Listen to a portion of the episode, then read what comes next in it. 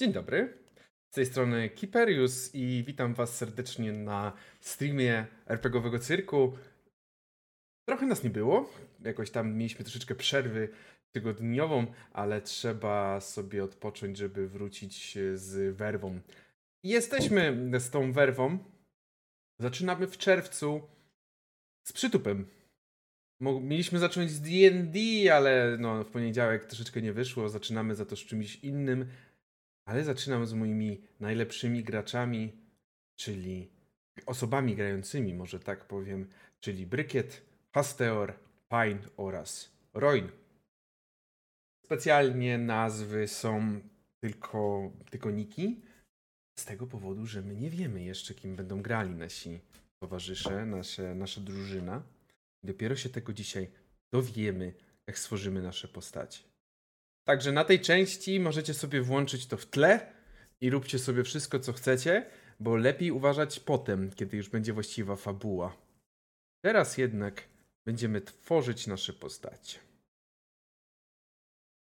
Będziemy grali w Smoczych Jeźdźców. System, który aktualnie można wesprzeć na stronie Wspieram to. I z tego co widzę, mamy już 70 tysięcy złotych zebranych. To już jest ile tych progów? Pasteur. To jest dużo progów. To dziękuję bardzo. Dziękuję bardzo za to podsumowanie. Jest to dużo progów, ale możemy zdobyć jeszcze więcej. Za każdym progiem kryje się coś dodatkowego, także zachęcamy osobiście do... Usłyszałam zamiast dużo progów, to usłyszałam dużo frogów i takie, ale co tam robią jest, żaby jeszcze w tym systemie? Jest, jest 8 zebranych progów w tym momencie. Super. Także jeszcze można więcej, bo oczywiście więcej jest jeszcze do zdobycia. Ale to tyle. Zapraszamy Was do wsparcia, ale najpierw chcemy Wam pokazać w ogóle, co jak ten system wygląda. Dzięki temu może się przekonacie, że warto wspierać ten system. Dobrze. Nasza drużyna ma już karty postaci rozdane. Ja tylko jeszcze jedną rzecz, muzykę sobie załączę, e, żeby fajna jakaś muzyka. Zapraszam zresztą Was również, jakbyście chcieli wziąć udział, razem posłuchać z nami tej muzyki. Sterować nie możecie muzyką, więc nie, nie zniszczycie planów. Ruszajmy w takim razie. Ruszajmy do tworzenia postaci. Każdy z Was ma otwartą kartę postaci, i pierwsza rzecz, która nas interesuje, to jest wybór archetypu postaci. W naszym starterze, który został udostępniony i który również możecie pobrać sobie na Drive-Thru RPG, wpisując smoczy jeźdźcy, są cztery archetypy. Wiadomo, fajnie jakby były różne, ale jeżeli się powielą, no to nie będzie bicia. Czy ktoś wie, jakim chce być archetypem? Może Pani, zaczniemy od Ciebie. Tak, wiem. Eee, ja wybieram archetyp mędrczyni tak zdradzę taką tajemnicę, jakby postacie mieliśmy robić na, na sesji tutaj, ale fajnie z tą osobą, która lubi być przygotowana i ona już ma raczej postać gotową. Też fajnie, przynajmniej będziemy wiedzieć, reszta drużyny też może zobaczyć. E, i, ale będzie się dzielić oczywiście informacjami tak, żeby lepiej zaprezentować, co to jest za postać. Mędrczyni. Dobrze. Ktoś ma już? Ktoś chce się wyrywać? Ja z kolei bym chciał zagrać teraz spryciarzem. Mhm. Dobrze. Dobrze. Jak najbardziej. Ja również bym poszła w mędrca, jeśli mogę. Proszę. Zrobić kopię offline, skapię od ciebie z kartkówki. Jak najbardziej. No i Roin? Ja miałam wybrać to, co zostanie, no ale przez to, że mam dwa, dwie opcje. To została bohaterka oraz mm, ban nie bandytka, tylko buntowniczka. Buntowniczka. Bohaterka jest typową postacią waleczną. Jak sobie wyobrazisz takiego Garena jadącego na smoku, to jest właśnie bohaterka. Nie wiem, czy, może nie, nie każdy, ale dobrze, nieważne. Jeżeli chodzi o buntowniczkę, jest to bardziej osoba, która jest mocna w gębie. Musiała wygadać swoje w międzyczasie. Hmm.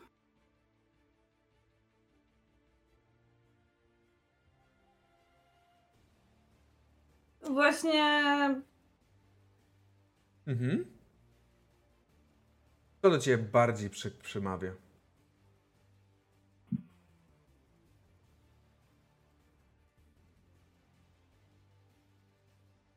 Mm. To już myślę, że ta waleczność.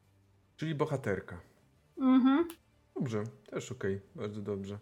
W takim razie na kartach postaci zapiszcie sobie wasze archetypy. Następną rzeczą, którą powinniśmy zrobić, to jest wymyśl lub wybierz przeszłość swojego bohatera, zwłaszcza sposób, w jaki dostał się na Smoczą Wyspę. To jednak pominiemy na razie. Pominiemy z tego powodu, że jak skończymy robienie postaci, po przerwie podzielicie się tym, jak pomyślicie chociaż trochę, żeby nie teraz na tej, na tej sekundzie, w tej sekundzie wybierać. Więc na razie to pomińmy, do tego zaraz wrócimy. Kolejna rzecz to jest rozdzielenie 14 punktów między cechy. Z tym za założeniem, że przydzielacie każdej cesze minimum 2 punkty, a maksimum 4. I jeszcze jedno jest założenie, że na cechę główną archetypu możecie przeznaczyć aż 5 punktów. Czyli na przykład taka mędrczyni może prze przeznaczyć aż 5 punktów na, to jest chyba mądrość. Tak. Spryciarz może 5 punktów na spryt, a bohaterka może aż 5 punktów na waleczność. Rozdzielcie teraz punkty. Ja tutaj trochę muzyką poszaleję. Tu jest takie... Nie, jest chyba dobrze. Jakby było coś za głośno, za cicho, mm, jakbym za bardzo się muzyka przebijała, to mówcie. Fajnie, jak przydzieliłaś swoje punkty? E, waleczność 4, Mhm. e, spryt 2, e, mądrość 5 i obycie 3. O, czyli taki... Kinda... Gandalf trochę. Mądry, ale jak trzeba się pobić, to też umie. Tak, to prawda, aczkolwiek e, niezbyt zręczny, niezbyt przebiegły i niezbyt spostrzegawczy. Wiesz, no jak zobaczysz chimerę, to, to nie musisz mieć spostrzegawczości, żeby ją zobaczyć, także z daleka ją będziesz widzieć. True. Proszę, brykiet. A jeszcze raz, ty miałeś w ogóle 12, tak? 14. 14, okej, temu mnie nie pasowało. Liczę od fajnych punktów, mówię, coś jest nie tak. Najlepsza część każdego tworzenia postaci dla mnie to jest liczenie punktów. Jakby kto wymyśli, powinien być jakiś kalkulator na to, a nie ja muszę sam to myśleć. Ja E, z kolei tak. poszedłem. No, to No. mów, mów proszę. No, Dobra. ja sobie E, to tak. Poszedłem e, w dwa waleczność, pięć spryt, cztery mądrość, trzy odbycia. Okej, czyli na razie mamy najmocniejszy spryt i mądrość. Brykiet. Pójdę piątkę w mądrość, Mhm. mm, to mam 5, spryt pójdę 4, Mhm. to mam 9, czyli jeszcze 5. Mhm. To dam 2 w obycie i 3 w Dwa w ubycie i trzy w waleczność. Dobrze. No i Roin. Mm, ja wybrałam sobie 5 waleczność, 4 spryt, 4 mądrość i jedno być. Musi być minimalnie dwa. Jezus Maria, co za głupia gra. Nie no, jakby... No tak jest, takie są warunki. Pięć waleczność pewnie zostaje w takim razie. Wzięłam sobie 3 mądrość. Czyli Okej. znowu po prostu... 5, 4, 3, 2. Mhm. Dobrze. Super. Rozdzieliliście punkty cech. Teraz zaś będziecie rozdzielać punkty umiejętności. I tutaj posłuchajcie, bo tutaj macie 12 punktów do rozdzielenia.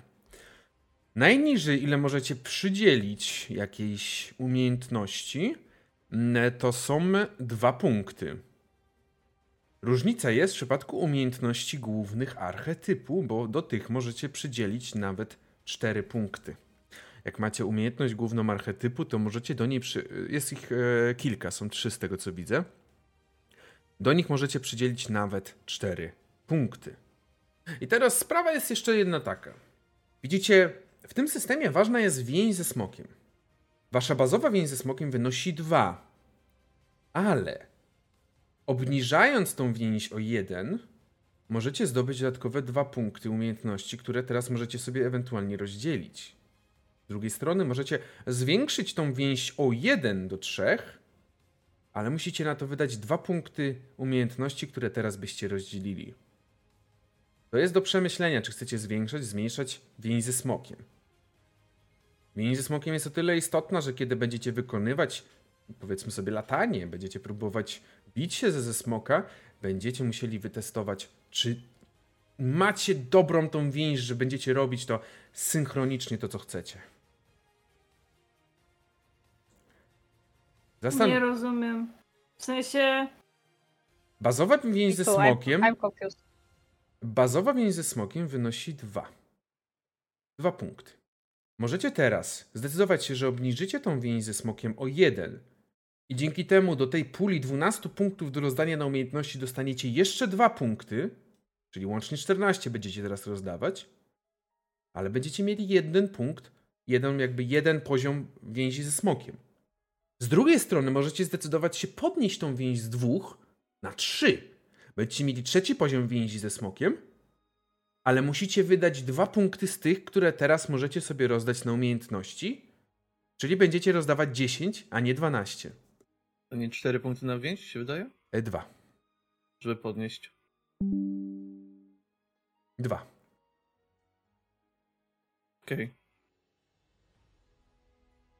Czyli tak jakby jedna, jeden punkt z tej więzi ze smokiem jest warty dwa punkty w umiejętnościach. Tak, tylko że musicie zdecydować I się o tym. Tak, tylko że musicie teraz zdecydować się o tym teraz, bo teraz przydzielacie te punkty umiejętności.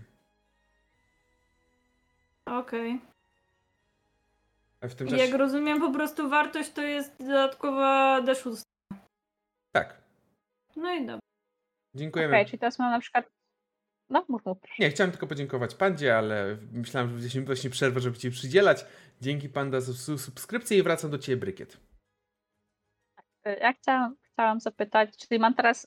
Dodałam sobie jedną więź ze smokiem, czyli mam bazową więź 3 Trzy. i 10 na umiejętności. I ile mogę dać maks tych takich głównych, typu tam, nie wiem, arkana, rozumienie? E, Twoje główne możesz da- maksymalnie nawet do czterech dać.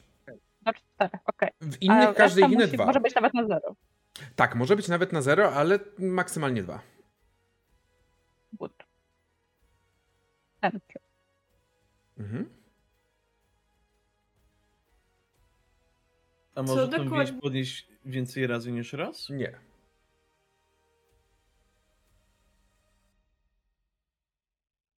Y, Roń? W sumie dwa pytania, dwa pytania, bo jest tak, cecha przypisana, przypisana do więzi, To będziecie wybierać. czyli... To ty Okej. zdecydujesz, która z cech będzie przypisana do więzi. I jest więź ze smokiem, no to tutaj daje trzy. No i teraz Czyli 10 punktów rozdzielasz pomiędzy umiejętności. tak, tak, tak, Mhm. tylko jakby latanie, no jeśli bym wzięła latanie, w sensie chciała skorzystać z tej umiejętności, to w takim razie ile tutaj dodaję tych kostek? Bo nie rozumiem, czy to są też trzy. Aha, dobra, więź plus wybrana cecha, dobra. Tak, korzystasz z tej e, wczesnej wersji karty, dlatego tam masz to już rozpisane. To nie jest taka zwykła umiejętność, dlatego na, ten, na to nie rozdajesz. Rozdajesz tylko na te podstawowe umiejętności.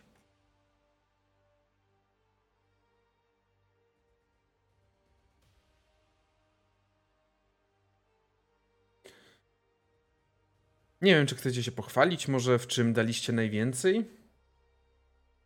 Może pań zaczniemy tak.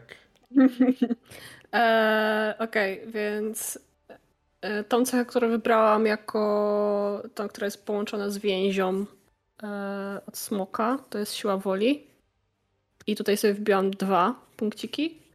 E, wbiłam sobie jeden punkcik do spostrzegawczości. Mhm.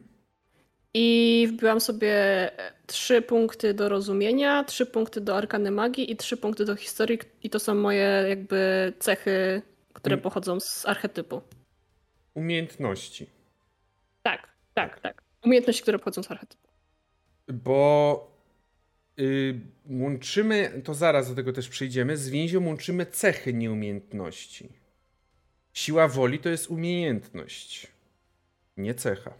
Ale do tego zaraz też przejdziemy, bo, bo to bo łączymy właśnie. y, na razie rozdzielamy tylko punkty umiejętności. Ale to zaraz do tego przejdziemy. Hasteor? E, u mnie poszło dwa w przebiegłość, cztery Mhm. zręczność, dwa Okej. spostrzegawczość, jedno rozumienie, jedna przenikliwość. Okej, czyli jak będzie walka, to będzie już o bogowie walka uciekał. Dobrze. Dokładnie tak. Brykiet? Czy brykiet nam zniknęła? No to wygląda. Na to wygląda dobrze. Roin? Eee, ja w sumie te wszystkie umiejętności oparte na waleczności wzięłam sobie na jeden. Mm, dałam sobie jeden do sprytu i po dwa dałam sobie w spostrzegawczości, przenikliwości i arkanie magii. Mhm. Okej. Trochę nam się poprzestawiały nasze tutaj e, postacie. Czy brykiet z nami jest?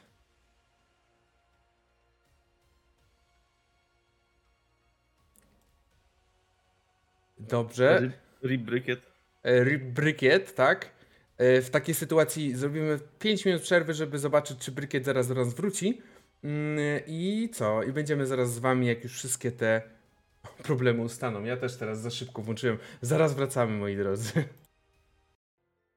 Jesteśmy z powrotem już. Udało się ustabilizować Discorda, wszystko działa. Jesteśmy smoczy, smo, dalej smoczych jeźdźców robimy. Brykiet, powiedz jak podzieliłaś umiejętności, jak te punkty rozdzieliłaś? Miałaś 10, bo podnosiłaś swoją więź ze smokiem. E, Dałam 3 do więzi ze smokiem, dałam sobie 2 do przebiegłości, 2 do rozumienia, 4 do arkany magii i po jeden do inspiracji i historii. Dobrze, bardzo dobrze. Umiejętności mamy rozdzielone. Uff, Najgorsza matematyka już jest za nami, bym powiedział. Bo teraz jeszcze musicie obliczyć swój animusz.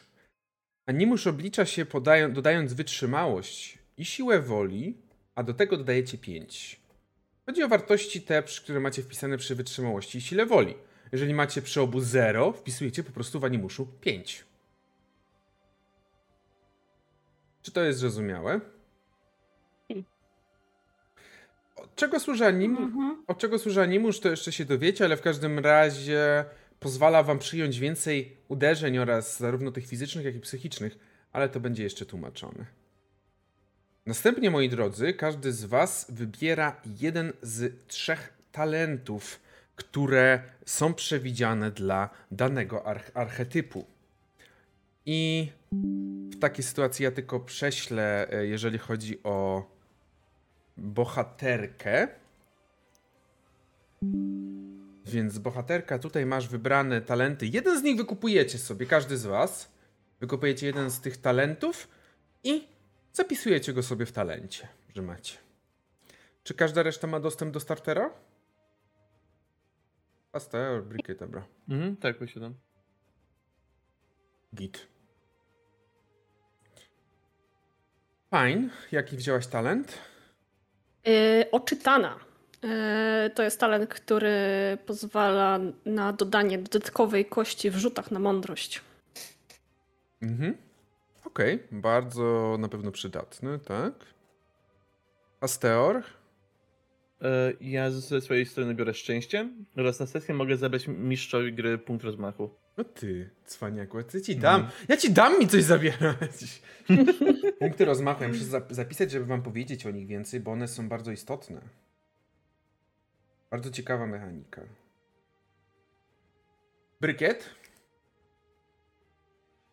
Ja się zdecydowałam na magiczny przedmiot, e, który pozwala mi mieć przy sobie, w sensie ten magiczny przedmiot to jest jakiś artefakt i on pozwala mieć dodatkową kostkę K8 w rzucie na wybraną umiejętność, czyli rozumiem, że mam sobie jakąś jedną wybrać i przypisać do tego. Tak, możesz zapisać w notatkach, że do tego rzucasz K8, tylko pamiętaj o tym dalszym części. Wymyśl jak wygląda, pamiętając, że jawne używanie takich przedmiotów nawet smo- przez smoczych jeźdźców jest źle widziane. To jest istotne. Tak, i mam to powiedzieć na ten? Bo ja Proszę. wiem, jak będzie wyglądać. Okej, e, to będzie taki pierścionek właściwie, e, który będzie po prostu w kształcie smoka i jakby będzie taki smoczek i od tego smoczka, jak jest ten ogon, to on po prostu oplata cały palec. Okej, dobrze. E, Roin? Ja wybrałam sobie y, blask i to jest, że dostaję dwie dodatkowe kości przy wyzwaniach społecznych. Czyli jak będzie trzeba kogoś onieśmielić, przekonać lub zastraszyć, to wtedy będzie blask wchodził w grę. Jak najbardziej. Okej. Następnie, teraz właśnie, każdy z Was wybiera jedną cechę, która będzie odpowiadać za więź ze smokiem. To na niej opiera się Wasze porozumienie ze smokiem. Kiedy będziecie testować, będziecie wykonywać testy więzi, czyli na przykład właśnie przy lataniu, to będziecie dodawać swój poziom więzi do tej cechy, do wartości tej cechy i rzucać tyloma kośćmi, ile wynosi wartość ostateczna. Jakie cechy wybieracie i dlaczego to są te, których macie 5? O, tam jest dużo punktów. Dokładnie. Czyli rozumiem, że Pine pewnie wybrała mm, mądrość, tak? Tak. Brykiet? Fame, mądrość. Mądrość. Roin?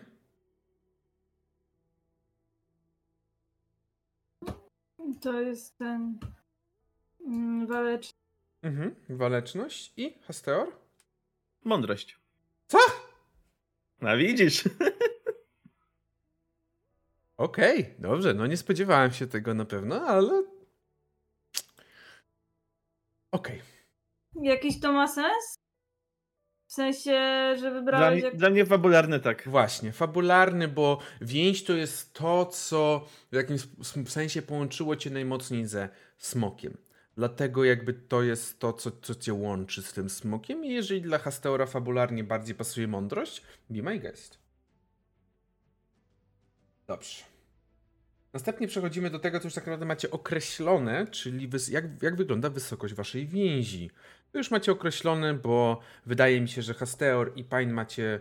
Roń chyba też macie dwa. To jest wysokość waszej. Ja, ja mam pytanie w sumie, jak? Znaczy tak, tak sobie teraz myślę, nie, że jakoś mm, chcę przycisnąć Pine albo Brykiet do odpowiedzi. No bo skoro cecha przypisana do więzi to może być mądrość, to jak ma to się odnosić do smoka fabularnie? Tak, w sensie trochę nie mieści mi się to w głowie, do tego Y, Smoki są bardzo inteligentnymi zwierzętami w tym systemie. To nie są bestie, które bezrozumne. Ty możesz ze swoim No dobra, smokiem tylko jak rozmawiać. się-. Aha, no to to jest ważna informacja. Im wyższa Ale więź, lepiej rozum... Im wyższa więź, tym lepiej się rozumie ze smokiem. Na najwyższej więzi wszystko. 5 punktów to dosłownie telepatycznie się z nim porozumiewasz. Na niższych poziomach jest to bardziej wymiana samych uczuć. Smoki są Okej, istotami czuję po bardzo prostu, że... podejrzanymi. No dobrze. W sensie po prostu zastanawiałam się, jak, jak to połączyć ze sobą. Ale dobra. Będzie to omawiane, też potem jeszcze powiem, y, ale teraz lecimy dalej. Czyli mamy Pine 2, Roin 2, Hasteor 2 więź oraz y, Brykiet ma 3 więź. Następna rzecz to E, jest... nie, to też mam trójkę. Też masz trójkę? Okej, sorry. Sorry, nie wspomniałem przedtem. Mhm. Wybierz lub wymyśl cenę więzi. Co to jest cena więzi? Widzicie, to też jest bardzo ciekawa mechanika w tym systemie. Mianowicie, kiedy jesteście przy smoku, cena więzi to jest pewnego rodzaju umiejętność, która dodatkowo błyszczy w jego obecności. W momencie, w którym jednak oddalacie się od smoka i nie ma go, was, nie ma go przy was, ta umiejętność nie do końca dobrze sobie radzi. Powiedzmy, możecie wybrać sobie walkę. To oznacza, że kiedy jesteś przy smoku, walczysz jak nikt inny. Walczycie nadzwyczaj dobrze, ale kiedy musisz walczyć bez smoka, jesteś o wiele słabszy w tej walce. I no cóż, Szczena Więzi to jest swego rodzaju taka, taka ryzykowna gra. Bo z jednej strony możesz dużo zyskać, z drugiej strony na pewno są sytuacje, w których możesz stracić.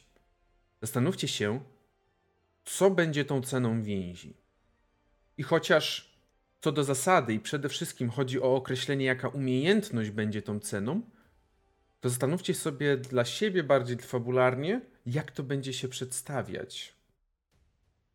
Oczywiście możesz powiedzieć, że twoją umiejętnością, którą oddałeś jako cena więzi jest walka, no ale możesz też zastanowić się, w jaki sposób to będzie się przedstawiać, typu Jak walczysz na smoku, rozumiesz się z nim idealnie, przeskakujecie, nie wiem, skaczecie, spadasz ze smoka, żeby się wbić i potem zeskakujesz, żeby na niego wskoczyć. A jak go nie ma, to nagle jesteś słoni w składzie porcelany. Jaka umiejętność? Z tego co rozumiem, Pań chyba już właśnie o tym ostatnio mówiła. Jaka umiejętność Pań Mhm. masz? E, ja mam e, siłę woli, a przez siłę woli e, u mojej postaci rozumiem to jako wrodzony optymizm i determinację. I jeżeli właśnie nie ma, nie ma smoka przy mnie, to Mhm. cała determinacja i jakby pozytywne nastawienie uchodzą z mojej postaci. No, czyli po prostu kiedy jest smok, to pań się trzyma, gorzej kiedy smoka nie ma, bo wtedy wszystkie ciasteczka z siła woli upada jakby całkowicie. Zero motywacji. Zero motywacji. Hasteor? U mnie cenną będzie samo, sama przenikliwość na zasadzie takiej, że gdy jest smok, jestem w stanie więcej dostrzec w ludziach, jestem bardziej w stanie zrozumieć to, jak oni się prezentują oraz jakie mają intencje, gdzie bez samego smoka jestem ufny niczym złoty retriever. Dosłownie wierzę we wszystko, co widzę, we wszystko, co usłyszę. Może ludzie tak bardzo boją się smoków, że bardziej pokazują emocje i uczucia i dlatego lepiej widzisz to, a potem jak nie ma, to Może. łatwiej cię oszukać. Roin? Ja jeszcze myślę, ale Mhm. Dobrze, to jeszcze zastanów się, ewentualnie zaraz możemy jakoś pomóc. Yy, tylko to, bo jeszcze cena więzi to jest jakby tyle, ile wpakowałam w daną umiejętność, czy Nie, to jest po prostu jakaś umiejętność. okej i potem nie zrozumiałam za bardzo jak to potem się przekłada. Przekłada się mechanicznie w taki sposób, że kiedy będziecie wykonywać daną, korzystać z danej umiejętności przy smoku, będziecie wymieniać tyle kości, ile wynosi wasza więź ze smokiem, z D6 na D8. Czyli jeżeli, powiedzmy, Hastor, ile masz w przenikliwości? Przenikliwości mam jeden. Jeden. No to jest jeszcze inny przykład, spadaj. E, Ile masz pi- pań w sile woli? Dwa! Dwa idealnie. To oznacza, że pań, która ma więzi ze smokiem 2 i siłę woli, to jest jej cena. Czyli kiedy testuje siłę woli przy smoku, zamienia obie kostki na D8. Kiedy testuje siłę woli oddali od smoka, odejmuje dwie kostki od testu. W tym wypadku pań nie może wykonać tego testu. Po prostu nie jest w stanie tego wykonać bez smoka. Przykład Hasteora jest jeszcze inny, bo on ma jeden w przenikliwości, to oznacza, że kiedy testuje przenikliwość przy smoku, jedną kostkę zamienia na D8 i dodaje sobie D6. Za tą, z dwie, dwie nawet D6, bo twoja więź to jest 3. Więc jedną kostkę wymienia na D8, a dwie D6 dodaje sobie. Z drugiej strony, jak nie ma smoka w okolicy, to on jest, tak jak powiedział, Golden Retriever wśród ludzi. Okej, no a co w przypadku jak jakiej umiejętności mam zero? Jeżeli jakieś umiejętności masz 0, to testując przy smoku dodasz sobie dwie kości D6. Testując w oddali od smoka, nie możesz w ogóle tej umiejętności testować. Pamiętaj, że normalnie mogłabyś testować tą umiejętność, bo bierzesz to, co masz w umiejętnościach i w cechach. Tworzysz pulę kości przy testach. Dlatego to jest taki pewien rodzaju gambling, bym powiedział. Okej. To myślę, że sobie wezmę przekonywanie. Mhm. Brykiet?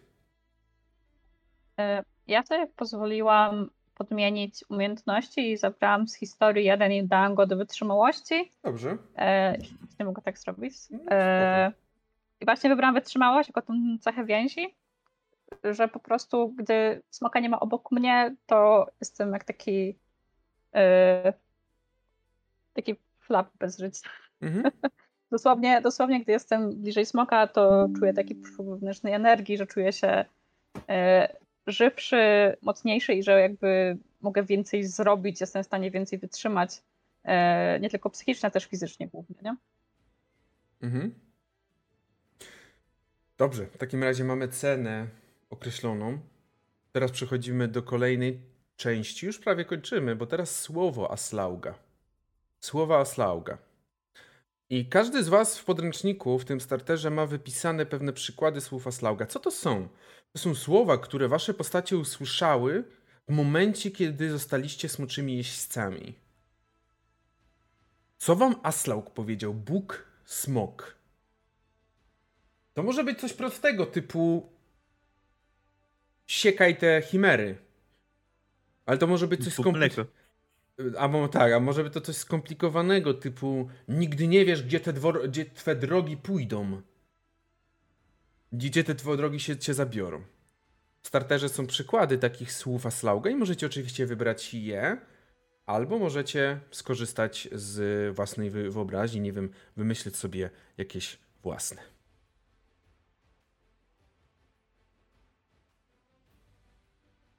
Ja od Aslauga usłyszałem, gdy połączyłem się ze swoim smokiem, że na każdy problem, problem ma swoje rozwiązanie. Mhm. Każdy problem ma swoje rozwiązanie.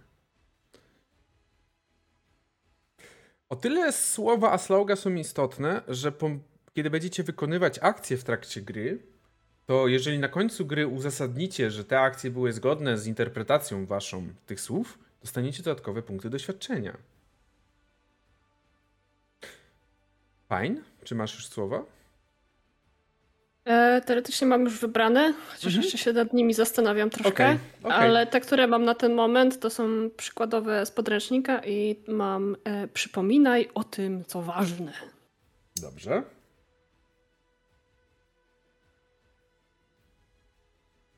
W takiej sytuacji mamy jeszcze albo pań zmieni, albo zostanie, ale też jeszcze Brykiet i Roin oczywiście wybieracie słowa. Ja jeszcze, ja jeszcze myślę. Mhm. Roin?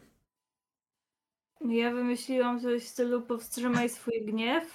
Okej. Bardzo spoko.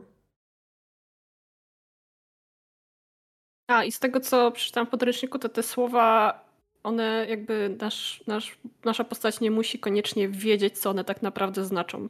Tak, no tak jak właśnie to mogło, może znaczyć idź, może, może ci powiedzieć idź sie, siekaj przeciwników wprost może to być wyrażone, a Mhm. może właśnie być takie y, powstrzymaj swój gniew, tak?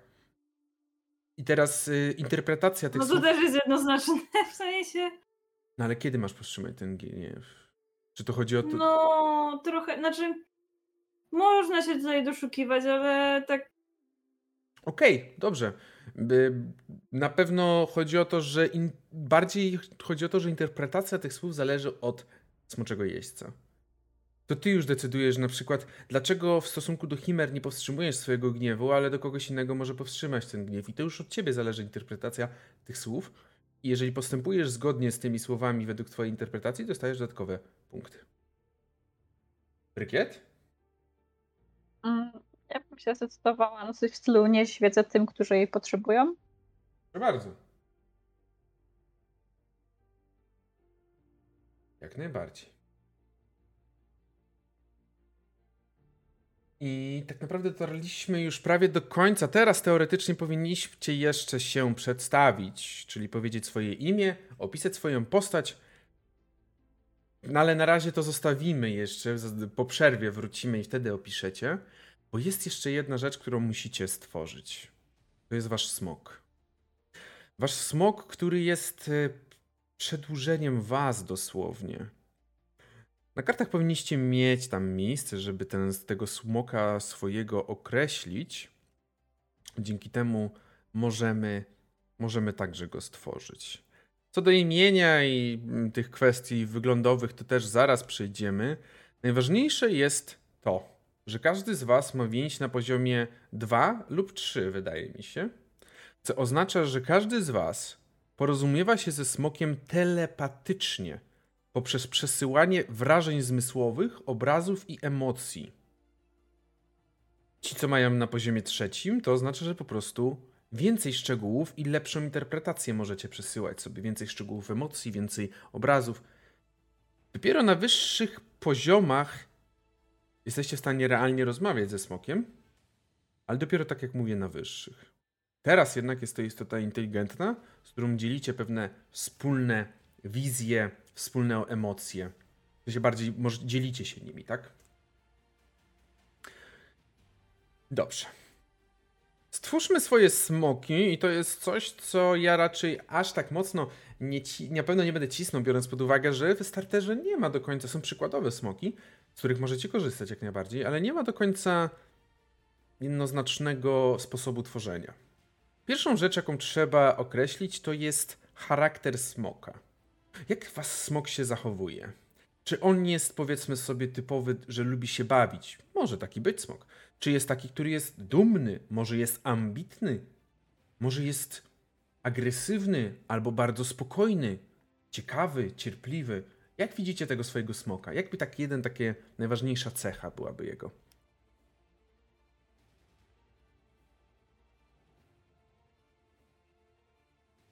Mój smok byłby na tyle spokojny, że niektórzy mogliby go opa- nie, nieopatrznie nazwać śpiącym. Jest po prostu bardzo wyluzowany, zawsze taki trochę laid back, do całej reszty. Mhm. Nie przyjmuje się zbytnio, ale jest świadomy wszystko, co się dzieje wokół niego. Jest po prostu spokojnym smokiem. Tak. Dobrze. Mm, W takiej sytuacji kto następny by miał?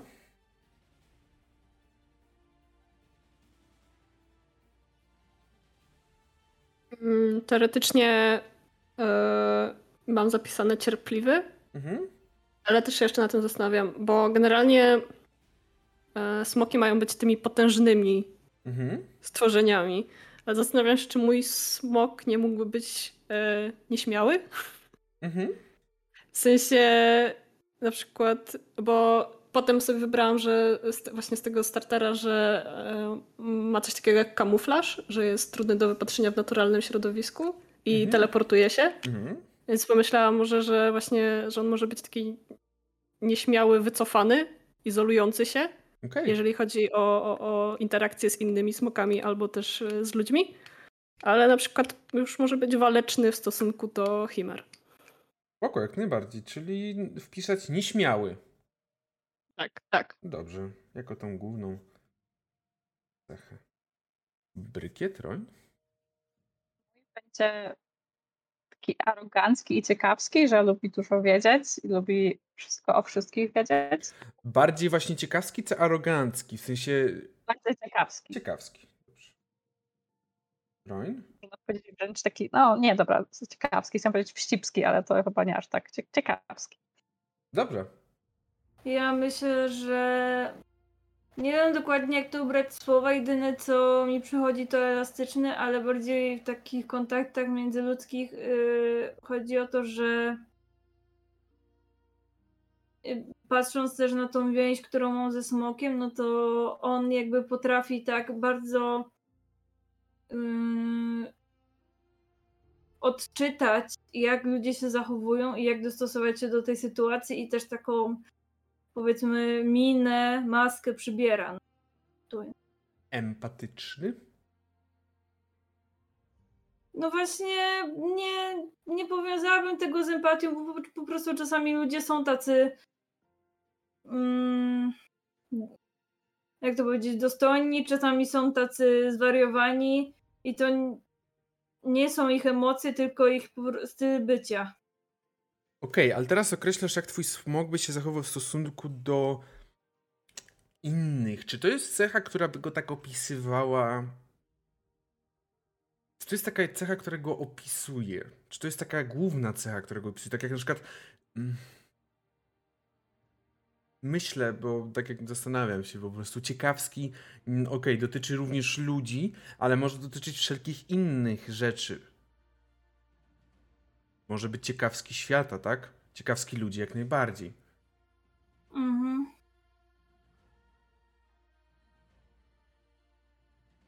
Chyba, że macie jakieś pomysły, pomocy, może widownia coś ma, jakby to nazwać.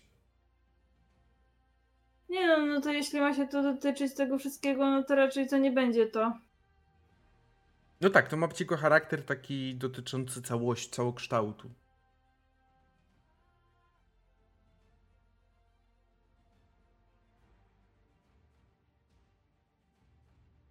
bo tak szczerze nawet myślę, ale ten no. empatyczny, no to w takim razie... To mi trochę w sumie jakby był konformistyczny. Że na pewno z względem zależności od grupy jest w stanie różne swoje osobowości pokazywać, że tak to nazwijmy. No ale...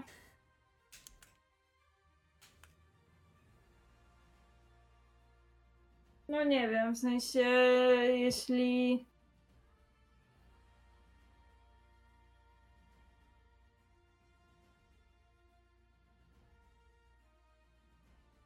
Dobrze, to może jeszcze za- zastanów, pomyśl, bo nie wiem, ja też nie wiem jak to ubrać szczerze. Chyba, że ktoś inny ma pomysł.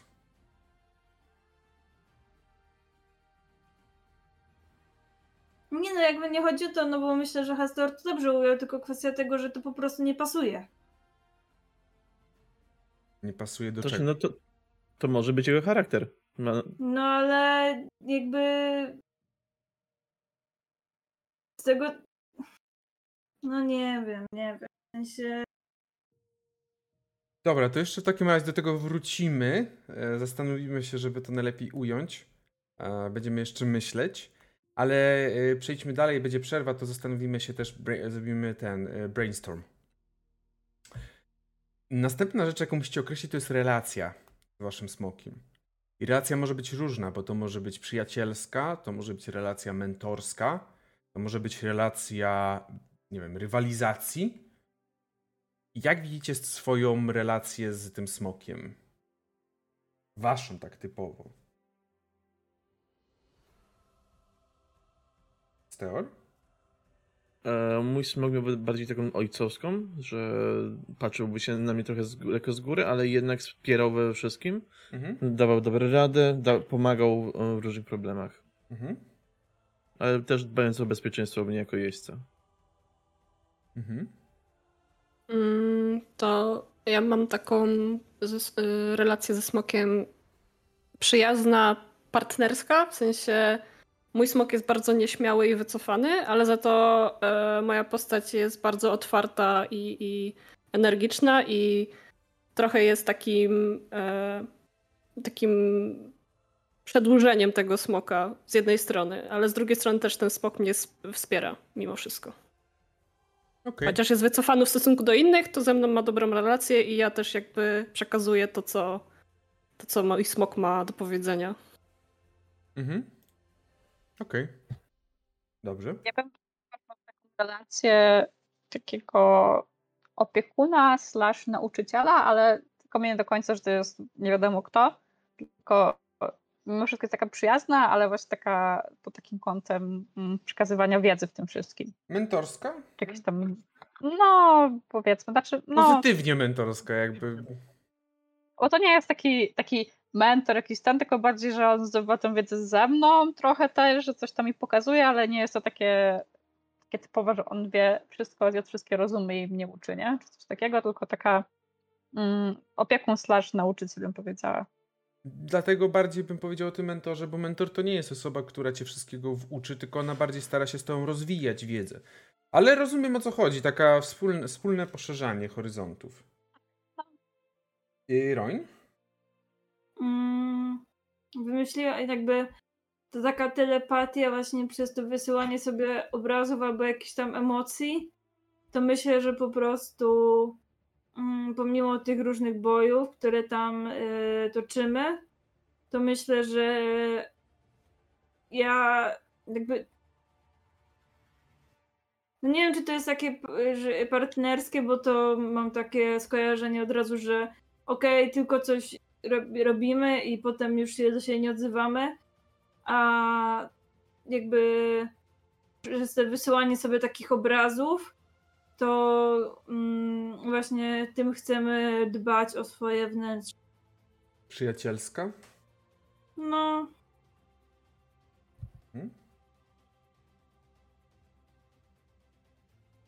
No dobrze, w takim razie mamy określone te relacje. No i teraz chyba idzie ta najważniejsza część, moi drodzy. Bo wasze smoki muszą mieć jakieś moce. Dysponują jakimiś mocami. Mocami, które je określają. Które są jakieś unikatowe. I najlepiej byłoby, żeby były takie trzy moce, no bo to dla was jest dobrze. Ale możemy oczywiście wesprzeć. Widownia zresztą też może zawsze pomóc. Jakąś moc możecie podrzucać mocy, może ktoś akurat skorzysta z tego. Jeżeli chcecie, to zapraszam serdecznie. I tak naprawdę oddaję wam głos. Czy ktoś z was już ma jakieś moce? Ja mam, ja mam. Dajesz, też. dajesz pań w takim razie. E, Okej, tak jak wspominałam o tym kamuflażu, e, więc to jest pierwsza moc, kamuflaż, trudny do wypatrzenia w naturalnym środowisku. E, druga moc to jest właśnie teleportacja, czyli potrafi przenieść się nagle o kilka metrów wraz z jeźdźcem. Mhm. A trzecia, dobra, może jest nieśmiały, ale ma kurwa mordercze szpony. I plus dwa do siły ataku w smoka. Mhm. E, Mój smok ma przenikliwy wzrok. Raz na sesji jestem w scenie ze smokiem. Jestem w stanie odnieść automatyczny sukces rzuci na przenikliwość. E, teleportację. A skąd to Może wziąłeś? ja sobie to wymyśliłem, podmieniając tylko dwa słowa. Automatyczny sukces, cwaniaku. No niech ci wejdzie. Dobra. No. No, ma, majestat przerobiłem po prostu, żeby zamiast testował bycie, był tylko na przenikliwość. Dobra, dobra. Więc Nie, to nawet okej. znerfione. Dajesz. E, Drugie to teleportacja, czyli na kilka metrów e, jest w stanie się przenieść razem z, ze smokiem. Wszystko, co trzyma w pazurach lub szponach, też się przenosi. Mm, druga tele... O, jako do- do- odgapia teleportacja. No, odświeżane kotlety, no dobrze. I trzecią jest rozświetlenie. Jestem w stanie wygenerować jasny rozbłysk, oślepiając innych dookoła siebie. Z reguły jest to wykorzystywane w sytuacji kryzysowej, aby uciec z niebezpieczeństwa. Taki straszak, który pozwala ci zniknąć. Jak, jak w każdym filmie mistrz, y, mistrz ninja rzuca bombę i znika, to ty właśnie rozbłyskasz i znikasz. Granat hukowo-błyskowy. Mamy od Daxiera propozycję wystrzału kolców z grzbietu. To jest klasykiem klasyków jak najbardziej. Brykiet Roin, czy wam jakoś pomóc? Czy macie jakieś pomysły może bardziej też? Ja bym chciała pójść, znaczy mam na razie tylko jeden z piekielnym ogniem, no bo smoki wziąłem ogniem. E, I on tam daje plus dwie kości na atak, po prostu podmieniłam sobie nazwę. E, Mhm. I myślę jeszcze nad pozostałymi dwoma, czy to musi być tak totalnie z tego wzięte, czy ja mogę Nie, to możesz wymyśleć. To też nie musi To typowo też- mieć mechanicznego przełożenia, to w sensie możemy to mechaniczne przełożenie sami wymyśleć y, w tej sytuacji. Jeżeli, jeżeli to nie będzie typowo, że dodaje plus coś czy plus tam, tamtoś, to ja też będę wymyślał na bieżąco. Weź nad tymi dwoma, potrzebuję chwili. Dobrze. Daxier tutaj widzę mocno mm, krakowskie klimaty, czyli kolce z grzbietu, maczuga na ogonie, twarda czaszka smocz, smoka do szarży. I maczety zamiast pazurów. Tak, dokładnie tak. Ale to już to, mordercze, nie? No tak. Wychodzi na jedno. Maczeta z, maczeta z pazura smoka. Artefakt krakowski. Ukryty na Wawelu. Roń, jak to widzimy? Właśnie nie rozumiem, czy, każde, czy każda moc smoka musi mieć przełożenie na mechanikę. Nie. Nie musi, bo ja ewentualnie, jeżeli potem na przykład w trakcie jakiejś akcji ty to użyjesz, no to ja to przełożę na mechanikę, tak żeby to Okej, pomogło. i te mocy mają dotyczyć tylko Smoka. walki, tak? N- Nie, no. No, jak- słyszę smoka, no to wiadomo, ale Kiedy ja grałem u mm, Lovey Bond Famousa, moje emocje to były między innymi wytworzenie chmury, która teoretycznie nie musiała być związana z walką. Po prostu tworzyłem chmurę. okej. Do czego to wykorzystać, to już twoja sprawa. Jeżeli to uzasadnisz.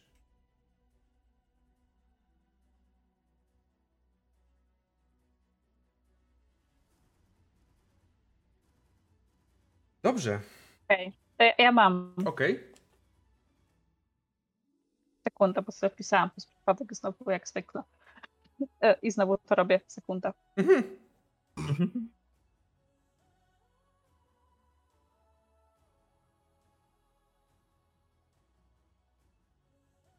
No, tak. E, Okej, jakby moją taką drugą zdolnością chciałabym być, żeby było takie kamienne spojrzenie, coś na zasadzie, wiecie, jak są, e, to była meduza, nie? Że jak Mhm. się spojrzałeś jej w Mhm. oczy, to zamieniałeś się w kamień, to na zasadzie takiej samej, Uuu. I guess, jeśli mogę. Czyli taki Mhm. bazyliszek też trochę. Tak, Tak, bazyliszko me- taki meduza. bazyliszk. Zależy o jakich Tak. mówimy klimatach. Bardzo krakowski vibe, znowu. True. I jako trzecie chciałabym takie melodyjne pomrukiwanie, które tak usypia tak kładzie do snu. Mhm. Okej.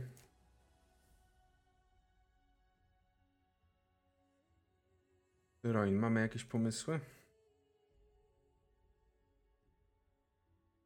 Mm, jedyne, co mi przyszło do głowy, to przez to takie dopasowanie się do środowiska, w którym się jest, to nie wiem, wydzielenie w jakiś sposób aury, ale nie wiem dokładnie jak to ująć, no bo to jest takie po prostu, że to się czuje. Mm, Chodzi ci o może ktoś jest bardziej... Nie, no właśnie Mhm. Po prostu takiej aury. Nie, no to nie. W sensie chodzi po prostu o to, że jak ktoś by zobaczył tego smoka, no to byłby bardziej przychylny, żeby coś zrobić, ale to też nie jest takie. To Czyli też nie coś taki urok, tylko. fale mózgowe wysyłasz, które mają nastawić Czyli, pozytywnie. czyli w sumie moc starteru Majestat by do tego pasowała. E, już y, gdzie jest, która to jest? 38? Tak, 38 strona. 38 strona.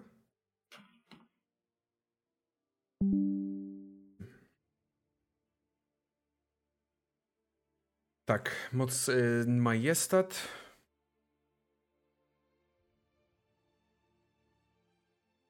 Ja mam chyba w ogóle jakiś inny.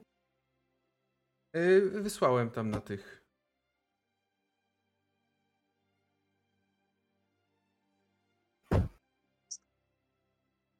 Y, dobrze. To ja myślę w takim razie, że dokończymy to i zaraz do Was wrócimy za 10-15 minut y, na sesję. Przedstawimy od razu też smoki i siebie samych, no bo też Was będziecie przedstawiać. E, Także będziemy się widzieć za tych kilkanaście minut e, moi drodzy. Także pomachajcie i będziemy po przerwie już na sesji. Do zobaczenia. Jesteśmy z powrotem. Przerwa troszeczkę dłużej trwała. Małe problemy z internetem jeszcze się pojawiły. Hasteor, widzę co zrobiłeś z liczbą e, wpłaconych go hajsu. Widzę co To nie ja. zrobiłeś. To nie ja. E, jakby i tak słabo, mogło być 69 jeszcze na końcu, zgodnie z twoją koszulką. Ale no cóż, tak, w ogóle Hastor ma bardzo ładną koszulkę. e, ma bardzo ładną koszulkę. Do mnie też już takie lecą. Także zapraszamy jak coś na merch, jakby ktoś chciał. Tak, nasze hasło nice, ale nie weszło. Tak, na SL nie weszło. C- Cóż, Kiperec, mogę powiedzieć, że chciałem, żeby tak było, ale no nie weszło. Proszę Państwa, jesteśmy już wszyscy z powrotem po tej troszeczkę, tak jak mówię, dłuższej przerwie. No, y, problemy z internetem, wszystko działa na szczęście. Jest stabilnie. Jest stabilnie. I będziemy powoli przechodzić do naszej przygody. Właściwej przygody, właściwego creme de la creme. Mm, creme de la creme dzisiejszej sesji. No właśnie. Będziemy przechodzić już do meritum. I zanim poznamy nasze postacie, zanim powiecie trochę więcej jeszcze o sobie i o tym, na czym lecicie, ja może nakreślę trochę ogólny obraz historyczny oraz aktualny wygląd świata. Bo jak widzicie, smoczy jeźdźcy nie wzięli się znikąd. Kiedyś magia była bardzo popularna. Tworzyła nasze miasta, kraje, imperia, cywilizacje. Magiczna było wiele rzeczy. Wiele osób było w stanie korzystać z tej magii. Nazywali się oni czarodziejami. I magię wykrzesało się poprzez kamienie, kryształy mocy. Co najlepsze, wy jako smoczy jeźdźcy takie kryształy posiadacie. Z jednego powodu. Bo trzeba się kontaktować. Trzeba się kontaktować z kap kapłankami, kapłanami, którzy są w stanie powiedzieć, że jakieś zadanie trzeba wykonać, czy coś. W każdym razie to jest jedyne zastosowanie kryształów, które jest dopuszczalne w tym, w tym świecie. Bo doszło do katastrofalnej w skutkach sytuacji, okoliczności, kiedy to magia nie brała się znikąd i brała się z wymiaru, ciemnego wymiaru, z którego przybyły chimery. Przebrzydłe, okropne, abominacje, których jedynym celem było sianie zniszczenia. Pojawił się Aslaug wraz z Wesem, którzy to naprawili, more or less, i przywrócili jakikolwiek porządek w tym świecie. A wy? Wy żyjecie w imperium, które jest teokracją rządzoną przez najwyższą kapłankę, arcykapłankę lub arcykapłana, w tym wypadku arcykapłankę, która decyduje o wszystkim ze względu na fakt, że jest pobłogosławiona kontaktem z Aslaugiem, Bogiem Smokiem. A smoczy jeźdźcy? Chociaż teoretycznie jesteście pod kapłanką jako smoczy jeźdźcy, to nikt wam nie może naskoczyć, nawet kapłanka. Jedyne co kapłanka może, arcykapłanka, czyli ta najwyższa z najwyższych, powiedzieć, ona może was prosić, żebyście coś zrobili. Nie może wam rozkazać. Ona może was jedynie prosić. A wy możecie sobie przybyć do określonego miejsca i powiedzieć, że wszystko zmieniacie. A jeżeli ktoś się sprzeciwstawi, Smok go może pożreć. Jesteście potężnymi smoczymi jeźdźcami. Zostaliście wybrani przez same smoki. A smoki są spadkobiercami Aslauga. I tak właśnie wygląda ten świat. Rządzony przez. rządzony w formie teokracji, rozciągający się na znany, znany nam świat. Są tam jakieś krainy dalej, ale nimi się nie interesujemy dzisiaj. Nas interesuje imperium, które cały czas jest w niebezpieczeństwie. Bo zarówno istnieją chimery, które gdzieś się ukrywają, ale istnieją ci panowie i panie, którzy stwierdzą, że kryształ mocy to jest przecież fajny. No nie. Tak nie jest.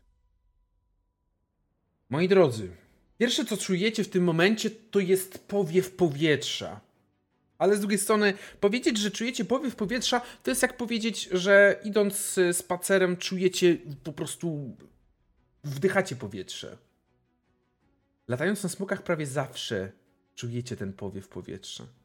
I właśnie część skrzydła, bo tak nazywa się organizacja, która zrzesza smoczych jeźdźców, część tego skrzydła składzie czteroosobowym leci w stronę miasta o dźwięcznej nazwie Kniszar. Miasto Kniszar jest stolicą prowincji o wdzięcznej nazwie Kniszar. Bardzo oryginalny jestem dzisiaj. I jedyne co wiecie, to iż skontaktowała się poprzez kamienie do, z wami kapłanka z tego miasta.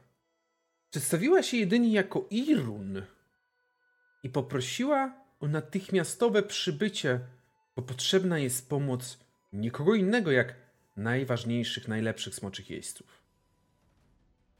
Zanim jednak wylądujecie w tym mieście, ja chciałbym dowiedzieć się, kto w ogóle leci do tego miasta Kniszar. Zapraszam, przedstawcie się.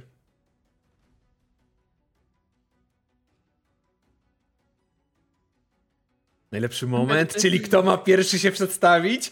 Dawaj. Ja mogę pierwsza. Dawaj, Fiora. E, to tak, na takim złotym, takim ciemnym, złotym smoku leci Fiora. E, grzbiet tego smoka, jeśli dobrze padnie światło, e, powiedziałem grzbiet, Grzbiet tego smoka połyskuje takim fioletowym odcieniem. Eee, no i tak leci sobie Fiora, która w porównaniu do tego, jak bardzo majestatycznie wygląda ten smok i jak dostojnie, to Fiora jest ubrana bardzo zwyczajnie, tak żeby jakby naprawdę wyobraźcie sobie taki basic strój, to ona jest taka po prostu basic beach i dosłownie dosł- no naprawdę, jak, nie wiem jak bardzo można określić postać w RPG, ale ona naprawdę stara się nie wyróżniać w żaden sposób. Czyli nie Mm. nosi lśniącej zbroi, która lśni tak samo jak smok. Nie, absolutnie nie. Ona po prostu ma takie. Okej, jakby ona jest tak bardzo na uboczu społeczeństwa, myślę. Mhm.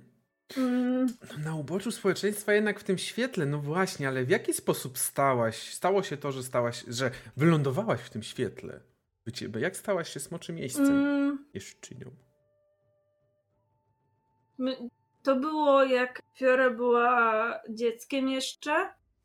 Mm, tak powiedzmy na granicy, kiedy zys- y, już zyskała sobie swoją świadomość.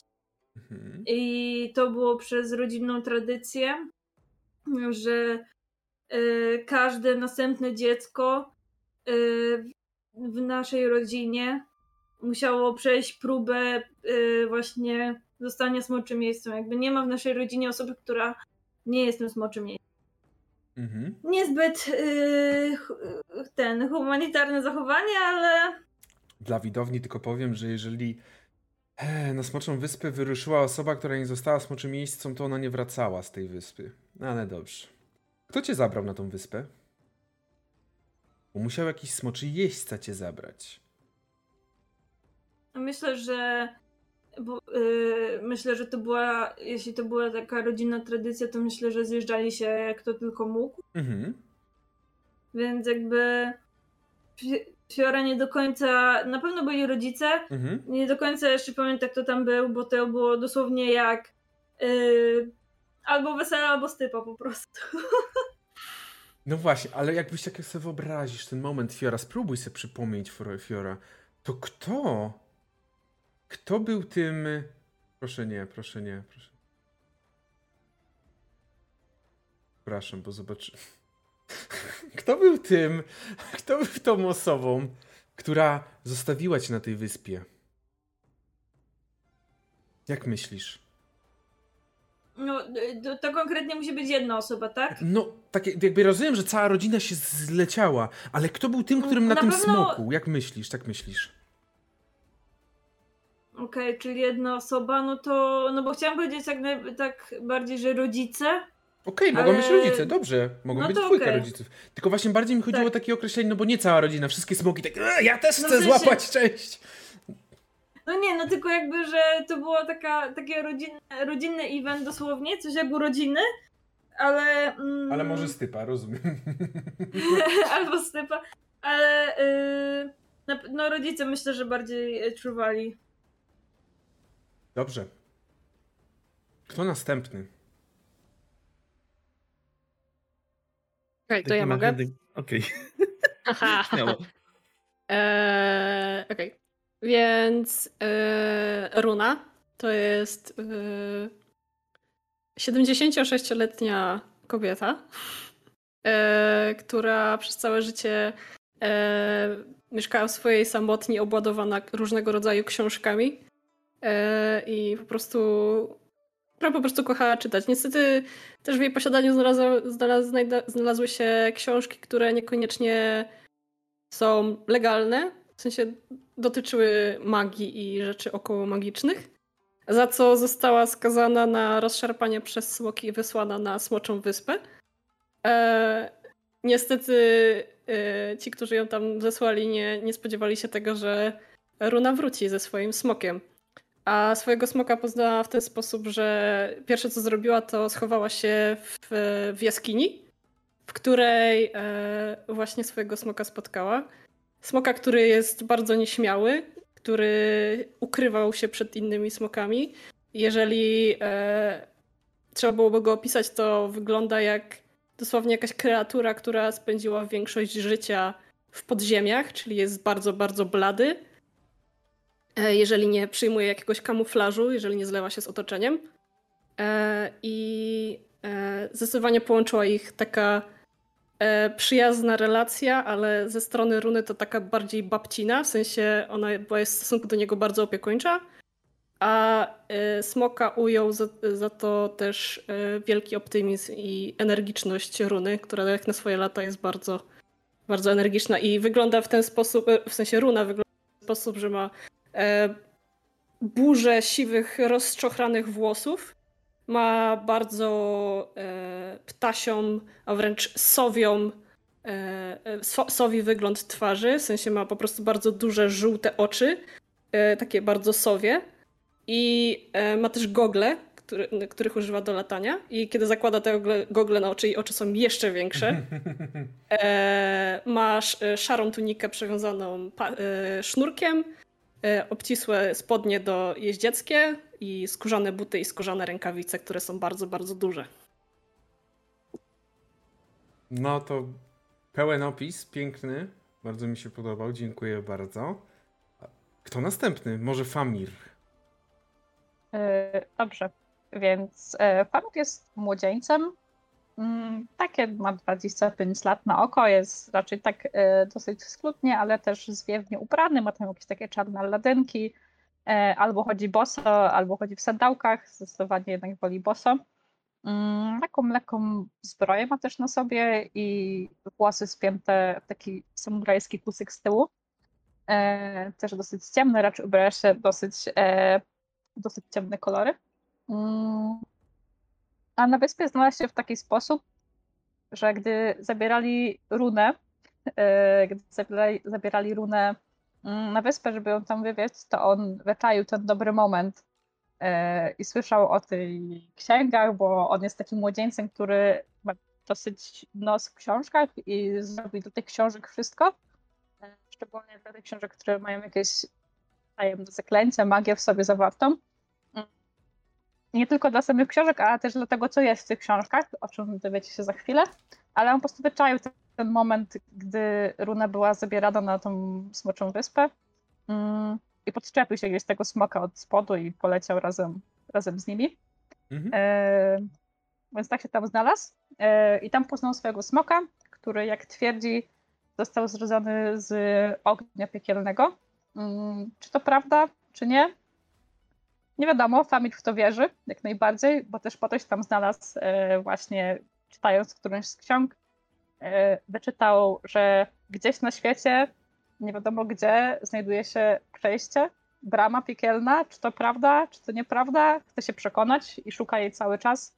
Mm, więc idzie w każde miejsce, które może wydawać mu się w jakiś sposób magiczny bądź specjalny, żeby tą bramę znaleźć. I gdy tak chodził po tej wyspie i szukał jakiegoś przejścia, czegoś, co może go naprowadzić, to znalazł tego młodego smoka, który jest dosyć majestatyczny w swoim wyglądzie.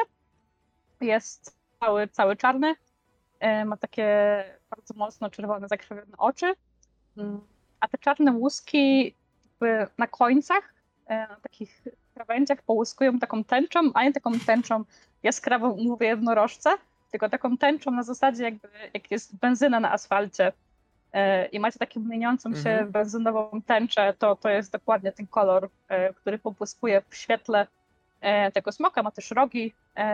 Nie jest zbyt duży. Mm. Nie jest zbyt duży, ale jest taki bardzo mm, wyciągnięty, że tak powiem. Ma zawsze taką wyciągniętą szyję, długi ogon i lubi się prezentować w dobry sposób. Dobrze, jak najbardziej. No i Werisz. Sam Werisz jest mniej więcej rówieśnikiem Famira. Też około jest świeżo po 20, ale ostatnie dwa lata spędził na podróżowaniu przez Imperium, podążając za śladami kolejnych łamigłówek, czy to bardziej, czy to mniej skomplikowanych. E, cały czas przemieszczał się, aż któregoś dnia nie natrafił na jedną jaskinię, całą ciemną. Jedyne co pamiętał z tej jaskini to jasny rozbłysk słońca i po chwili podmuch powietrza na jego ciele, jak był utrzymany przez samego Inetatu, który odlatywał z nim w stronę Smoczej Wyspy.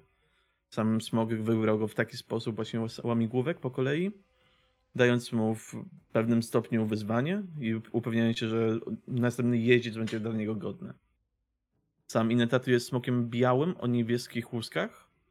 Mm, ma, w sensie, jest, całe ciało jest białe i im bliżej grzbietu, tym one się robią coraz bardziej niebieskie. To be precise, y, raczej po prostu chciał mieć dobrego jeźdźca, bo to też jest ważne. Smoki i jeździec tylko raz mogą wybrać. Dlatego musiał się upewnić, że to jest ten właściwy, ten jedyny dobry strzał, można powiedzieć.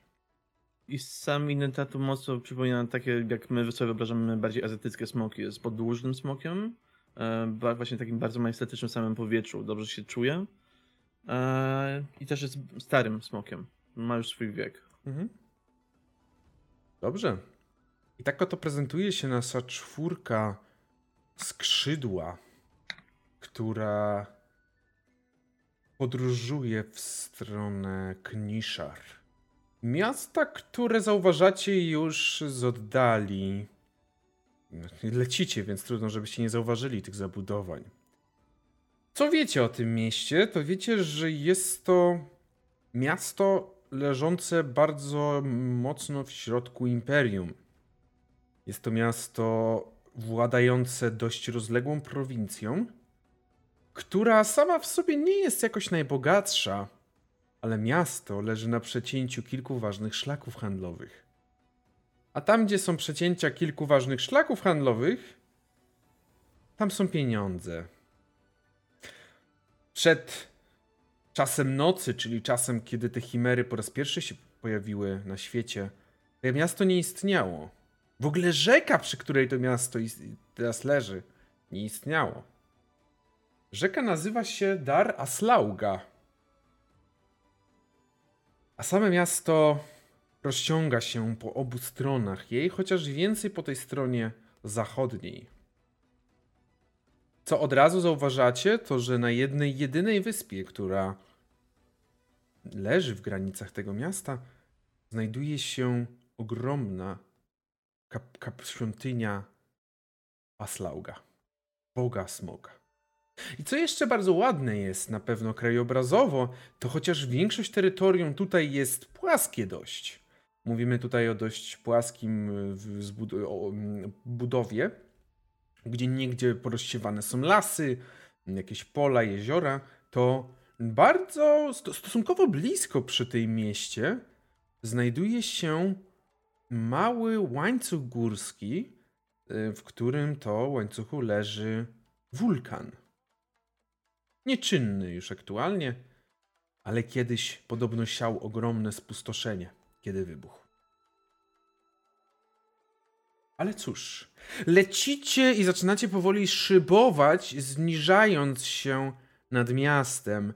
I chociaż nie wiedzieliście może gdzie wylądować, to teraz już dokładnie wiecie, bo widzicie taki okrąg na głównym placu miejskim.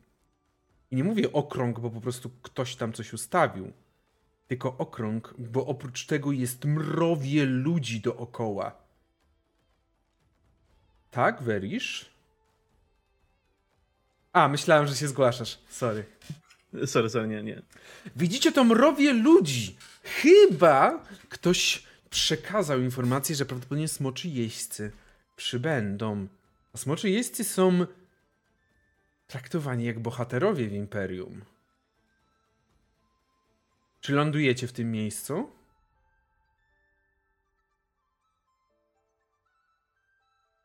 Ja myślę, że tak, że tam, gdzie jest najwięcej gapiów, tam, tam po prostu się zatrzymuje, żeby z tego pięknego smoka. Mhm. Mm, ja myślę, że Runa znając swojego smoka i jego e, sposób bycia i nieśmiałość, e, raczej będzie chciała wylądować gdzieś. Najpierw może lądując na jakimś dachu, a potem biorąc pod uwagę, że ten smok nie jest też jakiś super duży i potrafi się kamuflować, chce zejść w jakieś alejki e, boczne. Blisko tego, tego miejsca, ale, ale gdzieś, gdzieś, gdzieś w jakiej alejce. Mhm.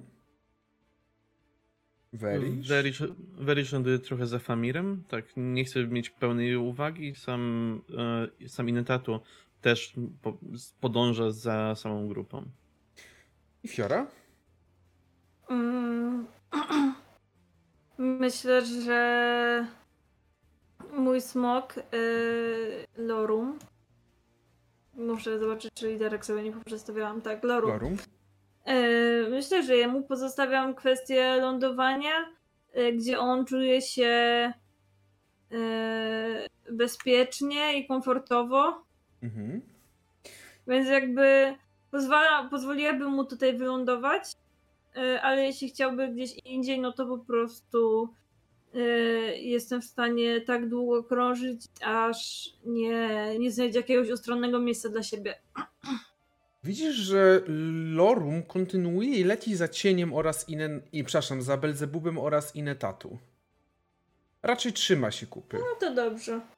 Famir, czy ty chcesz coś Jakby- powiedzieć? Przepraszam. E, nie, nie. No, znowu mnie zmyliło jakby trzymanie jednego palca tutaj przy twarzy. Myślałem, że znowu... Dobrze.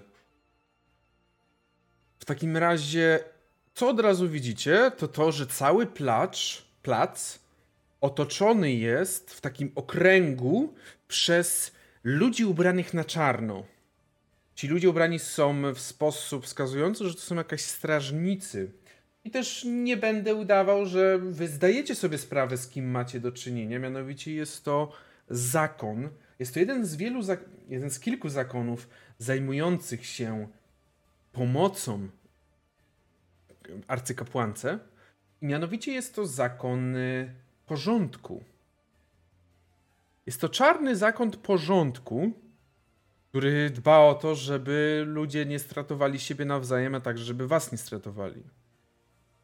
Oprócz tego widzicie, że małe fioletowe ludziki skaczą już, szykując się do przejęcia waszych smoków. A jest to zakon poświęcenia. Fioletowy zakon zajmujący się pomocą przede wszystkim smoczym jeźdźcom. Kiedy tak lądujecie, to rzeczywiście dwójka czy trójka z tych fioletowych ludzi skoczyła od razu w, w ten lód, bo już z wzrokiem śledzi, gdzie leci cień z runą, no bo oni muszą się nimi zająć. To jest ich obowiązek zająć się smokiem, kiedy smoczy jeździec, na przykład nie będzie go w tej okolicy w tym momencie. Więc ta trójka już poleciała. A do was też dopadli. Oczywiście zaraz zajmują się, pozwalają, pomagają wam zejść, jak to w zwyczaju ma ten zakon poświęcenia.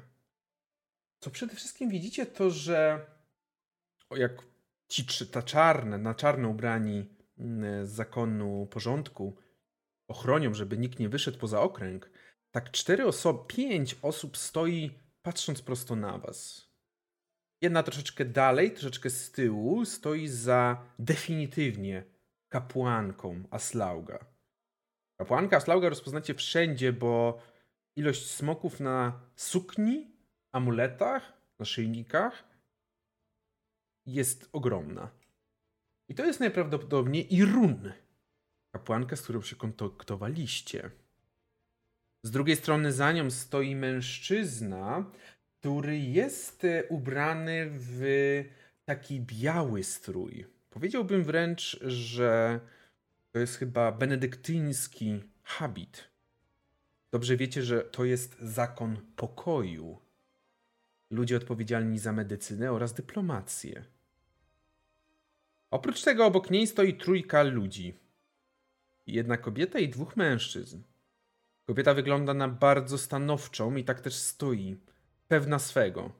Jeden mężczyzna cały czas wygląda jakby był znudzony patrząc na was. Jest duży, tak samo jak jego brzuch. A trzeci jest niski i ma taki uśmiech przyklejony, serdeczny? Question mark?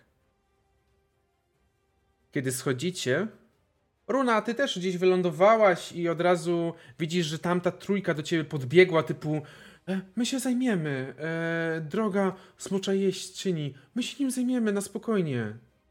E, Runa s- zsiada z, z, z, z, z cienia i ma taką, taką e, torebkę przy, przy pasie i wyciąga z niej smaczki i daje, daje cieniowi i mówi masz maleństwo, masz. Teraz e, pójdziesz tutaj e, z kolegą, e, którego dobrze znasz, bo zakładam, że część z tych, e, tych, e, tych e, strażników Mhm. e, jest nam znany, więc jest, e, bo jakby odda go temu, którego cień zna najlepiej i z którym czuje się w miarę swobodnie.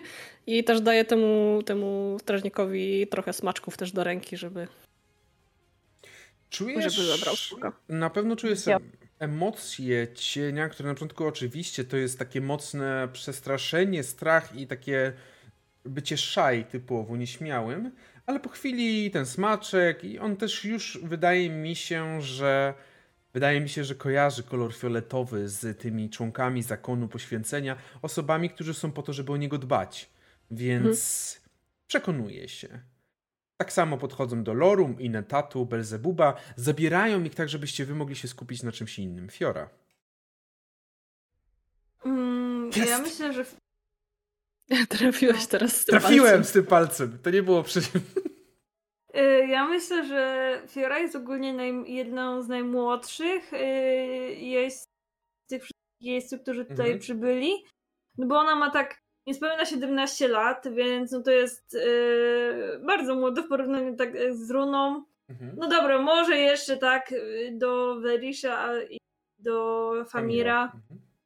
Mm, ale ona tak bardzo nie rozumie tej sławy, jaką są otoczeni jeźdźcy, w sensie, jej rodzina bardzo nacisk na to kładzie, Mhm. ale ona nie do końca rozumie, no przecież to jest takie, jakby ona nie pamięta dokładnie też tego momentu, kiedy y, y, Smog ją wybrał, Mhm. więc y, dla niej to jest takie, takie oczywiste, że no wystarczy przecież tam pójść i co? Jakby w sensie ma tam jakąś świadomość, że ktoś tam może umrzeć, ale raczej nie słyszy takich historii, o. Mhm. No, nie słyszy, bo przeżyła i też raczej nie miała z tym styczności. Jak najbardziej. Także smoki zostają troszeczkę jakby jeszcze nie tyle zabrane, co po prostu łapią je, tak jakby od razu widzicie, że zaczynają jakoś tam em, pielęgnować, e, szykować, jakby miały gdzieś indziej, tak Famir? Dokończ, jak skończysz to... to, to. E, Pie, po prostu pielęgnują, jakby mieli, mieli być przygotowani do następnego lotu, czy szykują, tutaj gładzą, dają jedzenie, wodę, tak szykują ich. Właśnie przed tym jakby, przed tym momentem jeszcze, jak oni tam podajesz i tak dalej, to mm, Fam jak zszedł przez smoka, to tak na takie do widzenia, takie na, że zobaczą się niedługo, ale jakby odchodzi teraz gdzieś kawałek, żeby coś załatwić, więc on po prostu spuszcza do niego głowę, ten smok w sensie do Famira. Mhm. Eee, I oni robią takie bro, bro moment i po prostu wkładają swoje czoła do siebie. Eee, on go głaszcze tak lekko po pysku, ale przykładają tak do siebie czoła, mają takie zamknięte oczy, które tak medytują ze sobą i on odchodzi po prostu. Właśnie to jest też dobre, bo tak zdałem sobie sprawę, że jednej kwestii nie poruszyliśmy, czyli kwestii tego, jak odgrywamy smoki. Bo odgrywa są trzy sposoby. Jeden to jest, że mistrz gry odgrywa wszystkie, drugi, że każdy z graczy odgrywa swojego smoka za siebie, a trzeci to jest, że inni gracze odgrywają smoki innych graczy. Ale może zrobimy trochę mieszany pierwszy i drugi na ten moment, żeby też nie zrzucać odpowiedzialności na innych graczy. Bardzo, e, bo tutaj właśnie tak teraz mi to wyszło, kiedy właśnie Famir powiedział za Belzebuba. Ale bardzo dobrze. Widzicie, że ci ludzie. Inne. Tak. E, jak e, cień jest zabrany, to e, Runa po prostu podciąga spodnie i takim pewnym krokiem po prostu przychodzi e, pomiędzy tym tłumem i mówi tak, a witajcie, witajcie, i tak po prostu macha takim po prostu ręką królowej Elżbiety i tak e, wita się z tłumem i przechodzi na środek. Widzicie, że ta piątka, która stoi, jak troszeczkę wyszliście sobie za tych, przed tych smoków, przed tą piątkę, widzicie, że oni automatycznie ukłonili się. Oczywiście kapłanka najgłębiej się ukłoniła, co nic nie dziwnego. Witajcie. Kobieta się pierwsza odezwała. Ta wysoka kobieta o śniadej skórze twarzy ma taką podkreśloną szczękę i dość e, nienaturalnie daleko rozstawione, rozstawione oczy. W każdym razie kobieta ta też ukłoniła się drugi raz. Nazywam się Fatina Al-Aid. Jestem tutaj, powiedzmy sobie, handlarką. Zajmuję się sprzedażą pewnych towarów. Pozwólcie, że przedstawię moich towarzyszy. Ten tutaj mężczyzna jest to Alazar Demisję Nataje. Pokazuje na mężczyznę tego niskiego, który jest chudy i, i, i tak, tak, tak właśnie uśmiechnął się znowu. Delikatnie ręce tak sobie pociera. Uśmiechnął się znowu bardzo serdecznie. I pokazuje na ostatniego, że ten to jest Norwan Derderian. Mężczyzna wygląda jak, e, no tak jak mówię, wysokością dorównuje wielkości, szerokości. Mm, I dość takim znudzonym wzrokiem patrzy. Oprócz tego pokazuje na Irun, czyli na tą kapłankę, z którą się kontaktowaliście. No a za nią nawet nie wskazuje na tego mężczyznę, nie mówi nic. O nim ten mężczyzna w tym białym habicie sobie po prostu stoi. Witajcie, drodzy smoczy jeźdźcy. To jest ogromny, ogromny zaszczyt dla Kniszar, iż możemy was witać i gościć. Nie pamiętam już ostatniej wizyty smoczych jeźdźców, jednak każda wizyta jest dla nas bardzo ważna i doniosła. Popatrzyła na lud. Lud zaczął oczywiście cały czas tam skanduje i krzyczy. Pozwólcie, że wejdziemy do środka. Pokazała budynek za sobą, gdyż jest pewna sprawa, o której musimy porozmawiać, jak dobrze pewnie wiecie. Werisz podczas całej tego przywitania, całej tej sytuacji był mocno wyłączony, nie, niezbyt się nawet skupiał na tym, co sama kobieta mówiła. Bardziej się przyglądał temu tłumowi, tak do, patrzył się po ludziach, próbując też po części zrozumieć to zafascynowanie. Myślę, że to może być nawet jego, jedna z jego pierwszych misji, które, na które wyle, wyleciał ze smokiem że ludzie patrzą na was jak dosłownie z obrazka. Gdybym miał porównać do czegoś, co jest nam bliższe, pewnie bym powiedział o jakichś gwiazdach muzycznych, czy gwiazdach, y, powiedzmy sobie, aktorskich. Są to wzrok uwielbienia, wzrok. Na pewno w niektórych przypadkach jest to wzrok zazdrości, ale przede wszystkim jest to ogromny, ogromny wzrok uwielbienia. Patrzą na was jak święte obrazki. W sumie wręcz odwrotnie niż Perish. Jakby Perish się skupił na, na tłumie, to Amir sobie zupełnie na odwrót, jakby totalnie go nie obchodzi tłum. Jakby on pokazał już smoka e, i ten smok jakby jest teraz, wiecie, gwiazdą dla niego, w sensie on tak wychodzi z takiego założenia, że to jakby wow, smok fajnie, on smoka, to on jest majestatyczny, nie ja. Mhm. E, jakby jak, jak, jak, ta, jak ta babka się ukłoniła, to on też się odkłonił jej, żeby, żeby pokazać, że ma do niej szacunek. E, I bardzo się skupił właśnie, jakby trochę nie obchodził go ten tłum z tyłu, nie patrzył, co on robi, jakby skupił się tylko właśnie na tym, na czym ta kobieta mówi. Czy w takim razie, jak ona pokazała tym ruchem ręki, czy wchodzicie do środka? Nawet tak. może trochę ciągnę za rękaw Werisza, tak żeby ogarnął, że ej, stary, idziemy tam. A, a, a, dzięki, dzięki. Myślę, tak... myślę, że... Oj, sorry. No. I Warisz dosłownie tak przyspieszył kroku, poprawiając na, na szybko swoje ciuchy i tak dorównał do reszty drużyny na tej samej wysokości. E, to Runa jeszcze się tak, tylko żegna z tłumem i robi mła, mła i odwraca się i wchodzi do budynku. Boże, jakby Runa to już jest ta babcia, która ogarnęła jak używać Face'a i wysyła Tak, i ma swojego codziennie, TikToka. I codziennie wysyła tam miłego popołudnia, życzę Państwu yy, dobrej nocy, coś tam, coś tam tak. i po prostu yy, myślę, że Fiora tak Kurde, ma takie, że Fiora przeżywa chyba jakiś taki yy, bunt młodzieńczy. I, I ona ma takie e, urewa i idzie po prostu za, jakby za tłumem też trochę trochę nie wie nie wie jak się też trochę zachować, bo to jest takie, że no rodzice powiedzieli, dobra, musisz być teraz mocnym miejscem. I ona nawet nie wie, czy tego chce do końca i jakie będą jej drogi więc yy, jakby ej, mogła w ogóle tego nie przeżyć, tak? Także. Mhm. Dobrze. W takim razie właśnie w ten sposób wprowadzeni zostaliście do środka. Budynek jest piękny, jest okazały, co także reprezentuje no, bogactwo tego miejsca, bogactwo tego miasta. Budynek jest cały stworzony z białego marmuru, który tutaj raczej jest słabo dostępny w tej okolicy. I Wprowadzają was do sali obrad, tak bym to nazwał. Jest jeden długi stół, przy którym stoją cztery krzesła, ale zostały dostawionych kilka takich bardziej wygodnych krzeseł mm, także dla was. Widzicie, że możemy powiedzieć ustawione krzesła zostały w sposób Wy siedzicie po jednej stronie, oni siedzą po, oni siedzą po drugiej stronie. Yy, czyli jakby jest różnica pomiędzy tymi krzesłami, które są przygotowane Wasze dla smoczych jeźdźców? To Fiora tak pokazuje na to krzesło i czy mogę prosić o takie krzesło, jakie wy macie? Mm, Odezwała się teraz kapłanka. Mm, Słyszycie jej po raz pierwszy głos nie przez te kamienie, kryształy.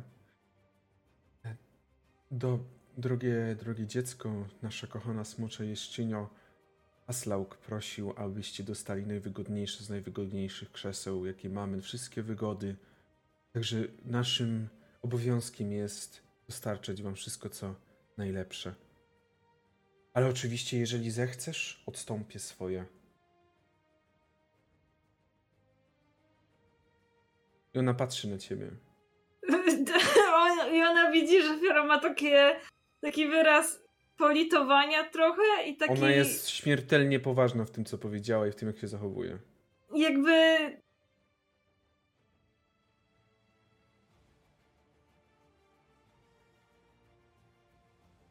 Fiorę trochę zatkało po tym, jak, pod tym względem, jak ona bardzo dyplomatycznie to powiedziała. Eee...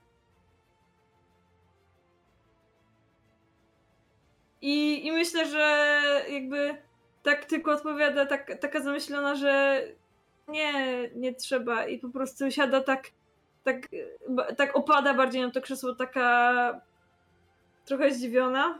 Jeszcze bardziej trochę tym, że nie dociera do niej to po prostu. Mhm. Widzicie, że kiedy zasiadacie, e, kiedy zas- zasiadacie do tego, do tego stołu, dość długiego, bardzo dobrze wykonanego, to zaraz od razu przychodzi, przychodzi jedzenie i to jest wykwintna uczta, która zarówno jest wam podana, jak i, jak i oni też będą z wami jedli ją, tą ucztę.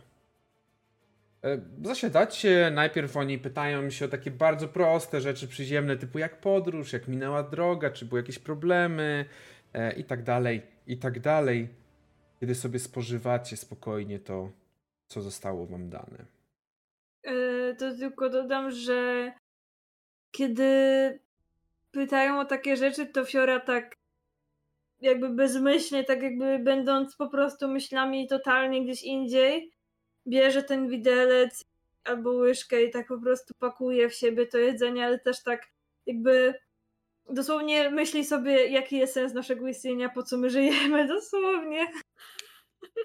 Widać, że to jest, że zdecydowanie jest to okres buntu, biorąc pod uwagę te przez, przez, No, przez, przez, jest- myśli.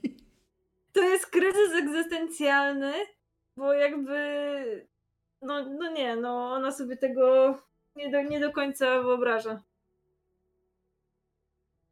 Runa po prostu rozsiadła się wygodnie na tym krześle, e, zajada się jedzeniem i po prostu e, pije tam jakiś e, likier i mówi ja na jedną nóżkę, ja i na drugą nóżkę. No i taka po prostu jest bardzo zadowolona z tego, gdzie jest.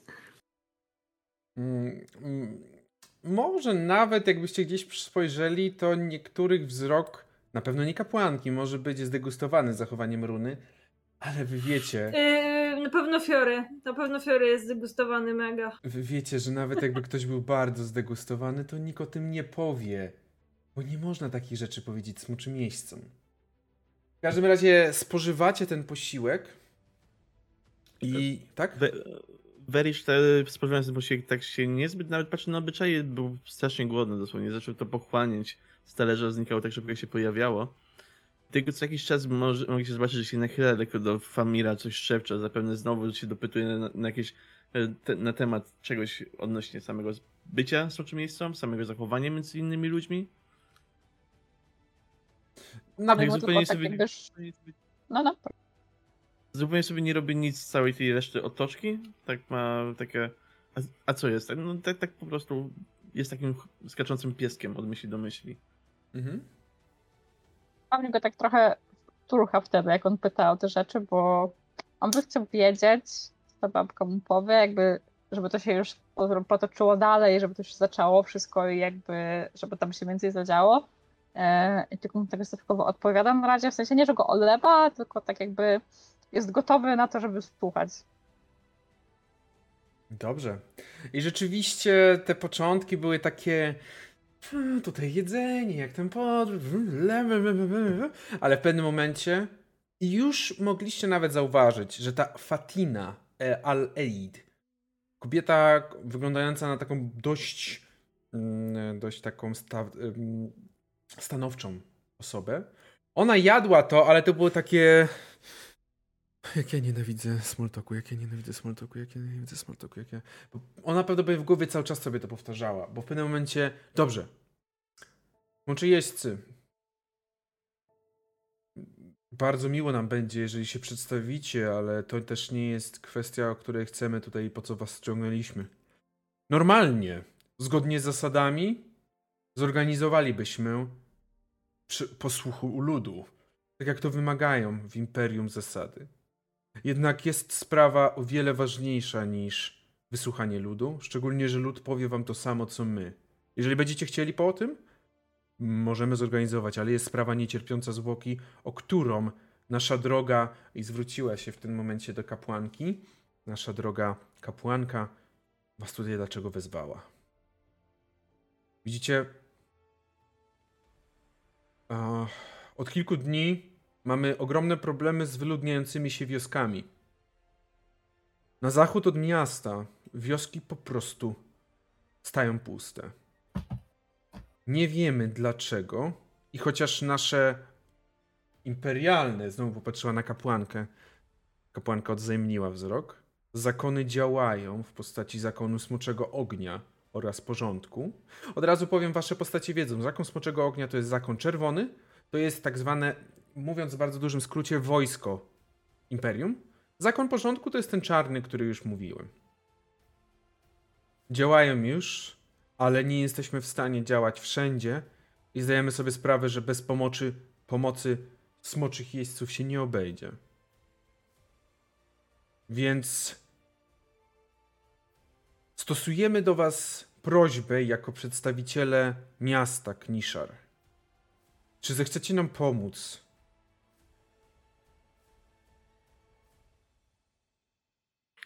W Erysiu mam tak, że nawet wybijam sporo zostały od, przed, przed całą resztą grupy, tak je, po połowie jeszcze przełykę, tak jasne, jasne, ja, jasne, ja, tak, tak, pomożemy.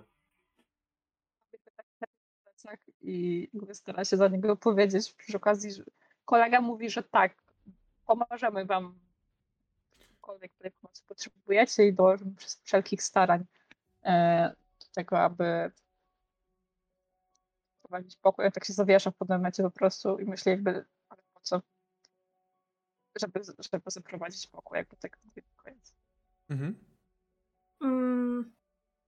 Fiora ogólnie ma tak y, ręce złączone i włożone między uda i tak y, trochę nie wie, co ma powiedzieć, w sensie mm, tak patrzy takim wzrokiem trochę niezrozumiałym, że mm, wiadomo coś więcej o tym. Nie za bardzo nie za bardzo wiem, czym pomóc. Mhm. A Runa jak reaguje? Eee, Runa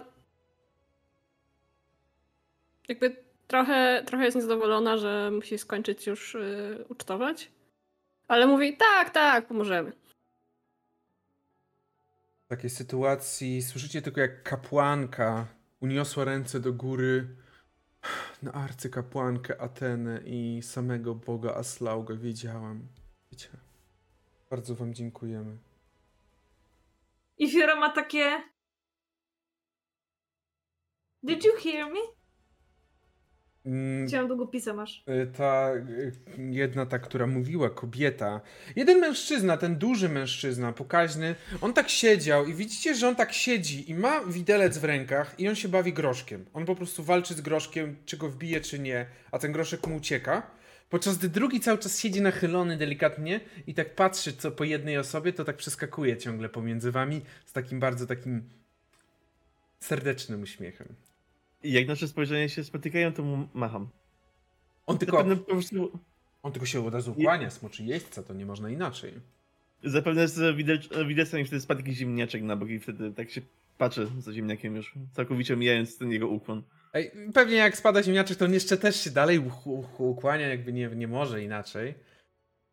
Eee, Ale jedyny, kto zachowuje jakiś taki większy rozsądek, bym powiedział, to jest ta kobieta, Fa- Fatina Al-Eid, która popatrzyła po, tym kap- po tej kapłance. Może nawet obróciła oczami do góry, chociaż to już mogłoby w pewnym momencie podchodzić za mniejszą herezję, no ale dlatego pewnie powstrzymała się przed tym. Tak, e, Aktualnie wiemy o trzech wioskach na zachód stąd, które opustoszały. Jedna z nich to jest y, Harrade. Jest to wioska, która jest y, stosunkowo blisko położona miasta. Została zgłoszona jako pierwsza opustoszała 4-3 dni temu. Na jej terenie już aktualnie działają członkowie zakonu Smoczego Ognia oraz Porządku, jako już jest za blisko Kniszar, żeby zignorować to tak, szy- tak łatwo. Ale jaki był powód, że została wyludniona ta wioska? Coś. Nie mamy, nie mamy pojęcia. Czy ta wioska jest zniszczona? Z tego co mi wiadomo, tylko jedna z tych trzech wiosek jest zniszczona. Ale po pierwsze, wiem tylko o tym, mam bardzo mało informacji, bo niestety czekamy dopiero na raport od y, członków zakonu, y, którzy przebywają na terenie wioski, a na pewno wy dostaniecie go szybciej, bo przecież możecie tam polecieć. Więc jakby nie jesteśmy wam równi. Yy, czy to się stało w ciągu tych trzech dni? W ciągu mniej więcej trzech dni, tak. Pierwsza informacja przyszła właśnie trzy, y, trzy dni temu o wiosce Harrade. Druga informacja przyszła o wiosce Etter, która leży trochę dalej od wioski Harrade, bliżej łańcucha górskiego. Co dziwne, to jest jedyna wioska, w której widać jakiekolwiek zniszczenia podobno, według członków zakonu porządku, którzy tam dotarli. Jest podobno w większości spalona. Ja mam pytanie. Tak? Jak, na jaką odległość działa więź ze smokiem? Mm, W tym momencie, jeżeli mówisz o. Przebywając w tym miejscu, w którym jesteście, płacicie cenę wię, więzi. Jeżeli o to chodzi. Nie rozumiem, co to znaczy. O, okej. Już w tym miejscu, będąc poza, poza zasięgiem wzroku i widoku wi- smoków, cena więzi, którą zapłaciliście, którą zaznaczyliście, będzie oznaczała, że obniżycie sobie ilość kości. E, a o co dokładnie pytasz z tym, jak, jak daleko jesteście? Yy, Bo jak. Chwila, bo. Jaką masz cenę więzi? Przekonywanie. Tak, czyli w tym momencie, jeżeli będziesz chciała rzucać na przekonywanie, będziesz odejmowała 2d6 odrzutu. Bo jesteś już Okej, za daleko to- od smoka. Okej, i to. ym, I to do momentu, aż się nie spotkam z moim smokiem. Tak, znowu. jeżeli byś na przykład wysz, jeżeli wyjdziecie potem i będziesz już przy smoku stała i próbowała przekonać, to wtedy jest na odwrót. Doda, dodasz te 2d6. Okej, tam dobra, 2D. dobra, dobra. To już jest tak, to już jest wystarczająca odległość, bo tu chodzi o to, że nie jesteście przy smokach. Okej, ale jeśli chciałabym przekazać po prostu jakiś obraz yy, do Lorum, to byłabym w stanie. Myślę, że tak, możemy przyjąć, że tak jesteście w stanie. Bo ogólnie yy, trochę się. Fiora trochę się waha. Mm, Mhm. jakby nie mają wystarczającej ilości informacji i jakby od razu wzywają smoczych jeźdźców. Mm, więc Fiora wysyła takie urywki po prostu obrazów, takie jak na Mhm. przykład e, że właśnie spalone, y, puste osady, te puste chaty albo właśnie te spalone Mhm. i czeka na jakiś odzew. Od razu mogę powiedzieć, że od, kiedy wysłałaś, kiedy tak jakby przekazałaś, wręcz można automatycznie przekazałaś tę informację, poczułaś ciepło na sercu, które promieniowało na całe, na całe twoje Mhm. ciało.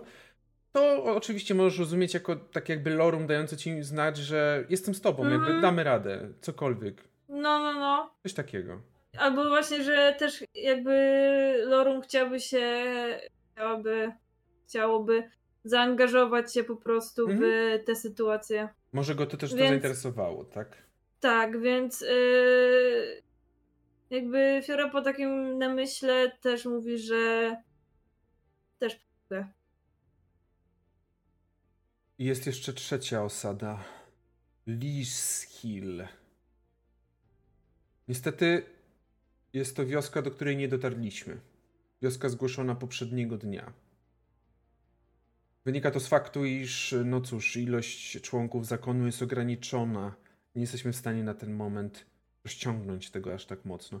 Nie wiemy, jak wygląda tam sytuacja. Wiemy tylko, że wioska nie jest zniszczona i nie ma tam ludzi, bo takie dotarły od nas informacje od mm, niektórych ludzi, którzy przybyli stamtąd.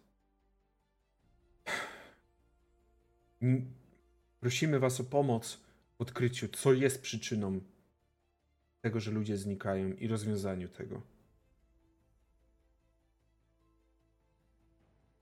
Widzicie, że wszyscy zamilkli, nawet ten y, groszko łas przestał się bawić i patrzy na was tak, tak, tak spod oko, co, co odpowiecie.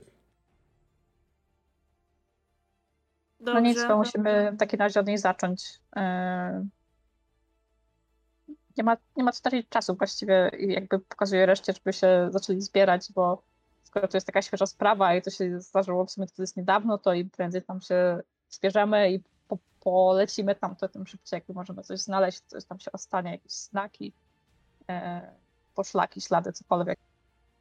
Mhm. No to Fiora tylko rzuca tak trochę, jakby trochę w przestrzeń, że dobra, czyli do Lis... Lis... Lishill? Lishill. Tak. Runa, czujesz niepokój w ciele całym swoim. Nagle masz obraz z oczu twojego cienia i jedyne co widzisz to przerażające rogi i czerwone ślepia patrzące na ciebie. One są tak obrócone. O nie. O nie, dali go do jednego końca z innymi smokami. I Runa w tym momencie wybiega i biegnie tam, gdzie, gdzie przytrzymywane są smoki. Mhm. Co robi reszta? E, Werisz przed samym wyjściem jeszcze zgarniać dwa, trzy ziemniaczki tak do ręki. Tylko wysyła informację i- Inetatu, że ma, ma jedzenie. Ma, ma, mam to. O, to poczułeś takie, takie, takie burknięcie w brzuchu, które idzie od niego i netatu. Co robi Famir? E, Famir, ty czujesz, że Belzebub jest w iście e, ciekawskim nastroju. Domyślam się, co on może robić, skoro jest z innymi smokami. E, więc jak widzi, że Runa wybiega, tam sobie zdaje sprawę, co się dzieje i jakby ściąga swoje sandały z nóg, bierze je do ręki i biegnie za Runą. A Fiora? Yy, Fiora ma takie, że jakby Fiora ma takie, że o, urodziłam się swojej generacji moment. Czy to był znak na picie wody? Pijemy wodę. Ja już, ja już się napiłam, ale mogę jeszcze... Ja się już napiłem. Dobrze. W takim razie przy samym tym głównym budynku wybiegliście, tam nawet nie musicie się żegnać, bo oni nie mają wam prawa powiedzieć, że zrobiliście coś źle. To jesteście smoczy jeźdźcy. Oni prawdopodobnie zaraz się zebrali za wami, żeby jeszcze no, pożegnać was mimo wszystko. Ale wy wybiegliście i przy tym głównym budynku rzeczywiście znajduje się coś dla kształt stajni dla smoków. To jest mniej więcej wielkości hangaru dla samolotu i tak samo jest wielkości takiego, takich drzwi do hangaru, żeby samolot mógł wylecieć. Wrota, bo smoki są różnych wielkości. I e, na pewno słyszycie ze środka wrzawę, jak część członków zakonu e, poświęcenia próbuje opanować jakąś sytuację. E, Kiedy do, do, dochodzicie do środka, to widzicie, że cień zwisa jak nietoperz na, z, z, z, z, sufitu, podczas gdy Belzebub tak go trochę kuje tymi swoimi mm, ciekawskimi, ciekawskimi rogami, a ten cień tylko tak jakby próbował zawodzić jak taki piesek, b- m, wylo- który wylądował w jakiejś, jakiejś studience. Biegam do środka i o nie, maleństwo, maleństwo, nie bój się, nie bój się. I tak y, próbuję odepchnąć trochę Belzebuba, tak żeby odejdź, odejdź. E, I jakby chcę go zawo- chcę zawołać. Famir, czujesz, że teraz y, Belzebub y, po prostu działa tak jakby, czujesz takie uczucie, że on jest takie e, pobawimy się i nie odchodzi. Czujesz, czujesz, że on nie chce odejść, widzisz, że taki jest nie, nie, takim zadzio- zadziornym nastroju, o tak bym powiedział. Ja go podbiegam do nich, e, jak oni tam są. e, I czy jakby, czy Berzebub może się kontaktować też z Runą i z tym drugim smokiem? Oni Nie, są tylko z wami się. W sensie ze smokami pewnie mają język jakiś smoczy, ale tylko wy się kontaktujecie. Okej. Okej, to jakby ja wiem, że on jest teraz ciekawski, on chce wiedzieć, więc jeśli on mi mówi jakieś pytania, które ma zadać Runie, albo on chce wypytać tego smoka o coś, to jakby ja się zgadzam i trochę go tak jakby podbiegam i mówię, nie ruszę, zostaw mojego smoka, oszalałaś? Jakby wpycham go w drugą stronę, znowu jak ty go pchasz w tamtą, to ja go pcham w twoją, e, żeby go odepchnąć bliżej ciebie i jeśli są jakieś pytania, które on chce zadać, to jakby je zadaję i i do, do runy i do, e, do ogółu. Widzicie tylko, że z, przy... Ale on mi maleństwo straszy. Widzicie, że z, On przy... się boi. że z przeciwnej On strony się bawi. Tego hangaru dla smoków, stoi taki smok i tak patrzy, taki jakby, gdyby nie to, że nie jest y, szary jak marmur, czy jak inny sposób, jak inny rzeźbiarski materiał, to byście pomyśleli, że to jest właśnie pomnik. No to jest po prostu in, który tak patrzy na to wszystko z takim ogromnym spokojem. A z drugiej strony Lorum, które Myślę, że Lorum może trochę. Z której strony Lorum by się opowiedziało, biorąc pod uwagę jego nastrój? Yy, myślę, że on byłby, jak jest ten mem, że biją się, bije się dwójka dzieci i trzecie dziecko to nagrywa, to on byłby tym, który to nagrywa. Więc prostu. on tak pewnie stoi, tak przeskakuje sobie i tak patrzy na to wszystko. On tak, on tak myśli, że faktycznie się wszyscy dobrze bawią, więc No. on też się dobrze bawi, chociaż on nie wie za bardzo, co się dzieje. Yy, Może nawet w którymś momencie Lorum wziął i tak kuksnął Inetatu, żeby ej, baw się, a Inetatu tylko. raczej po prostu. Yy, nie, on, on jest dosłownie tym takim biernym obserwatorem, który po prostu, no jakby miał telefon, to by to filmował, naprawdę. Mhm. Dobrze. jak się dzieje cały ten chaos e, z samej stajni, może tak to ujmę, to Warisz wchodzi z tymi ziemniaczkami, tak omija tam ludzi i idzie do innych Wow, to już Inetatu przez to był spokojny, bo tylko widzicie, jak on taki. Jest smukły, długi, taki jak ten, jak mówiłeś, takie chińskie bardziej, takie Mhm. azjatyckie. To widzicie, jak on tylko prześmignął koło Lorum, które patrzyło, e, które patrzyło na Belzebuba i cienia i już stoi przy e, Weriszu, tak. Sam Werisz w tym momencie też ta- z takiego bardziej rozbieganego jest się mocniej stunowany. Stoi koło smoka, daje mu jego zie- udział ziemniaków dla smoka, kiedy on sam je, jeszcze tego swojego jednego. Tylko tak się przygląda sobie i oczepuje trochę kawałków z uczty, które mu zostały na koszuli. Już myślałam, że coś innego powie. Eee, Myślę, że jakby Fiora została z tyłu i dopytywała się o więcej szczegółów na temat tego zadania. I kiedy zobaczyła całą tę sytuację, to tak tylko powiedziała do Lorum, to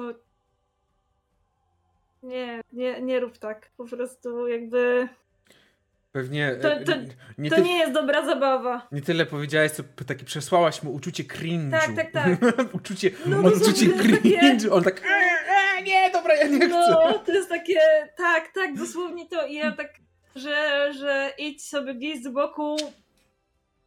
Po prostu nie bądź tam. Dobrze. Takim Okej, razie. jeżeli Belzebub jest dalej yy, niewstępliwie, jest y, blisko cienia, to e, to Runa tylko robi takie "O, do, no dobra i podskakuje, żeby chwycić się cienia, który zwisa z, z sufitu i przesyła mu emocje okej, to my się nie bawimy, znikamy. I chcę, żeby się cień przeteleportował na drugą stronę e, pokoju, czy tego, tej stajni dla smoków, cokolwiek. Dobrze, i zrobimy może pierwszy test. Zobaczymy, tak normalnie bym nie robił, ale chcę zrobić pierwszy test, bo to nie było dotychczas jeszcze żadnych. Rzuć sobie na więź ze smokiem, ale masz ode mnie minus jeden, minus jedną kostkę za fakt, że no, cień jest zestresowany tym, jak sytuacja wygląda, Mhm. biorąc pod uwagę, więc tylko jeden minus jeden, ale stopień trudności jeden, czyli jeden sukces potrzebny jest. Ile masz więzi ze Okej. smok? Jakim, jakim... E, czyli tak, biorę e, mądrość, bo to jest moja główna Tak. cecha. I biorę moje więzi, czyli dwa. Czyli 7 Siedem? minus 1, 6. 6 i potrzebujesz jeden sukces, D, 2D6, D6 i chociaż jedna szóstka. Jest tylko jeden. tak. tak. musi być E, y, tak, jeszcze 5D6.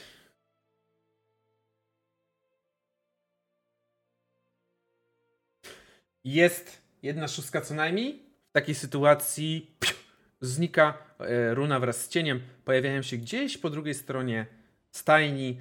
Przez to Belzebub stracił trochę, tak czuje, jest takie zawie, zawiedzione, takie uczucie zawiedze, zawiedzenia. Ja myślę, że on mimo wszystko chce podbiec dalej do nich. Jakby w sensie, że Czy Możemy tutaj zrobić coś Mamy- takiego, bo myślę, że jak się przeteleportowaliśmy, to cień po przeteleportowaniu od razu chce się jakby skamuflować ze ścianą i zastanawiam się, czy Belzebub jest w stanie zauważyć, gdzie się przeteleportowaliśmy i czy, czy, czy, czy cień się zdążył zakamuflować wystarczająco szybko. Ja myślę, że możemy zrobić tak, że zrobimy cięcie w tym miejscu. Chyba, że chcecie kontynuować scenę w stajni. Ale myślę, że może jeszcze sprawa trwała, może Runa udało się cieniowi zakamuflować, a może Inetatu w swoim takim spokoju wkroczył, tak patrząc typu We got a job to do. Ziemnieczki. Tak, we got a job to do.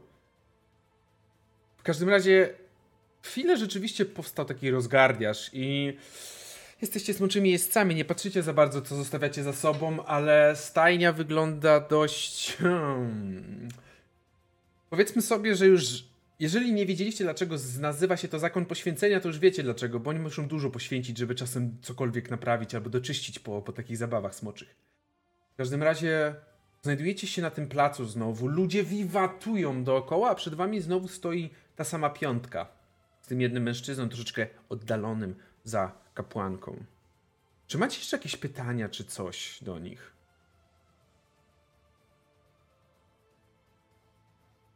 Czy chcecie po prostu się wzbić i Mm. ruszyć?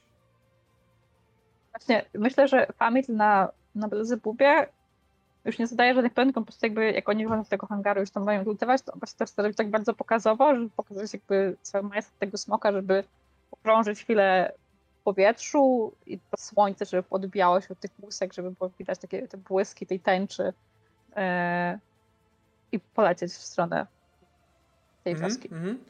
Rzuć sobie na więź, na latanie. Czyli na więź twoją cechę bazową, którą masz z więzi.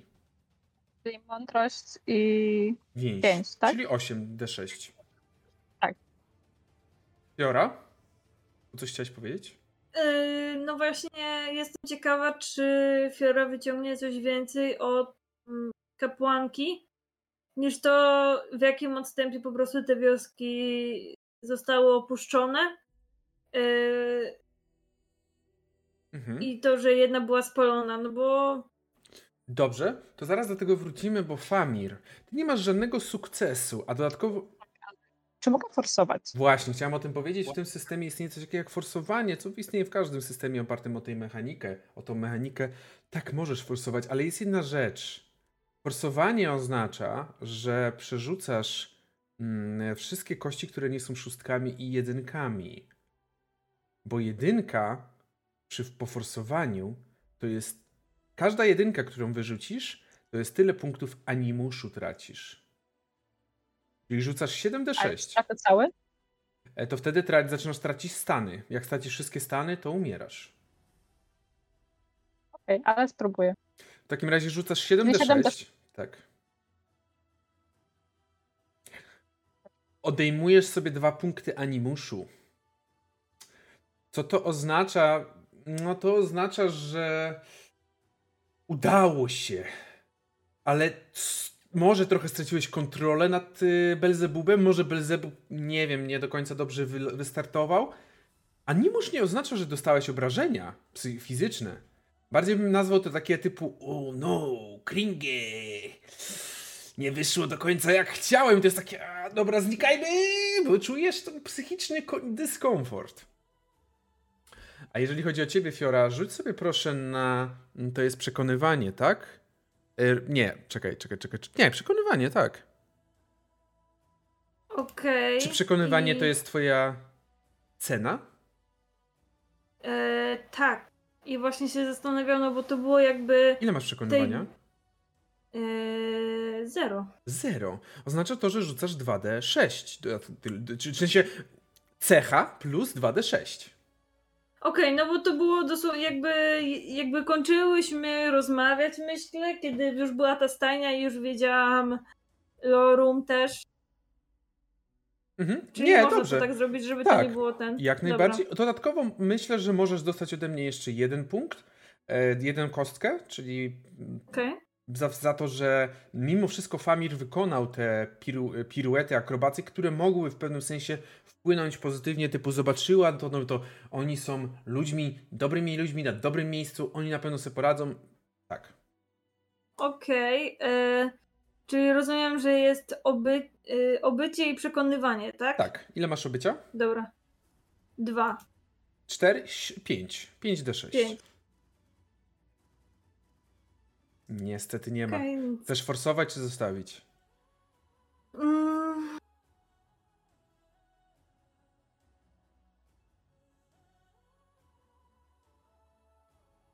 Yy, dobra, spróbuję sforsować. Dobrze, w takim razie przerzuć wszystkie kości, no i tylko uważaj na jedynki. A Verish, coś chciałeś powiedzieć? E, tak, Verish, jak już wyszedł na smoku z tej stajni, po- podążając e, za resztą drużyny, chciałby w momencie, jeżeli by spotk- zobaczył wzrokiem tego małego, te, Mhm. jak on miał, Alazara, chciałby poprosić go o samego Inetatu o opinię o tym gościu dodatkowo. Dobrze.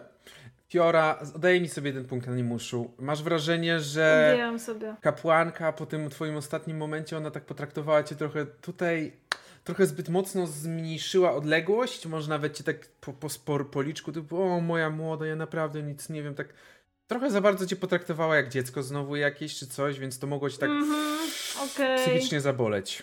Mm, No i też myślę, że Fiora była sfrustrowana tym, że Boże, tacy kapłani, a nic nie wiedzą, jakby wszystko znowu muszą zrobić smoczy jeźdźcy i to jest takie... Mhm. Verish, ty wiesz co, co Mhm. cię poprosić. Rzut na przenikliwość. Na przenikliwość ty masz y, swojego tego, tak? Tak, to jest moja cena więzi też. Co to oznacza? Jeżeli to jest rzut na przenikliwość i masz chyba jedną kostkę w przenikliwości, Tak. w takiej sytuacji dodajesz sobie jedną D6, a jedną D6 zmieniasz na D8. Dwie do, tutaj do szóstki mam trzy więzi. Tak, przepraszam, zapominam. Runa, co ty chcesz robić? Czy ty po prostu wzbijasz się, czy coś jakoś chcesz jeszcze pogadać, coś? Nie, myślę, że Runa raczej. Dobra, ruszamy do roboty. Trzeba, im szybciej zaczniemy, tym szybciej skończymy. I po prostu wzbija się w powietrze też raz za, za Belzebubem i za Famirem. Verish, e, masz dwie szóstki, więc to, To jest... to, to, jest to, to, to jest to, co Inetatu wie. To, to, to nie ja, to są szó- szóstki od niego. Okej, dlatego Verish, to są te dwie szóstki od niego, co oznacza, że obrazy pojawiły się w twoich oczach.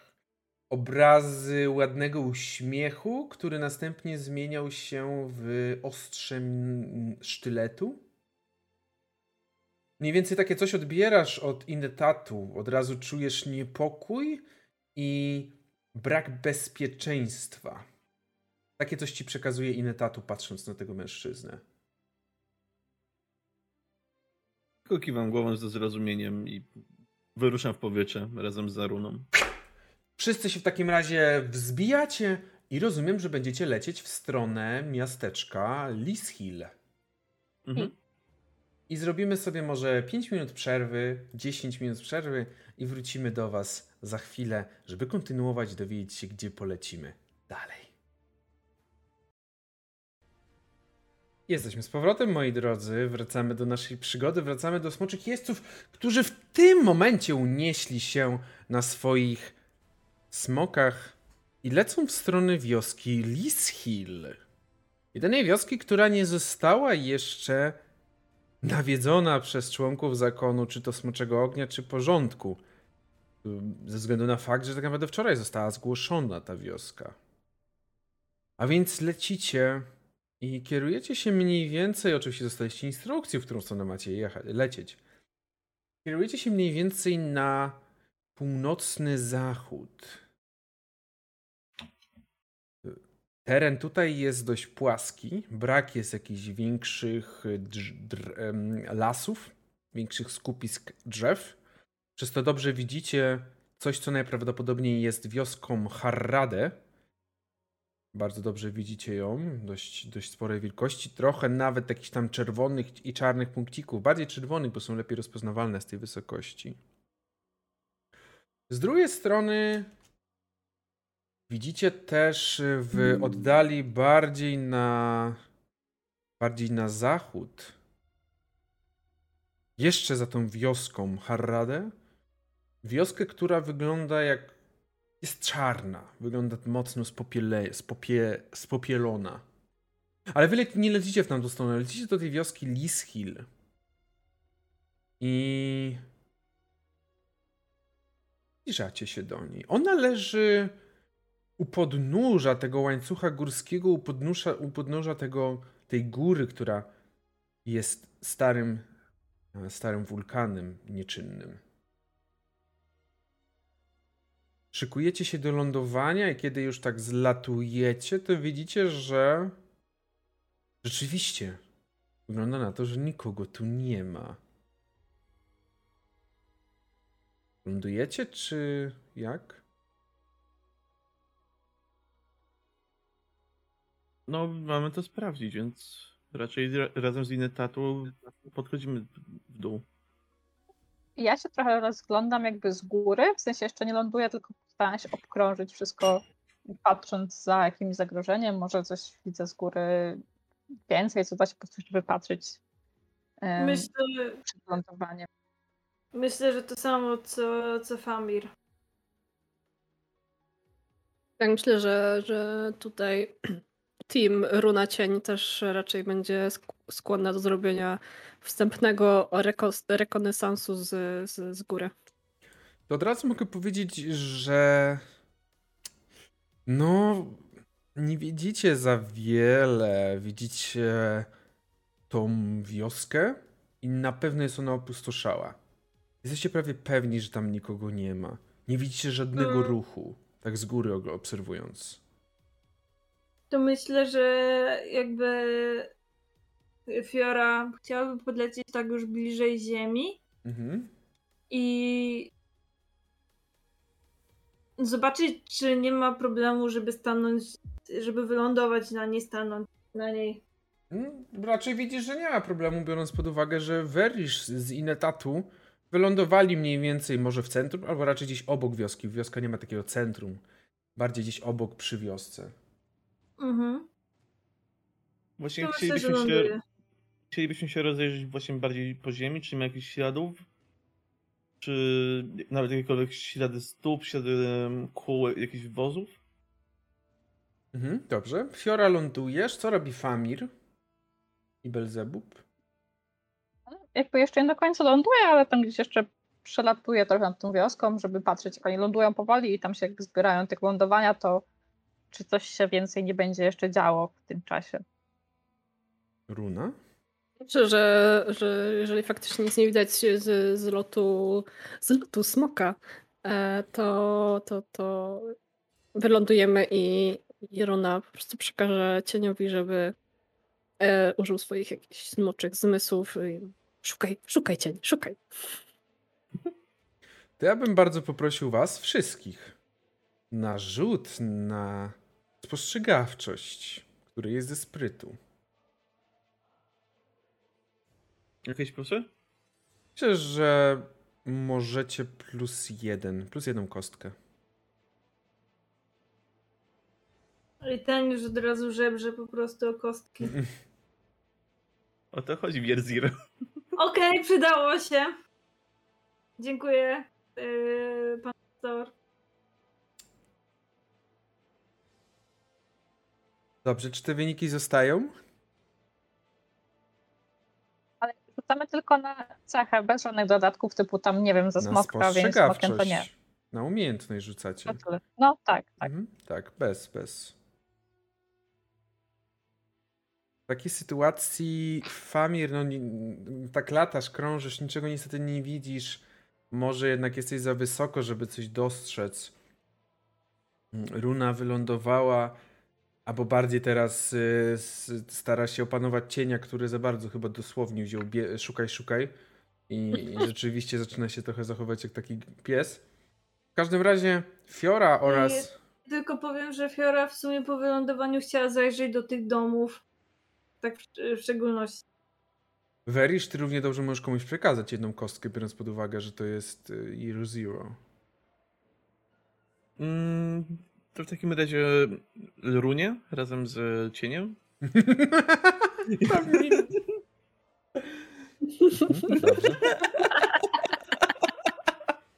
Dobrze. Mm, To może cień rzeczywiście jednak ciągnął, ale coś tam pomagał. W każdym razie, Fiora, ty przeglądnęłaś e, domy i to, co ty zauważasz, to fakt, że prawie wszystkie wyglądają jakby ludzie, którzy mieszkali tutaj, wzięli, rzucili wszystko, co mieli w rękach i wyszli. Bo nie jest. Nie widać, y, y, jakby, żeby ktoś, nie wiem, odłożył coś i wyszedł. Tylko tutaj widzisz, że tutaj jest taca rzucona na ziemię, tutaj coś jest, nie wiem, przewrócone, tutaj coś jest odwrzucone i tak dalej. Jeżeli chodzi o ciebie, Runa i cień, wy zauważacie przede wszystkim. Nie, może nie. Werisz, ty zauważasz, że brak jest jakichkolwiek śladów walki. Nikt na pewno tutaj nie walczył. Jesteś wręcz tego pewien i Inetatu wręcz utwierdza cię w tym przekonaniu. A Runa i cień. Cień cię tak wyciągnął. Początkowo myślałaś, że to może cię cień tak źle ciągnie, ale widzisz, że cień ci pokazał ślady. Pokazał ci dużą, ogromną ilość śladów, które wychodzą z tego, z tej wioski, ale kierują się na zachód, w stronę łańcucha górskiego i w stronę, w stronę tego wulkanu wyci- wy, wy, wygaszonego. Mm, Czy to są ślady, które wskazywałyby na kilka osób, czy na kilkadziesiąt? To są ślady, które wskazują na całą wioskę. Okej, czyli ucie- uciekli. Mm, Patrząc po tym, że masz sukces wymagany, nie masz wrażenia, żeby oni biegli. No, okej. Masz wrażenie, jakby to był spokojny marsz, jakby po prostu wycieczka sobie szła. Okej. To nie jest takie, takie rwane biegi. Czyli jakaś pielgrzymka może. Na nasze byśmy powiedzieli, że to pielgrzymka, tak. Ja mam jeszcze pytanie. To jest y, Lis Hill, tak? Tak, dokładnie tak. Y, a która wioska została spalona? Mm, Eter. Eter. Eter, okej. To jest ta. W środku była, nie? Ta peszczota, jakby co była pomiędzy. Tak, y, tak, tak, środkowa. W sensie, jakby pokazać tak bardziej, tu macie miasto, czyli e, to... Nie, nie, nie, nie chodzi, chodzi wymieniona środkowo. A, okej, wymieniona środkowo, tak. tak, to tak. Gdzie, która jest, też możesz pokazać, bo ja sobie tego nie umiem wyobrazić, możesz mi zobrazować. Czekajcie. y, tu jest rzeka i Kniszar. Tam strony jest zachód. Tu jest Kniszar, tu jest wulkan mniej więcej, tak byśmy zrobili. I teraz moja kochana koleżanka to jest y, Kniszar. I teraz mniej więcej tutaj, na tej wysokości jest Harrade. Tu, w sensie no gdzieś tutaj, prawda? Tutaj mniej więcej jest Eter. A e, ostatni, e, czyli ten e, Lis Hill, jest, powiedziałbym, że tutaj. Tu, Mhm. gdzieś jakby na Czyli moim... bardziej w górę. Dobra. Tak, północny zachód, na moim czole. To jest duże, jakby to jest duża odległość, jakby na pewno. To, ogromne połacie, ale no. Nie masz, nie masz takiego dużego czoła chyba jeszcze, nie wiem. Już nie bro, nie bro, nie bro, nie ma czego, naprawdę. To jest zie- spalona ziemia. Jakby dosłownie. A nie, teraz Ale- nie są. Jak wszyscy już lądujemy, jak wszyscy się mniej więcej spotykamy, to Verish tak podchodzi do was. Uważam i w tym momencie zaczynam przewracać oczami. I Netatu uważa, że temu najniższemu Alazarowi nie można zbytnio ufać. E, w tym momencie podbiega Runa i mówi: Wszyscy. e, Wydaje mi się, że cała wioska poszła na jakąś wycieczkę.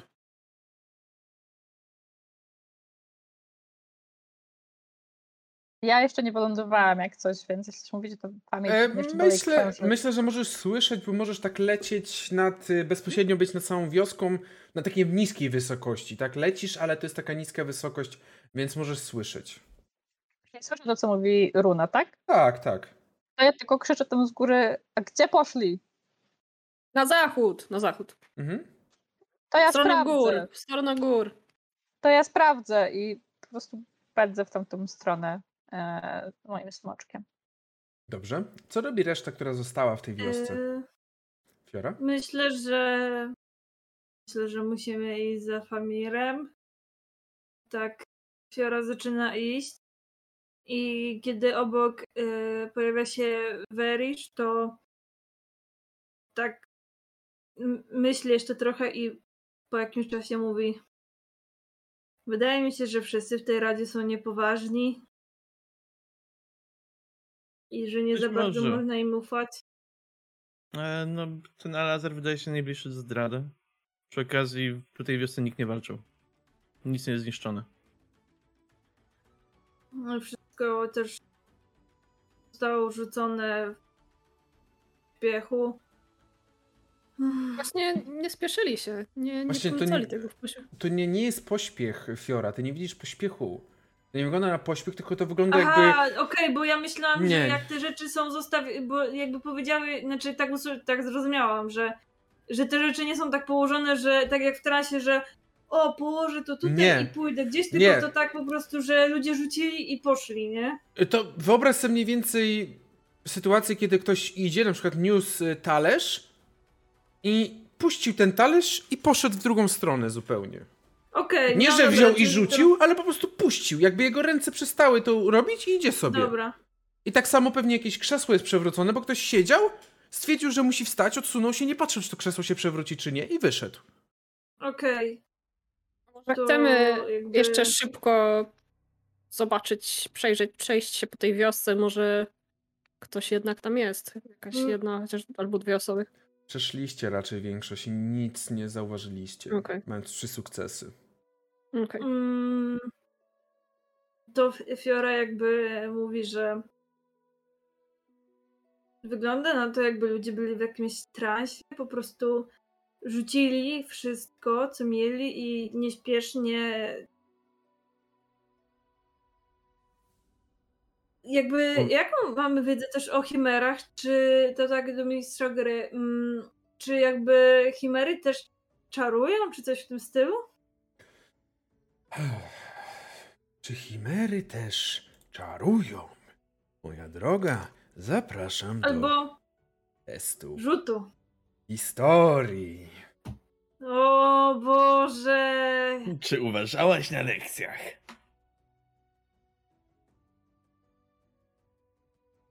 Dobra. Na historię. E, kochani, dwie, dwie kości, także trzymajcie kciuki. Nope. Nie. Albo łącznie sześć. O, łącznie sześć, tak. Łącznie sześć, ale tak to...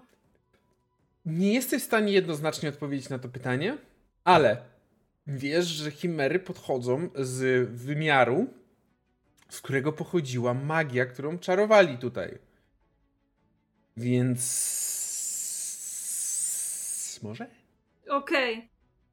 E, E, mm, ja się tak zastanawiam, bo jakby e, Fiora nam mówi o tym, e, że, że podejrzewa, że to jest jakiś rodzaj transu. Mhm. Więc e, Runa zaczyna tak jakby gorączkowo myśleć i zastanawiać się, czy może coś wiedzieć na temat jakiejś magii, która może, nie wiem, wytworzyć taki trans w, w ludziach.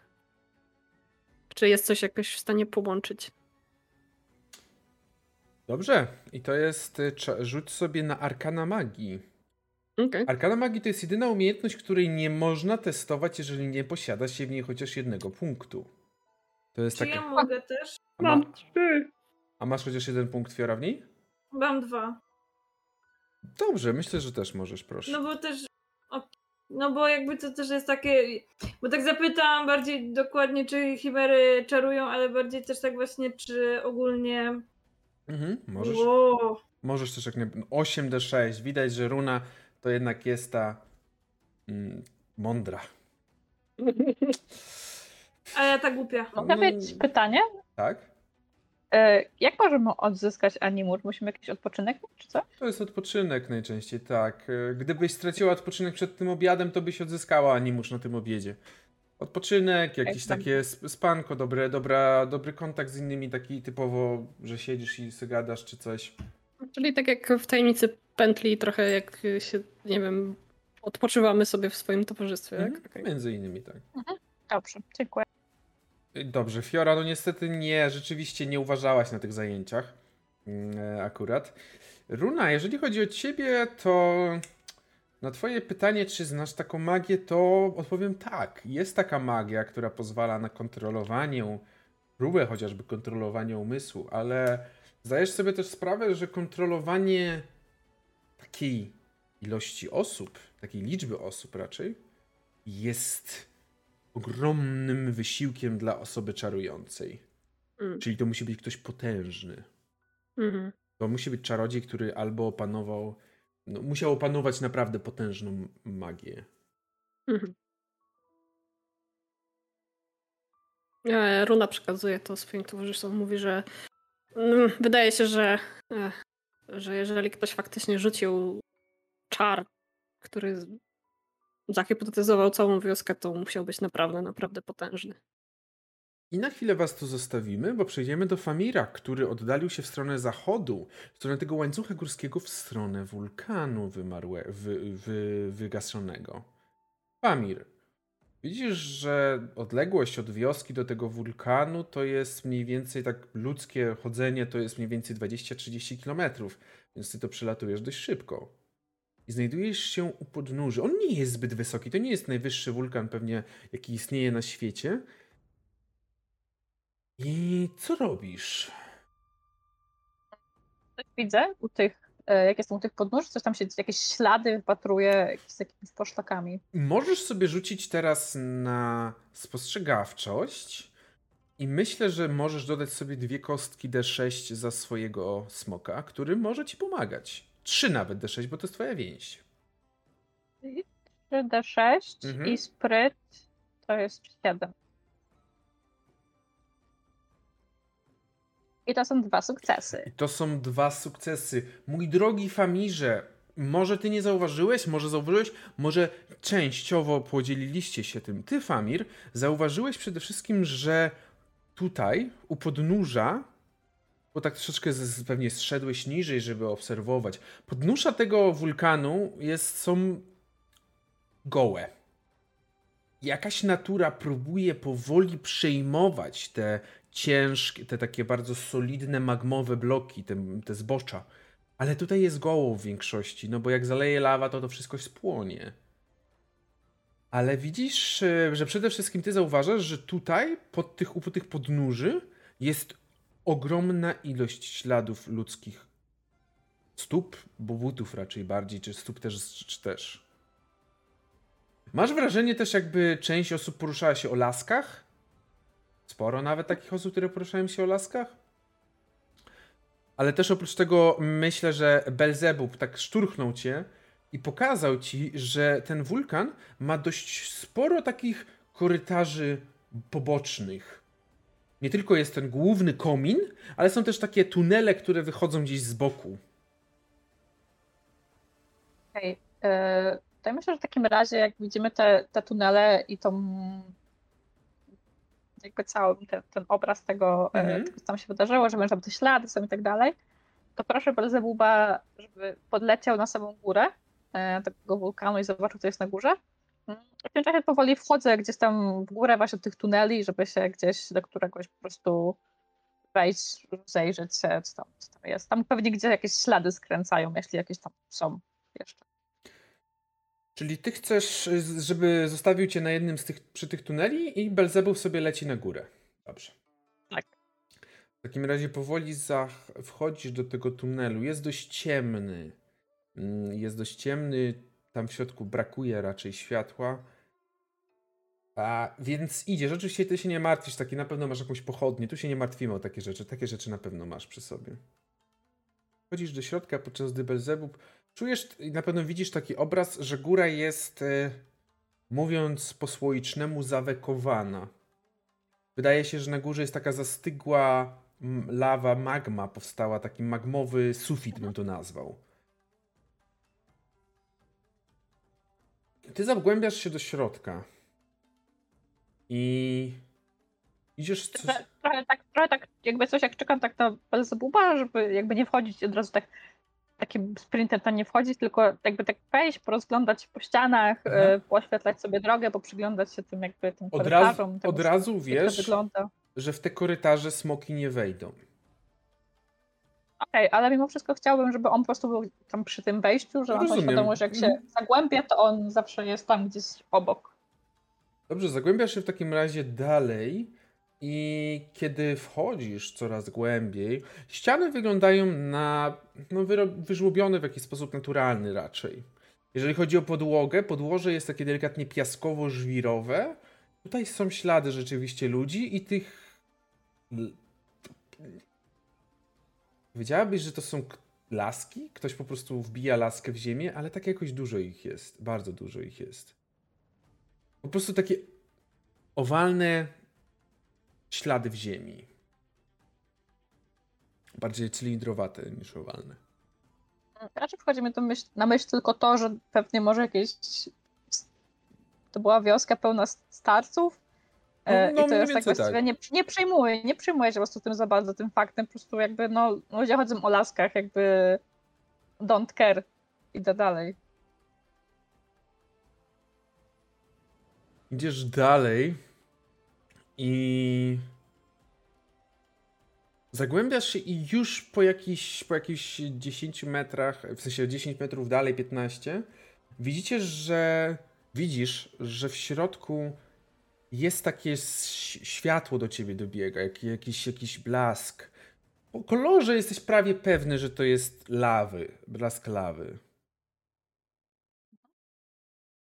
Chodzisz głębiej? Tak bardzo ostrożnie. W sensie tak staram się jakby nogą każdy swój, swój kolejny krok jakby tak podwajać, że tak raczej tupię, czy na pewno nic się pod nią nie zarwie, bo to jednak jest wulkan, jestem w środku wulkanu. Mhm. E, więc sprawdzam każdą możliwą, po prostu jakby każdy możliwy mój krok jest bardzo ostrożny. Mm. No i idę bardzo powoli, Mhm. ale wchodzę. Dobrze, wchodzisz. I będziesz zbliżał się zaraz do tak naprawdę krateru. Do już samego krateru, do tego komina. W sensie do komina, który biegnie przez środek, nie do krateru, bo krater jest wyżej. Ale co robi, robią ci, którzy zostali z wiosce? Szczególnie, że mija 15 minut, a Famir nie wraca. Właśnie ja mam pytanie, czy, czy ja się nie przesłyszałam, że to odległość między tą wioską a tym wulkanem to jest 30 km, tak? No, mniej więcej tak, tak. Okej, bo ja już miałam takie, kurwa, czy naprawdę trzyna- 30 km, czy chodziło o 30 minut, bo to jest różnica. Nie, nie, nie, 30 km, więc dla was to jest kilka Okej. minut. To jest dosłownie kilka minut przylotu. Dobra, no to myślę, że... Dobra, Ruszamy chodź- za nim. Nie ma, tak. nie ma co czekać. Nic tu nie ma. Tak siadając na samego smoka, Alazar, rzu- e, Boże, Alazar, e, Veris rzuca pod no, e, otwarcie. To na pewno w Alazar... Okej, okej, okej. To na pewno kwestia tego, że istnieje szansa, że Alazar może za tym też stać. Nie mówmy też, że nie jest to nie- niemożliwe. Może coś tam planuje z tyłu, może współpracuje z chi- chimerami. Lazar? Ale No to był ten e, niski, chudy. Tak, tak, wiem, który to, ale skąd ten wniosek? No właśnie, czy on wyglądał na maga, czy coś w tym stylu? Ani mi, ani Inetatu nie przypadł do gustu. Inetat uważa, że może być w takim bardzo zdradzieckim. Hmm. Znaczy, można to mieć na uwadze, ale na ten moment nie mamy żadnego tropu. W ogóle runa jakby Fiora też z taką niechęcią trochę się zwraca do Runy, jakby biorąc pod uwagę, że ona jest, ma ten tryb tak, znaczy ten, to jest tak bardzo taka swawola i tak dalej. Mhm. powolna. E, I pyta, czy zamiast jednego dużego maga mógłby być po prostu paru, którzy by kontrolowali to zaklęcie? Panu mistrzu gry. Kiwa, że tak. E, e, Runa kiwa głową. Możliwe. Może być. Może się tak wydarzyć. Kto wie. Możemy to sprawdzić i jadąc w tamtą stronę. Dobra, lećmy do F- Femira. Mhm. Femira, już powinien dawno wrócić. W takim razie lecicie w tam... Śmieszy, jak mówimy, przepraszam, tylko tak się wtrącę, e, bardzo śmieszy czasami, że jedziemy na tych smokach i sobie wyobrażam takie smoki z takimi kółeczkami, które są takimi, takimi kółami i po prostu jedziemy takim I No tak, tak, no jakby tak to wygląda. I tak lecicie w tamtą stronę, lecicie w stronę, gdzie poleciał Belzebub z Famirem. Myślę, że nawet po kilku minutach lotu widzicie już Belzebuba, bo to, to jest tak jak mówię, dość blisko i to, to jest wszystko osłonięte. Chociaż on się wtapia w otoczenie czarnego, teraz już nie za bardzo tak czarnego, szarego bardziej kolorów gó- tego, tej góry. Biorąc pod uwagę, że chyba już dawno nie było żadnej erupcji, więc no nie ma co być czarne, wszystko osiadło. Coś tutaj poosiadało, coś naniosło się. Więc zbliżacie się do niego, a Famir, ty wchodzisz do środka. I Famir, proszę, abyś mnie posłuchał. Bo w momencie, w którym wchodzisz i widzisz, że na dole, w tym miejscu, w którym wszedłeś, jest y, miarę, w miarę taki właśnie taras, przez co możesz zaglądnąć, co jest niżej. I kiedy zaglądasz tam niżej, kiedy zaglądasz tam na dół, kiedy zaglądasz tam na dół, to widzisz obraz, może którego się nie spodziewałeś. Mianowicie dookoła basenu lawy, który co jakiś czas bulga w charakterystyczny dla siebie sposób, wydając dźwięki, które nie, pos- nie powstydziły się, nie powstydziłyby się największe ropuchy. Dookoła cały ten, kory- cały ten komin, cylindryczny komin, obklejony jest jakimiś takimi dziwnymi bańkami śluzu. I w każdej z tych baniek, pojedynczej bańki, początkowo wyglądało to dla ciebie jak jakieś takie, nie wiem, no po prostu bańki. Coś jak, jak masz taki papier, y, pstryk, nie papier, tylko ten y, folię bąbelkową. Mniej więcej takie coś. Taka odległość, tak to wygląda. Ale jak się przyglądnąłeś, to jesteś prawie pewny, że w każdej z tej oddzielnej bańce znajduje się jakiś człowiek. A ci ludzie na tych bańkach, po tych bańkach chodzą jakieś przebrzydłe larwy, które chodzą na czterech odnóżach jakby pajęczych, takich robiących, można by powiedzieć, cylindryczne ślady w ziemi. Drogi Famirze, rzuć sobie proszę na.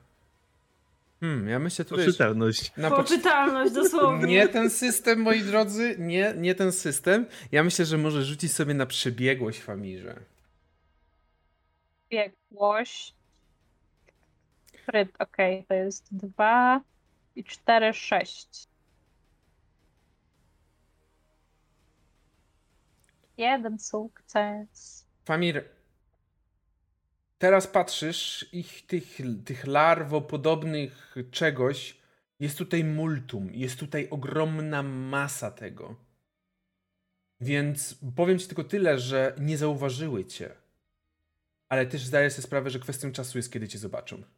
Ich jest za dużo. Ja, ja nie mam totalnie pojęcia, co jest. Wcześniej czytałam może w jakichś księgach o tym, albo... nie, w raczej nie. Nawet nie musisz rzucać Okej. nie. Więc jakby skoro oni nie wiedziały, to ja myślę, że to jest dobry moment, żeby się trochę zmyć po resztę. Więc tak samo jak delikatnie stąpałem w tamtą stronę, tak samo delikatnie stąpam do tyłu, żeby mnie nie słyszały. Dobrze, i znowu cię poproszę o zrzut na zręczność tym razem. Zręczność? Mhm. Ze sprytu. Zręczność. Y, Ja A tylko tu, dobra, powiem, widzę. Ja tylko powiem, że dzisiaj Kiperus się mnie pytał, a jak się nazywają te nogi pająka? No ja tak, nie wiem, no chyba odnóża. I ja takie... Czy my będziemy walczyć z dużym pająkiem? Ja nie, ja nie wyszukam, ja nie, ja nie wyszukam w Google pająków, bo ja mam arachnofobię, No wiem, więc ja nie, nie no wiem, wiem. Ale po prostu... Jeden sukces, dobrze, wycofujesz się w miarę cicho, w miarę spokojnie. Kiedy lądujecie w Verish, Runa oraz Fiora, to widzicie, że Belzebub jest jakiś bardzo taki niespokojny. Trochę zachowuje się jak taki pies, który zdaje sobie sprawę, że jego pan wpadł gdzieś w jakieś niebezpieczeństwo. Krząta się po tym i tak patrzy na was i, i- i no może stara się wam dać znak, coś, jak, jakiś taki swój sposób zrozumiały dla niego. Bubek, Bubku, gdzie masz Famira? Pokazał ogonem do tego tunelu. Biegniemy, trzeba go ratować. Nie ma co czekać. Po kilku minutach wbiegliście i minut, no nawet nie minutę, pół minuty jak biegliście, widzicie, że Famir powoli, teraz już trochę szybciej, bo się oddalił, w- wraca. Spotykacie się w środku gdzieś. Nic nie słychać? Powtórz. Powtórz. Oj, sorki, teraz słychać? Mhm. W drugą, w drugą stronę musimy, pogadamy na zewnątrz, ale tam. I pokazuję w stronę wyjścia, żeby jak, jak najszybciej. I nogi za pas. Im bardziej się oddalaliśmy od naszych smoków, tym bardziej sam Werisz przyspieszał tempa, dosłownie praktycznie sprintując na samym końcu. Jak minęliśmy się z Famirem, to tak Werisz zatrzymał się, tylko kilka kroków do- za nim, odwrócił się i dopiero dołączył. y, Fiora w ogóle nie wchodziła, tylko miała takie, że próbowała trochę rozgryźć tego smoka y, bez zubowa. Mhm. Mm, czy właśnie. Czy to są takie kłopoty, kłopoty, że on już nie żyje, albo że jest w jakiejś walce? Nie, raczej Czy to są takie, że właśnie, że. coś niepokojącego jest. Jakby nie żył, to pewnie Mhm. Belzebub by starał się już wcisnąć do środka, by- jakby w sensie jakby był na skraju śmierci. Myślę, że Mhm. bardziej w taki sposób by reagował, żeby pomóc. Okej. Mm, czy ta przestrzeń w środku, bo rozumiem, wejście jest, nie, nie jest tak duże, żeby się smok zmieścił, tak? E, ale wnętrze jest już jakby takie, że smok. y, Nie, raczej też jest takie Okej. same, wręcz w niektórych miejscach jest mniejsze, jest bardzo nieregularne. mhm. Może w niektórych miejscach jest większe, ale nie jest to, nie, nie, nie swobodnie, nie jest dla smoka. Okej, czyli nie, nie ma sensu się tam teleportować ze środka ze smokiem. Nie, bo skończysz jak w spelunkach. W ścianie.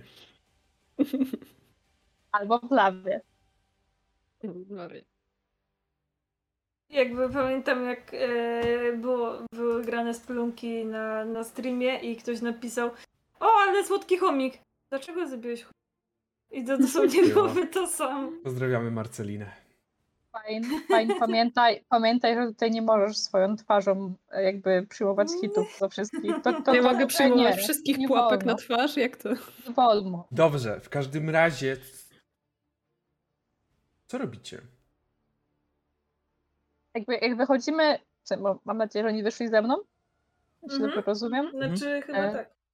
to ja ją opowiadam, co, co widziałem w środku, czyli te wszystkie o tych bańkach, e, o tych ludziach, o tych pająkolarwach, które chodzą na tych, swoich odnóżach e, i, i nie za bardzo jakby jest już taki strasznie zmieszany przy tym wszystkim to opowiadam, jakby nie wiem, jakby trochę nie wierzę w to, co zobaczyłam, bo Mhm. nigdy nie wiedziałam czegoś takiego, no, jakby tyle książek przeczytałam, a nie widziałam czegoś takiego, wow, amazing, jakby jak to się stało? E, i takie, że smok tam nie wejdzie, nie wiem, co my zrobimy. Spalmy ich. Tam są ludzie. Ale tam są ludzie. Problem. Jesteś już przy tym swoim e, inetatu, już możesz być mądrzejszy. Okej. No właśnie, co Mm. chcecie zrobić? Wypadałoby chyba poinformować osoby odpowiedzialne. I co to da? Większą ilość jakichś reinforcement dostaniemy.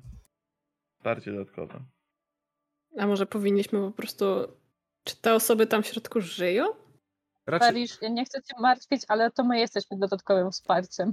wy wiecie dobrze, że to wy jesteście smoczymi jeźdźcami. Ale jest więcej smoczych jeźdźców. Nie w okolicy.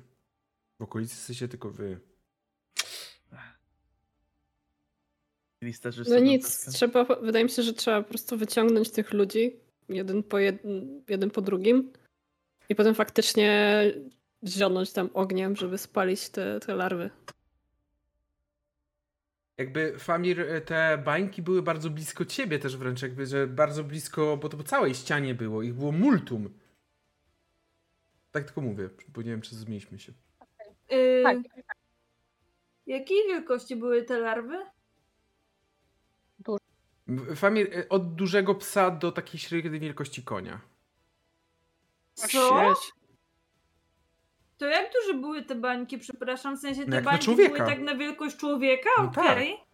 Jak I Matrycie. jakby, I jakby to nie było, to- było tak, że on był tak jakby zamumifikowany? Nie, Czyli to była taka bańka, że on sobie mógł nie chodzić jak w klatce? nie, to była taka bańka mniej więcej jakby pływał w jakimś śluzie w środku i był w takiej pozycji dość mocno przypominającej embrionalną. Ale miał jeszcze trochę miejsca dookoła siebie. I nie, nie byli przytomni raczej, świadomi. To Famir też... Okej, mam pytanie drugie, czyli te larwy były na tych e, Tak, one jakby- bańkach, tak? Tak? one jakby chodziły, coś może sprawdzały, gdzieś tam może coś robiły, tak? Takie, takie, taka forma.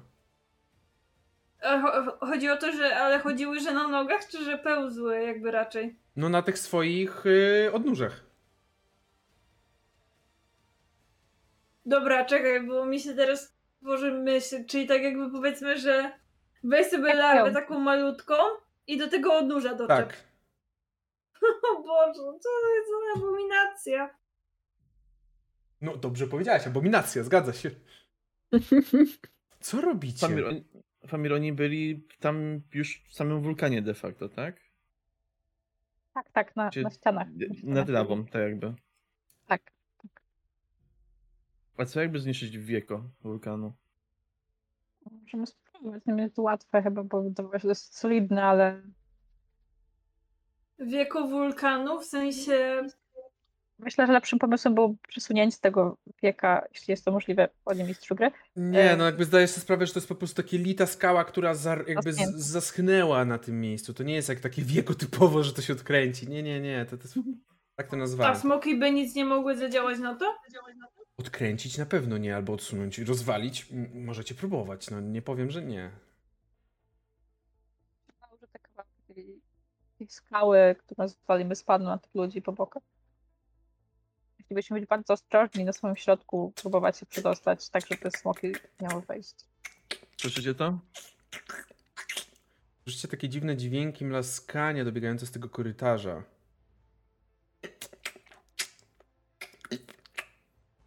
On- zaglądam.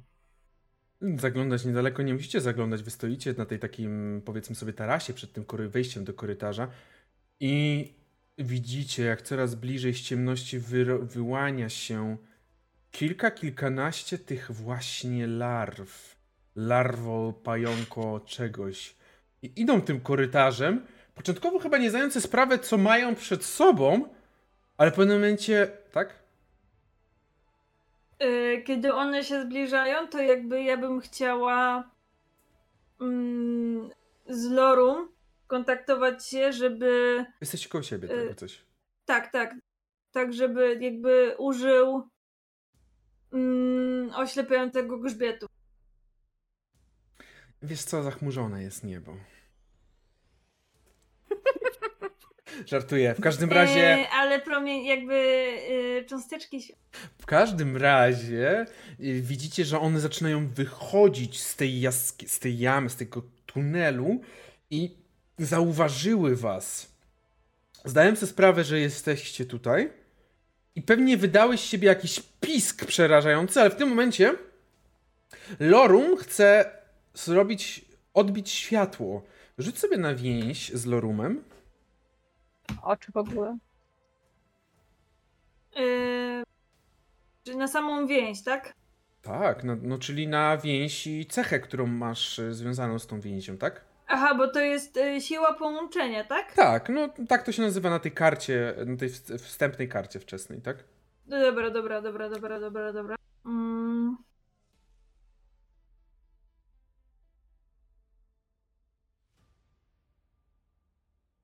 Jest jedna szóstka. Jest jedna szóstka, więc widzicie, jak to światło rozświetliło korytarz.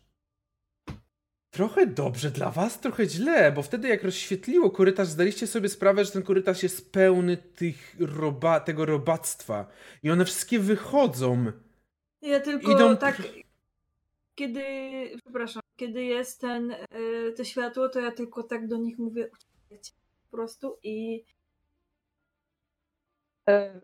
Od razu jak, jak widać te pająko larwo coś, to e, Famir wsiada na Belzebuba i każe mu dosłownie jakby mówi takie zioń i żeby zionął tym piekielnym ogniem swoim Dobrze. do środka tego. Przede wszystkim te larwy wydały z siebie wszystkie pisk i zaczęły w waszą stronę biec szybciej.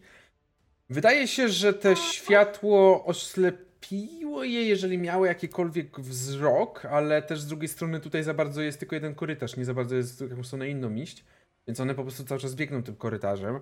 I w tym Mhm. momencie Lorum odsunął się, bo Belzebub chce zionąć. Belzebubie, raczej Famirze, rzuć sobie proszę na, na tą moc, czyli więź i twoja cecha. I mam jeszcze coś takiego, że jest plus dwie kości na atak. Tak jest w podręczniku. Mhm, dobrze. Czyli mam tak, dwie kości na atak, trzy kości z więzi Mhm. i to, co mam z mądrości, tak? Tak. Czyli łącznie 10. Mhm. i jedziesz. Kurwa, jak nie wejdzie. No, kurwa, U. cztery sukcesy, panie, ja pierdzielę. Cztery szóstki, cztery jedynki, dwie piątki. Piękny wynik, naprawdę piękny wynik. Dobrze. E, W takiej sytuacji mm, atakujesz i on zionie do środka. Wy wszyscy, którzy jesteście dookoła tutaj, słyszycie te jeszcze wyższe jęki i piski tych larw, które zaczynają skwierczeć w tym całym, w tym całym ogniu. I Ja tylko mogę taki krótki opis od siebie, że jak właśnie Belzebub zionie, jak on ma, wiecie, tą taką bardzo długą szyję, to ona cała się właśnie zamienia na już nie jest czarna, tylko właśnie widzicie, jak ten ogień wychodzi jakby z takiego żołądka i tą całą drogę tego ognia, która idzie przez tą długą szyję aż do końca. Taki właśnie ten benzynowy, tęczowy kolor mhm. e, się robi taki bardzo, bardzo wyrazisty, że go widzieć nawet jakby, nie wiem, mógł być ciemno i po prostu by się bardzo wyróżniał. E, I wydobywa się też taki właśnie kolorowy ogień, on nie jest taki zwykły, e, zwykły, normalny, czerwony, jakby czerwono-żółto jakiś tam, tylko po prostu jest taki właśnie w tych kolorach też takiej benzyny. Okej. Zioniesz i czy w takiej sytuacji możemy uznać, że y, jakby reszta szóstek służy za dodanie, że tak powiem, większych obrażeń zadanie? Tak, Dobrze. W takiej let's sytuacji, go! w takiej sytuacji dobrze. Zadajesz i słyszycie ten przerażający jęk, te piski tych, tych, y, tych, tych całych larw. On przestaje zionąć i większość z nich wydaje się, że padła. Jeszcze smajczą, smażą się gdzieś tam. Co robicie? Mm, y, Mówiąc większość, masz na myśli, że jeszcze parę tam biegnie w naszą stronę. Biegnie gdzieś tam z końca korytarza, ale macie wrażenie, że one cały czas będą, jakby ich jest ogromna ilość, one będą szły w waszą stronę cały czas. Mm. Co robicie? Fiora ma, tak, No, mów, mów. yy, Fiora ma takie, że bierze jakiś taki swój mieczyk pewnie, co dostała od rodziny i nie za bardzo wiedziała, jak go używać. Oprócz tych takich podstawowych pnięć, knięć. Yy, I ma takie, bierze go w ręce, które są już całe spocone i tak Boże, Boże, Boże, Boże, Boże, Boże, Boże, slaugu, Boże, a slaugu, Boże, a Boże, slaugu, a Boże. slaugu, a slaugu. Tak, dosłownie.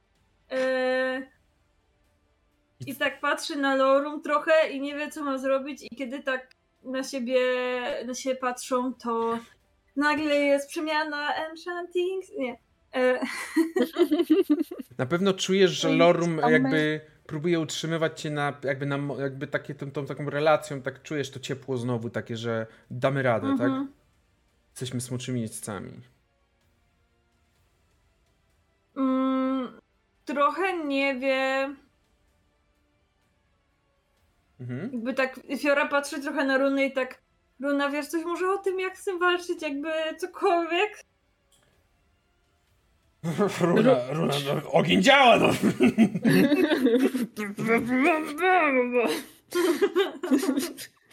Eee, Runa e, słyszy to, ale jedyne co jest na tę chwilę w stanie zrobić, e, to e, siada na, na cienia i jakby tak, e, jeżeli one podbiegają, to e, cień po prostu e, używa swoich szponów, żeby trochę je poharatać, po czym teleportuje się trochę dalej, a w tym czasie, kiedy, szpo, e, kiedy cień to robi, to Runa próbuje po prostu gorączkowo myśleć, co zrobić, co zrobić, co zrobić.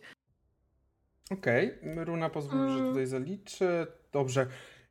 Proszę Państwa, prosiłbym Was o rzut na, in- nie rzut na inicjatywę raczej, tylko podajcie mi swoją wartość zręczności, czyli zliczacie spryt oraz zręczność.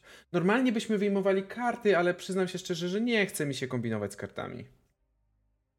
Cztery. Cztery? Pięć. Veris, Verish 9, Fiora 5, Runa?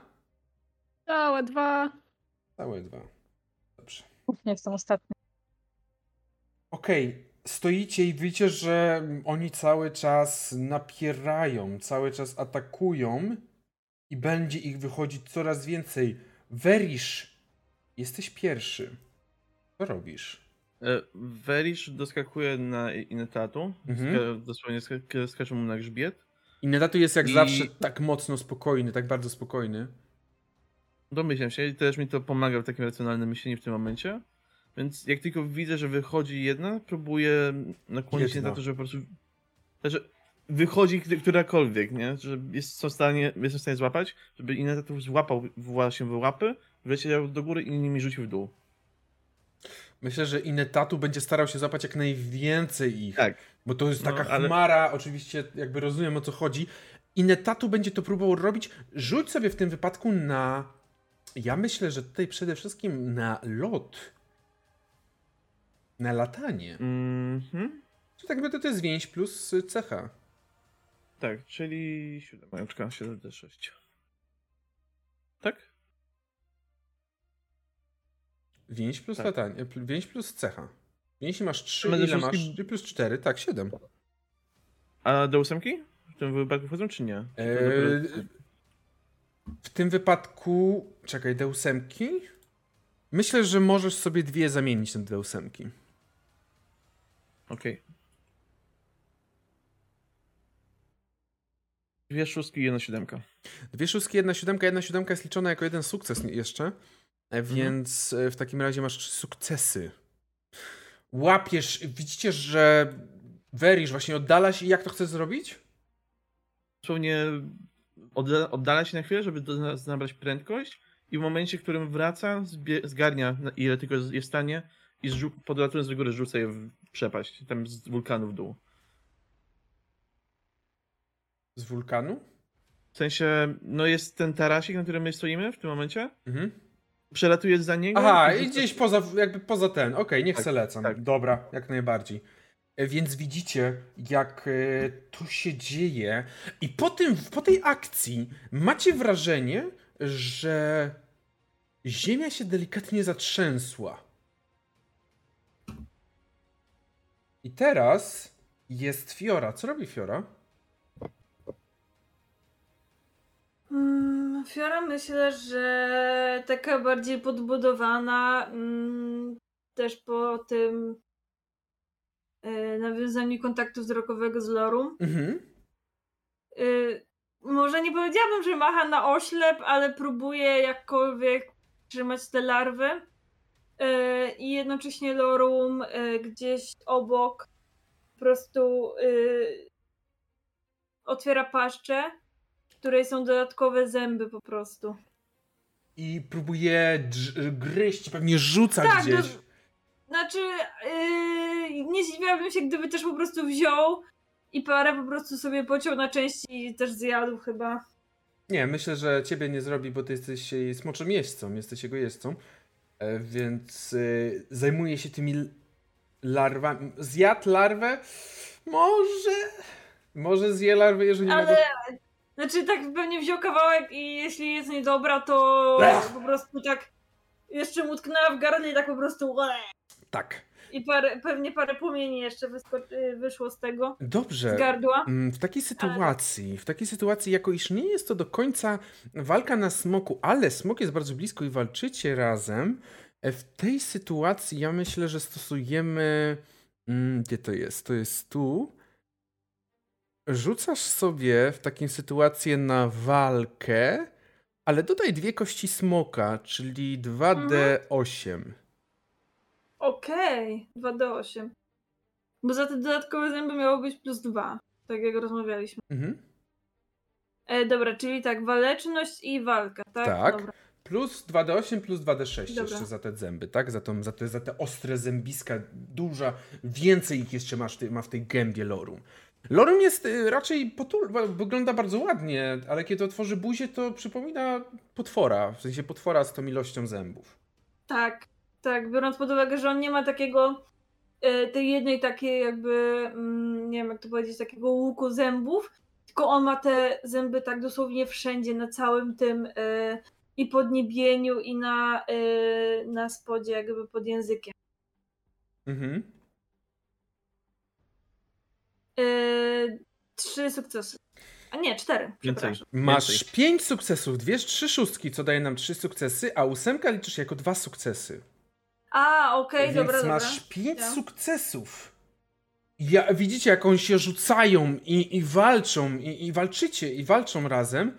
E, dobrze, i teraz. E, moi drodzy, idealny moment. Ida może nie dla Was idealny moment. Bo. Czujecie. Oczywiście, No. oczywiście jak już wszystkie dobre rzuty poszły, no to teraz oczywiście musi być ten główny zły. Czujecie, jak ziemia zaczyna się mocno trzęść. Jak przed chwilą byliście pewni, że te wszystkie larwy wychodzą ze środka na was, to teraz widzicie, że one zaczynają rozchodzić się. One nie patrzą, tratują siebie nawzajem, zaczynają się rozchodzić po tym, po tym wulkanie. One zaczynają odchodzić od was. Zosta- nie patrzą na was. Czujecie, jak ziemia zaczyna się pod waszymi nogami trząść. I ja was proszę o wykonanie rzutu na zręczność, ewentualnie na wytrzymałość. To zależy, jak bardzo chcecie utrzymać się na nogach. Tak? Jak jestem teraz w powietrzu? Nie, ty nie. Osoby, które są na ziemi. Ty za to, mój drogi, ty za to, mój drogi, rzucisz sobie na coś innego.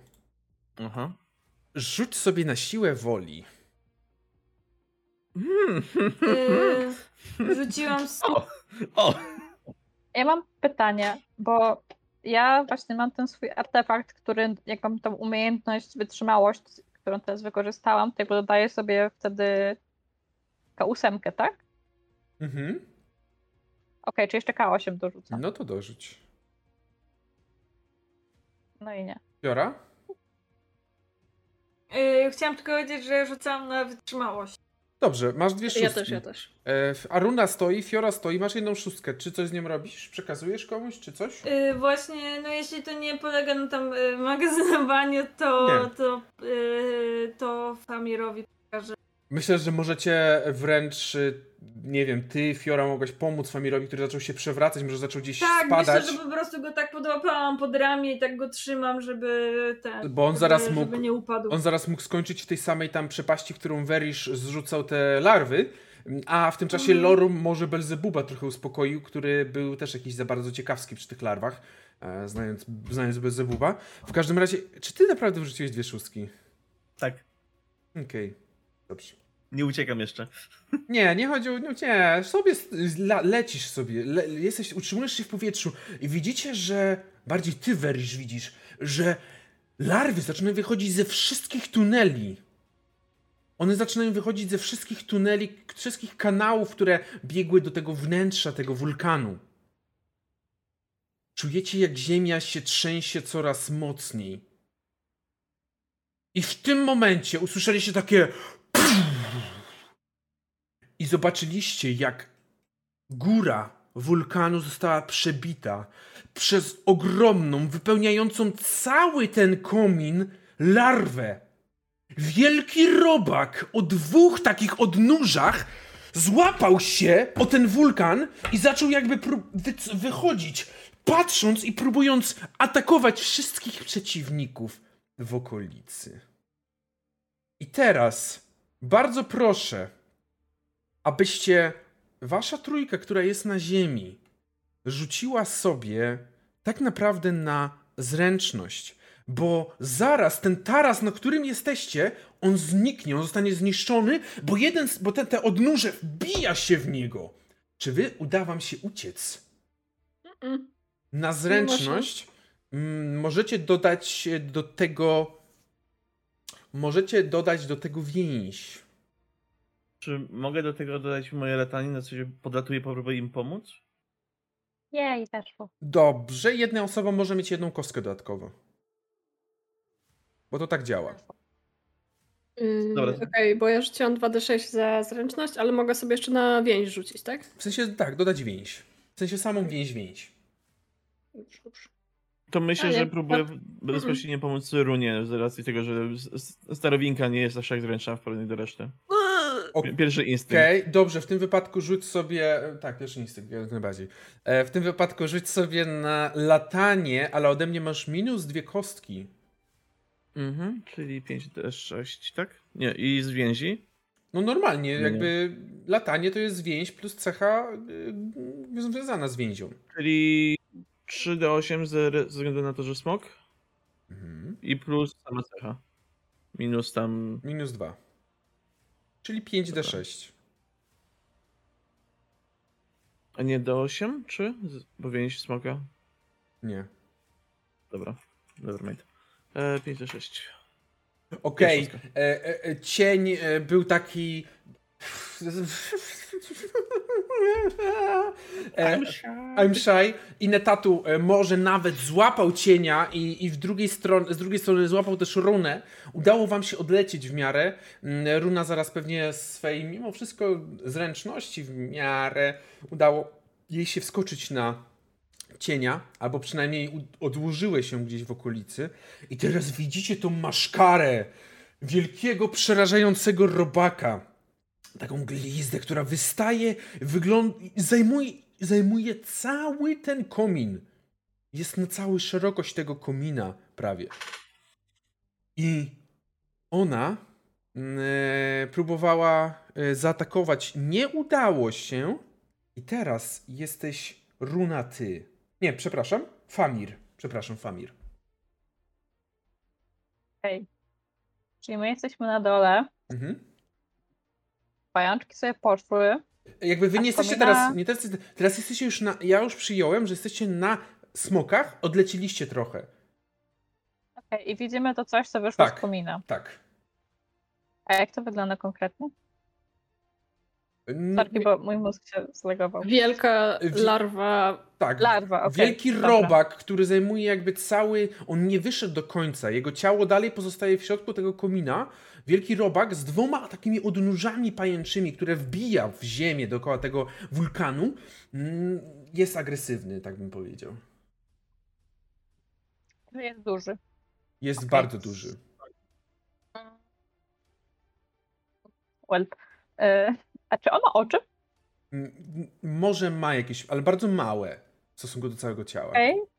To mimo wszystko chciałam spróbować użyć mojego kamiennego spojrzenia i spojrzeć mu prosto w oczy, spróbować zmienić w kamień. Mhm. Dobrze. W takim razie próbujesz to zrobić, e, to rzuć sobie na więź e, z Belzebubem, tak? Czyli to jest więź plus cecha. Czyli Bo rzucasz na moc teraz, na moc tego e, smoka. To jest moc smoka. Więc żeby smok to zrobił, musi rzucić na więź oraz na cechę wiodącą. Czyli 3D6 i mądrość do tego. Tak, jeszcze, 8d6. Czy 8. Mhm. 8D6. trzy sukcesy. Dobrze. y, Wydaje się, że próbujesz go, próbujesz sprawić, żeby on skamieniał, ale wydaje się, że część jego ciała mogła skamienić, ale on cały nie. To jest po prostu zbyt duża bestia, to jest zbyt potężna chimera, która, dzia- która po prostu stara się tutaj wam przeciwsta- przeciwstawić. Więc zadajesz obrażenia jej, ale to A czy, a czy może chociaż troszkę jego ruchy są tak minimalnie, chociaż przez chwilkę ograniczone? możliwe, że tak jest. Nice. I Famir w takim razie podleciałeś na Belzebubie, zrobiłeś to, odleciałeś, Ale nie za blisko. wiadomo, żeby nie zostać trafionym. Runa, co robisz Runa? E, korzystając z tego, że chociaż troszeczkę malutko, chociaż minimalnie jest ograniczone są jego ruchy, to Runa chce podlecieć na cieniu. Właściwie to podlecieć, tak, żeby móc się przeteleportować blisko tego miejsca, w którym kończyna łączy się z ciałem, z resztą ciała. I w tym miejscu y, powiedzieć cieniowi, żeby zaatakował w tym miejscu, na tym łączeniu y, kończyny z ciałem. Mhm. Morderczymi szponami, które dają plus dwa do siły ataków smoka i obniżają wartość obrony przeciwnika o jeden. Dobrze, w takiej sytuacji rzuć sobie na. No to będzie już. Mordercze szpony teoretycznie. Eee... Ja myślę, że tutaj rzucisz sobie na walkę. Od razu przypominam, że macie Punkt rozmachu. punkt rozmachu. Polecam zapoznać się, przypomnieć, co robi punkt rozmachu. Mianowicie pozwala ci troszeczkę nagiąć zasady mechaniki i na przykład rzucać inną cechą do walki. Tak można na przykład zrobić. Albo Mhm. dodać sobie 6d6 do jednego rzutu. Jeżeli chodzi o walkę, otrzymujesz ode mnie jeszcze plus dwa, dwie kości e, smoka. Dwie kości smoka. Okej, okej, A okej. okej. kości smoka to są chyba D8, jeżeli dobrze pamiętam. Osteor? No tak. Okej. Czyli e, 4d6 z walki Mhm. plus 2d8, tak? Mhm.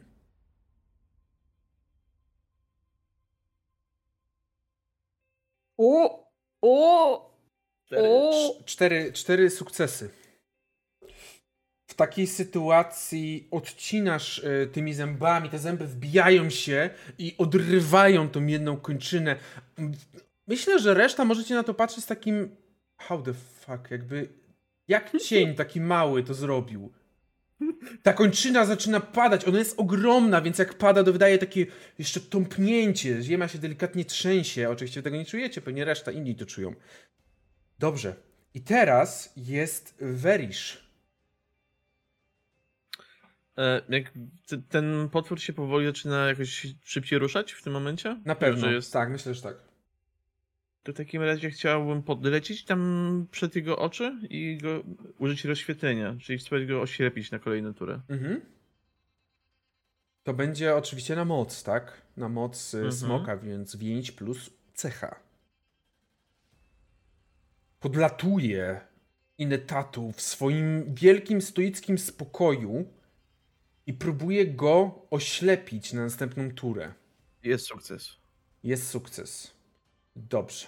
Okej, oślepiasz go w takim razie.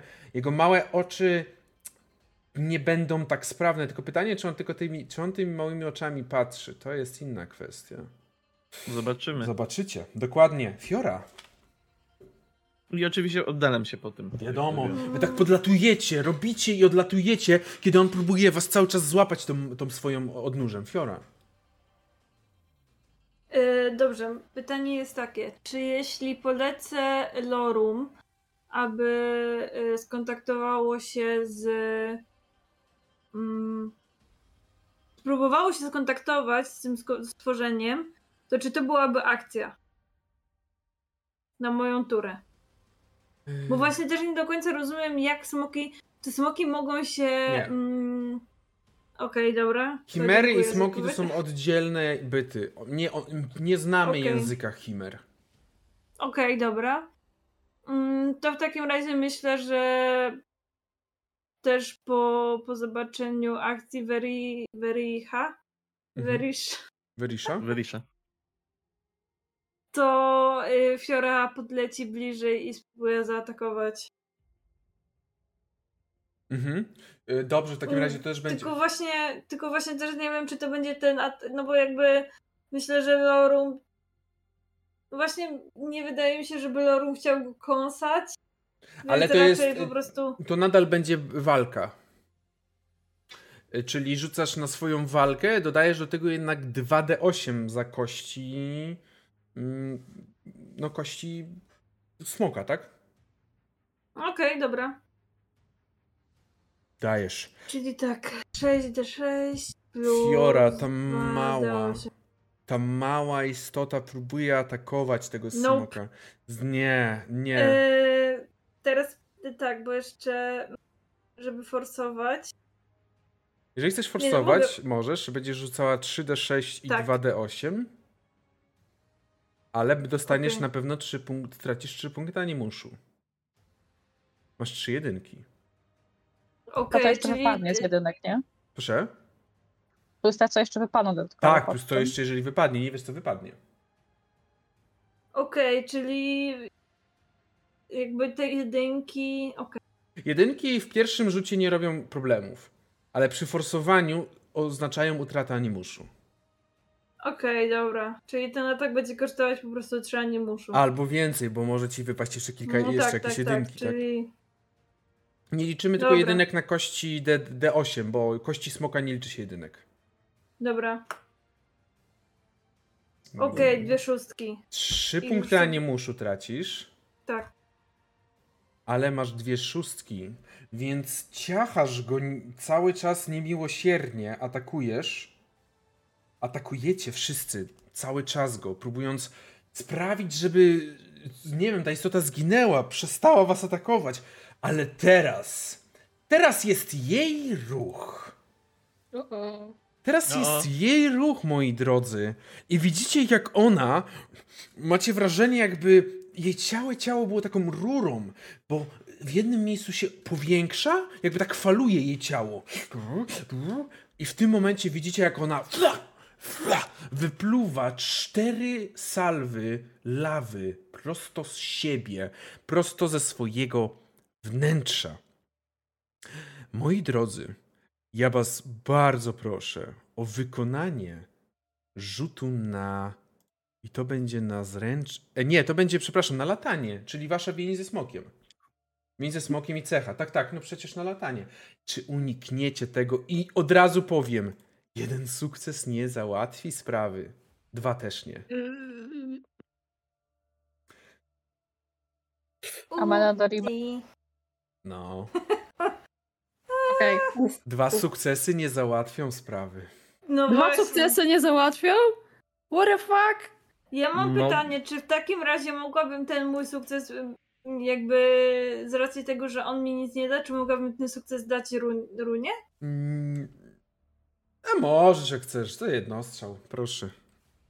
To daję Teraz wyobrażam, że Fiora po prostu odpycha mnie i sama wpada pod lawę. Tak, odpycham tą starą babę, która po prostu się nie umie Której zachować. nienawidzisz i nie cierpisz. Tak, jakby, który po prostu ma taki niesmak, ale jakby... No, Wykorzystanie punktu rozmachu musi być zadeklarowane przed rzutem, prawda? tak. Ale jestem w Dobra. stanie dopuścić teraz, przy, jako jakby. Jako już obudziliście się, że są rzuty, jak punkty rozmachu, jestem w stanie dopuścić teraz też, jeżeli chcecie. To ja, ja bym poprosił. Tylko powiedz, dziękuję ci o jaśnie, panie Hiperiusie, za to, że jesteś taki wielkoduszny. Dajesz. Czy ktoś jeszcze chce? Dobra. Inaczej twoja karta postaci... Dobra, e, to, to będę to forsował, skoro i tak nie działają jedynki jako fiaska po, po rozmachu. Tak, po rozmachu nie, ale dwie zostają, tak? Mm, jedynki nie liczą się jako fiaska, w razie forsowania może, nie można ich przerzucić, tak. Ale tylko. Nie generują. E, no tak, czyli, dwie. czyli rzucasz. y, ile tutaj? 11 do 6. 11 w Tak. tym momencie. Dobrze. Czy ktoś jeszcze chce skorzystać z tego. e, e, z tego. mm, No. Tak. Rozmachu? Ja chcę, ale nie wiem ile mam kości koniec końców. Dobrze. Ty już rzucałaś ośmioma. Rzuć sobie 6d6. 6 do 6, okej. A Fiora? Ja nie chcę. A, a. Masz dwie szóstki. Czy chcesz forsować? Proszę? A ja? Yy, Ale nie liczą myśmy do tej jedynki, nie? E, jedynki z, for, z rozmachu nie, ale czekaj, nie rzucaj jeszcze. Jedynki z rozmachu się nie liczą, ale te, które masz aktualnie się liczą. Te z, z rzutu wcześniej. Tu masz cztery jedynki. A faktycznie, to nie chcę. Bo jakby te z rozmachu się nie liczą, tak, ale tamten się nie Ale nie, liczą. nie generują mi tak obrażeń, jak forsujesz. Mhm. Nic mi się nie stanie. Nie. To forsuję. Ja chcesz wykorzystać talent jeźdźca, szczęście, czyli odbieram punkt rozmachu. Mhm. Trzy szóstki. Warp. I jeszcze, przepraszam, co mówiłeś, Werisz? Wykorzystuję mój talent, szczęście. Zabieram ci jeden punkt rozmachu. Ale... Hmm, no tak fajnie. E, Od razu powiem, Werisz, ja, ja mówiłem dobrze, czyli jedynki na kościach rozmachu nie liczą się do puli, ale zwykłe, na zwykłych kościach się liczą. Tak jest w podręczniku. To jest dziwnie to napisane, ale okej, spoko. Na tych kościach jedynki nie liczą się jako fiaska. No, skończyłem. Pra... Dobrze. E, w takiej sytuacji, niestety, ale odejmujesz sobie jeden. Ty odejmujesz sobie jeden punkt Weri. Nie, ile odejmujesz? Dwa punkty animuszu. E, Famir, odjął, odejmowałbyś cztery punkty animuszu. Czy chcesz? Bo trochę wprowadziliśmy cię w błąd. Czy chcesz to odjąć, czy nie? Odejmij Ja, sobie, odejmij, odejmij, stanie. odejmij sobie. Ale powiedziałeś, że nic mi się nie stanie, jak przerzucę. Halo. To, Excuse me. to Werisz obiecał, nie ja. Excuse me. Ja go to rzuciłam specjalnie, bo teraz będę mieć na zero. No to dobrze, no ale to zero to nie jest jeszcze śmierć. No nie, ale już wchodzę na ten ten. No stany. Yy, A co się stanie? Dostanę punkty obrażeń, jak... tak, dlatego Nie, mówię ci, yy, weź przyjmij te cztery. Okej. Okej, czyli obrażenia lawy są gorsze niż jeden stan, okej. Fiora, czy Okay. ty Ja zosta- chciałam powiedzieć, że jestem totalnie, totalnie oszukana się czuję. To do, Przepraszam. do Verisza. E, Fiora, czy ty zostawiasz ten wynik? Eee, tak, bo nie ma opcji trochę, żebym wyrzuciła. Chyba, że ten rozmach, ale to jest. No ale właśnie takie... o tym mówię, no rozmach, czy skorzystać z rozmachu. Dobra, bo. To w takim razie dorzuć sobie 6d6.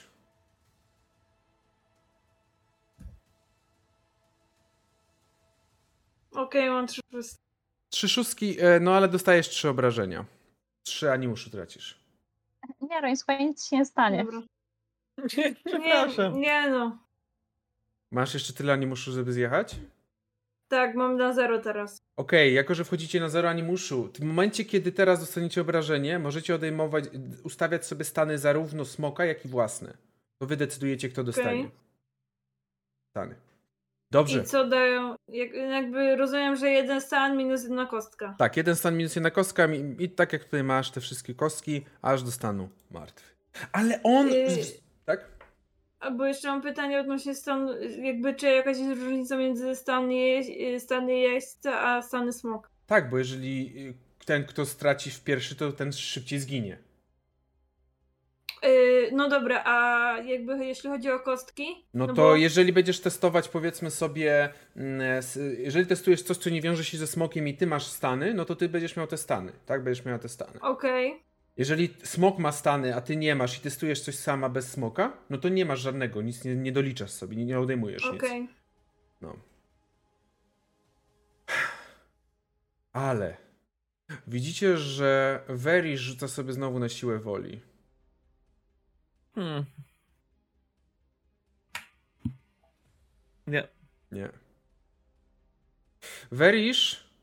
Wy widzicie, że Mhm. Werisz kieruje się prosto w stronę jamy gębowej tego potwora. Razem ze smokiem lecą prosto w tą stronę. Przez następną rundę będziesz leciał także w tą stronę jamy gębowej. Na koniec rundy rzucasz jeszcze raz. Okej. Dobrze. I teraz jest Famir. Pełna ogniem? Dobrze, zioniesz ogniem to oznacza, że rzucasz sobie na moc, czyli e, rzucasz te więź plus cecha i plus ty masz chyba plus dwa do kości, tak jak to jest? I tak, czyli 3, 5, 5, 10. Mhm. Myślę, że możesz też dorzucić sobie. Jeszcze jedną chcę dorzucić ode mnie.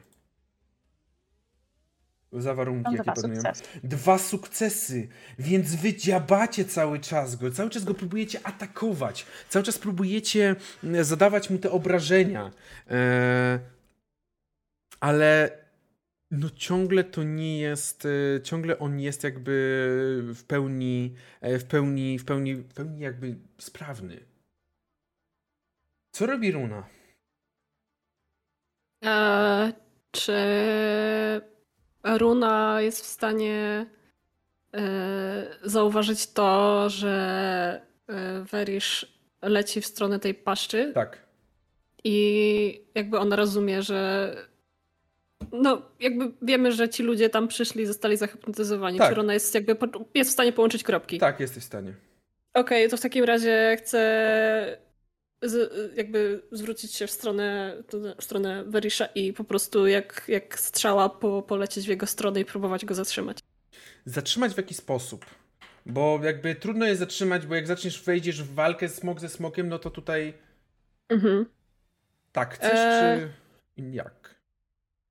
Myślę, że po prostu stanąć mu na drodze, żeby chociaż trochę opóźnić jego lot.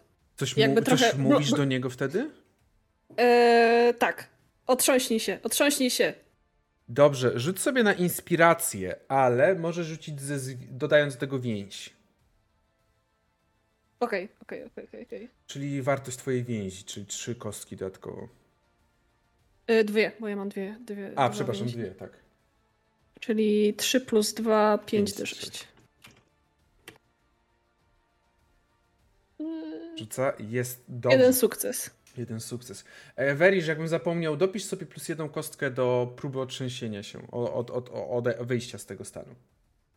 No właśnie, Werisz, ty lecisz, mimo wszystko nie wiem, twój smok i, ne, i Netatu próbuje ominąć przeszkodę, próbuje ominąć, pewnie mu się jakoś udaje, chociaż jest to utrudnione. Rzuć sobie znowu na siłę. Tak, no, W powietrzu jesteśmy, on. tak, ale no jakby cień pewnie nie odpuszcza.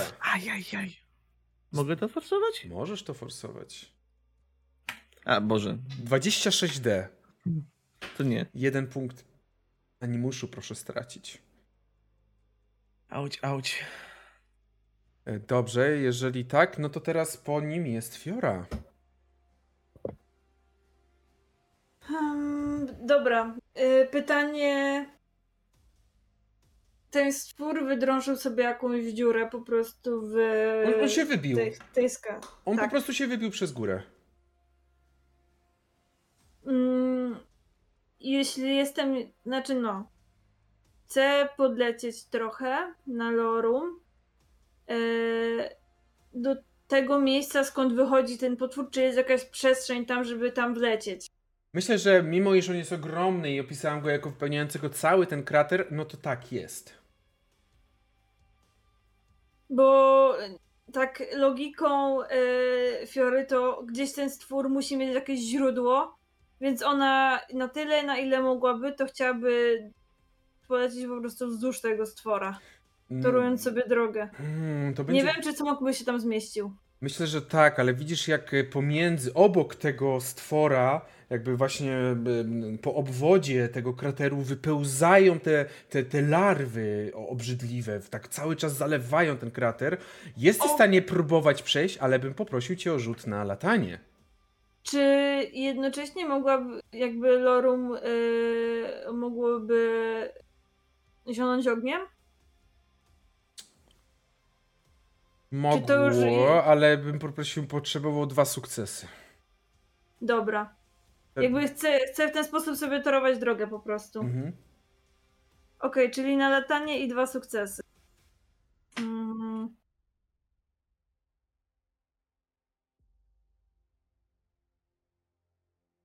7, D6, pyk. 1. O. Dobra, chcę forsować. Mhm. Dorzucasz w takim razie 5 D6.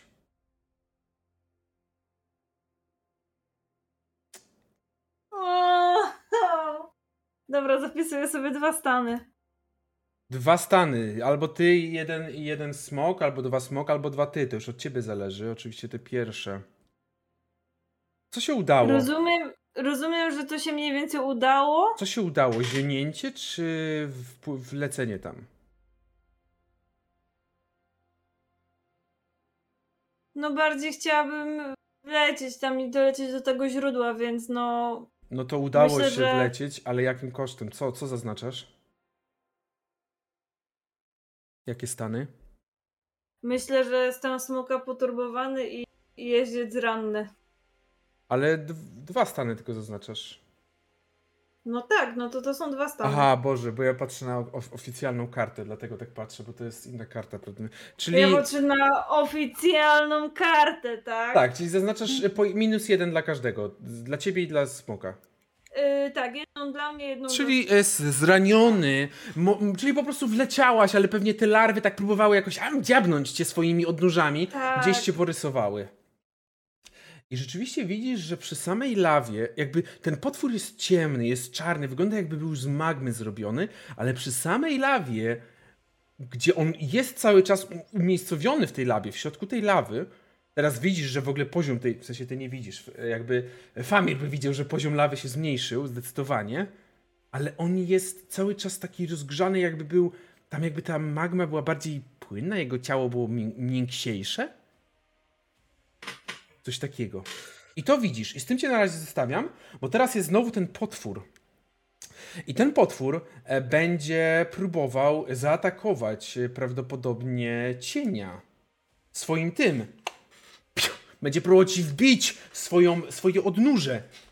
Cień, Ma już tylko jedną rączkę. no niestety ma jedno, więc powstrzymałeś go idealnie, żeby nie atakował dwóch osób w tym wypadku.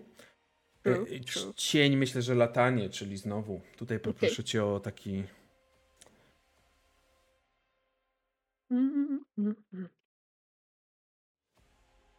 Dwa sukcesy. Dwa sukcesy. Okej, ile potrzebujesz? Akurat dwa sukcesy. Idealnie w takim razie. Unikasz i widzisz tylko, jak ten, jak ten wielki oto odnóże wbiło się w ziemię, robiąc dziurę. I teraz jest Famir. Co robi Famir?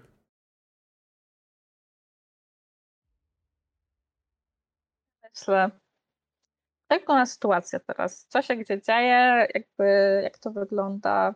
E, W tym momencie Runa uniknęła ataku tego potwora. E, Fiora zniknęła w środku tego, tego, tego wulkanu.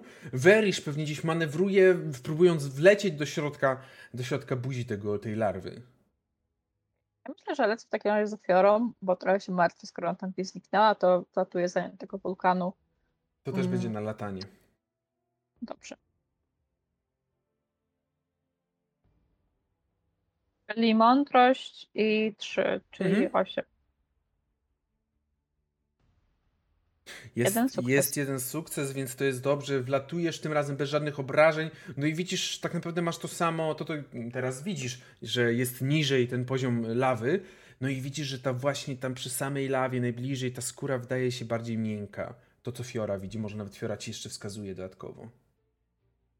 Nie atakuję w takim razie, skoro, skoro Fiora mi to wskazuje. E, ale to już następny, bo teraz jednak było na to wlecenie przy ten i teraz jest runa.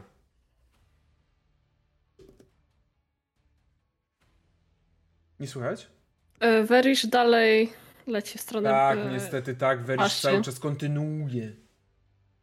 Jakby Runa się nie poddaje, Runa chce go zatrzymać za wszelką po prostu możliwą cenę, nawet jakby ją miała znowu ta łapa e, uderzyć, spróbować uderzyć, to, Mhm. to dalej po prostu będziemy z cieniem blokować mu, mu drogę do, do tej paszczy. I jednocześnie ja będę, znaczy krzyczeć e, Obudź się! Czujesz, że cień przekazuje ci taką informację typu a weź go tak szturchnij, jakby, że pozwól mi go szturchnąć. Dobra, szturchaj go. Dobrze. W takiej sytuacji rzuć sobie na walkę. Rzuć sobie na walkę, ale masz oczywiście 2d8 kości smoka dodatkowo. Okej. Au, au.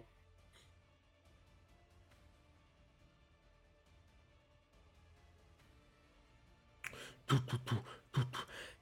Dwie szóstki i ósemka.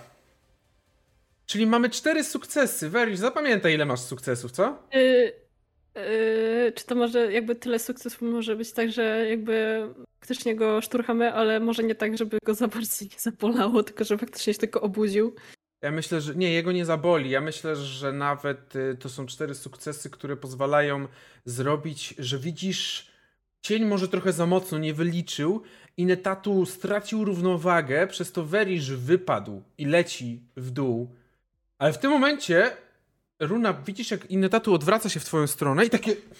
I szybko zaczyna nurkować w dół, a Werisz, ty jesteś, jakby byłeś w jakiejś pustce i nagle otwierasz oczy. Ziemia. Lecę. Grawitacja, o. I w ostatnim momencie Inetatu złapał go i wyciągnął do góry. E, więc odzyskałeś kontrolę. Odzyskałeś kontrolę nad, tą, nad sobą, teraz jest twoja runda. E, to w tym wypadku będę próbował. Nie mam pazur, nie mam nic takiego wielkiego, ale no mam normalne łapy smoka de facto. E, więc chciałbym po tych małych oczach, które on ma, wziąć i spróbować jakoś je uszkodzić, jakoś zadras, drasnąć po nich chociaż. Dobrze. Dobrze, okej. Co, rob, co będzie robić Famir i Fiora w środku? Prostu jako W jaki sposób? ogniem. Ogniem. Fiora, co będziesz robić? Mm, Chociaż, chociaż, chociaż w sumie jestem całkiem świadomy tego, że to wychodzi z lawy, więc może atakowanie ogniem to nie jest najlepszy pomysł. Więc myślę, że w takim razie po prostu no, szponami też będą jakby- uderzać. Też jakby powiem, że widzisz Fiorę, która się szykuje właśnie z mieczem, e, żeby bardziej to pociachać też. Dobrze, ja bym w takim razie poprosił. A co robi Runa? Eee, Runa krzyczy w stronę Everisha, że eee, ta pozostała dwójka, oni wlecieli do, do tej jaskini. Chyba też tam polecę. I, i lecę za nimi też. Okej. E, Dobrze, w takiej sytuacji ja bym w takim razie poprosił. Potrzebuję was o. Zrobimy taką może połączony trochę rzut, bym powiedział. Potrzebuję Mhm. łącznie 5 sukcesów. I teraz Werisz, ty wykonujesz ten swój atak, uwzględniając oczywiście walka wręcz kości smoka. Fiora Famir tak samo, walka wręcz kości smoka, uwzględniając ewentualnie też dodatki wynikające z waszych szponów czy zębów, bo to też. Runa, eee, rzuć sobie w takim razie na. W Twoim wypadku na latanie. I przy okazji daję ci punkt rozmachu. Nie wiem, czy można przekazywać punkty rozmachu. Ja mam swój, ja nie No. używam. E, Nie, nie, wykorzystuję mój, daję mistrzowi gry, bo to on dostaje Aha. nasze wykorzystane. A, okej, okej. A. Wykorzystałeś punkt rozmachu, tak? Tak, wykorzystuję. Okej. okej. Idealnie pięć mamy, idealnie pię- pięć. Ja mam Pięć? dwa sukcesy Raz, na dwa, latanie. trzy, cztery, sześć, sześć nawet, sorry. Troszeczkę zastosowałem, bo niestety w tym w starterze nie ma czegoś takiego jak manewr drużyny, w sensie, w sensie manewr skrzydła i będzie w pełnej wersji manewr skrzydła, który, na który bardzo czekam.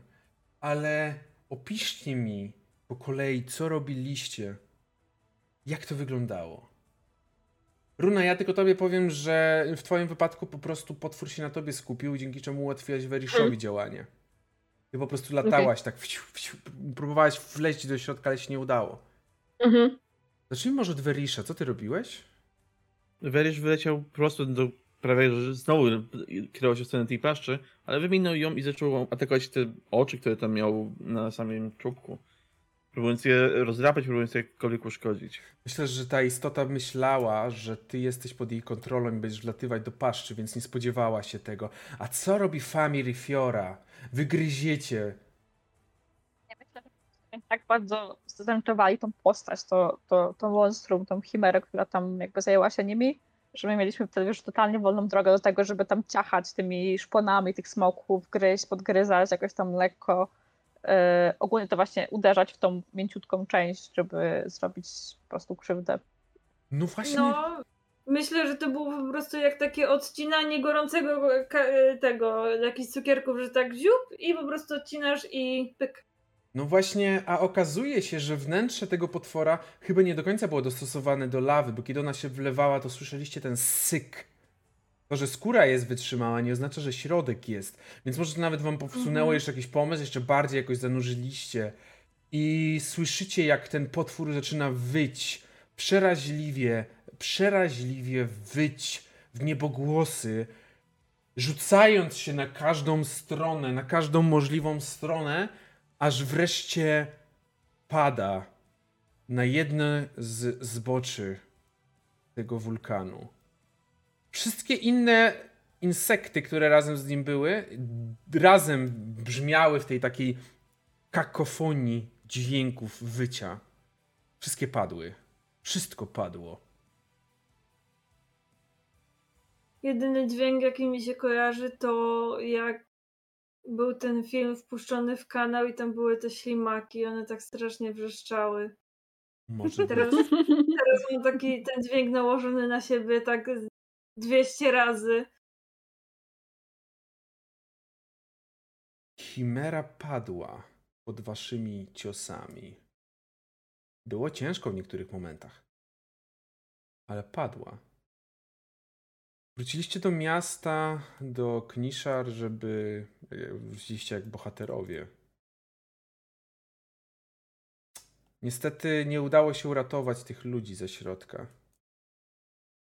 Uuu, naprawdę? Wszyscy z... No! Niestety. Nie udało się ich uratować, ale już nikogo więcej nie skrzywdzi. Bo jej żywot się zakończył. Tylko trzy, tylko trzy wioski. Tego trzy wioski. Dziękuję A wam. da dało się ich uratować? Dziękuję wam za dzisiejszą No nie. sesję. Zaraz może powiem. Dziękuję wam za dzisiejszą sesję, ale żeby dokończyć i pokazać, jak co oferuje całość tego systemu, pozwolicie, że zrobimy rozwój postaci. A rozwój postaci w tym systemie jest bardzo charakterystyczny dla tego systemu. Mianowicie, jak tylko znajdę, oczywiście, bo oczywiście teraz nie jestem w stanie znaleźć. A może zanim ja poszukam, a wy co byście powiedzieli? Jak, jak, jak wrażenia? Zajebisty. Jest, jest. Kocham moją postać, Fajnie. kocham mojego smoka i super się bawiłam i chcę więcej. Ja chcę też zobaczyć, jak chcę sobie radzić na późniejszych etapach, to więź ze smokiem jest na dużo wyższym poziomie. Mm, no. Tak samo to tworzenie smoka w ogóle było mega zajebiste, w sensie, że możesz sobie wybrać, co ten smok robi, a nie, że Mhm. masz jakieś narzucone konkretne rzeczy, tylko że masz takie, o, wymyślisz sobie, co on ci zrobi i może komuś zrobić, jak wygląda, jakby co go tworzysz. Zajebiste. Nie wiem szczerze, jak to wygląda, będzie wyglądać w podręczniku głównym, jak wyjdzie, ale uważam też, że to jest dobre, taka wolność typowo, bez narzucania, ewentualnie jakieś propozycje, Mhm. jakie modyfikatory mogą się wiązać z takimi cechami, bez mówienia wprost, jaka to ma być rzecz, jaka to ma być cecha, jaka to ma być moc, tylko że na przykład jak wybierzesz takie coś, to możesz wybrać na przykład moc, że plus jeden do ataku. To to byłoby dobre, bo to pomaga mechanicznie, ale jakby wyobraźnię zostawia, zostawia nam.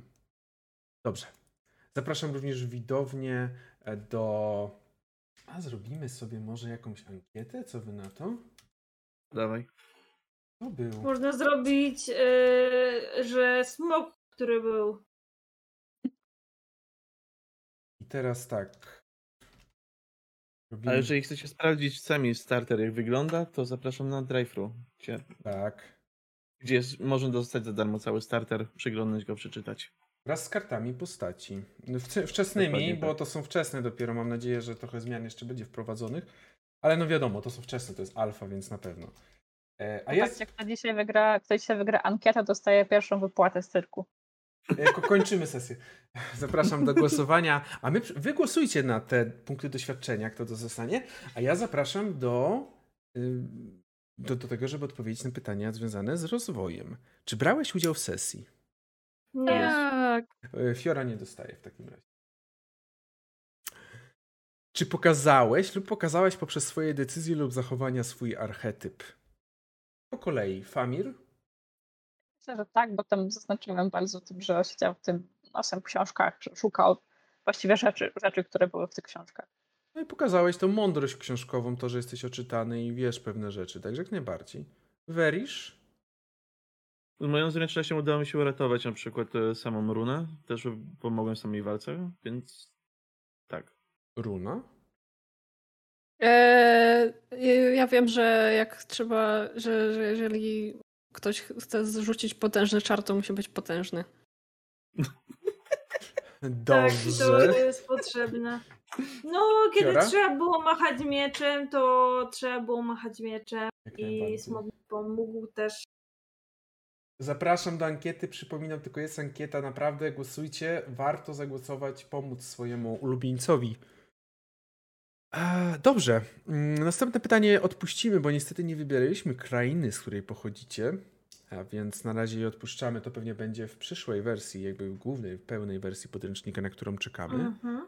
Czy podjęłaś lub podjąłeś ryzyko? Naraziłeś się swoim czynem na negatywną renomę, zaatakowałeś silnego wroga lub wszedłeś w konflikt z innym smoczym jeźdźcem, by podążać za słowami Aslauga? Czy same słowa były dla was jakimś... Szukałem rozwiązania w problemie, jakim był ten potwór, przez próbę oślepienia go, próbę atakowania, właśnie tych jego ślepi. Okej.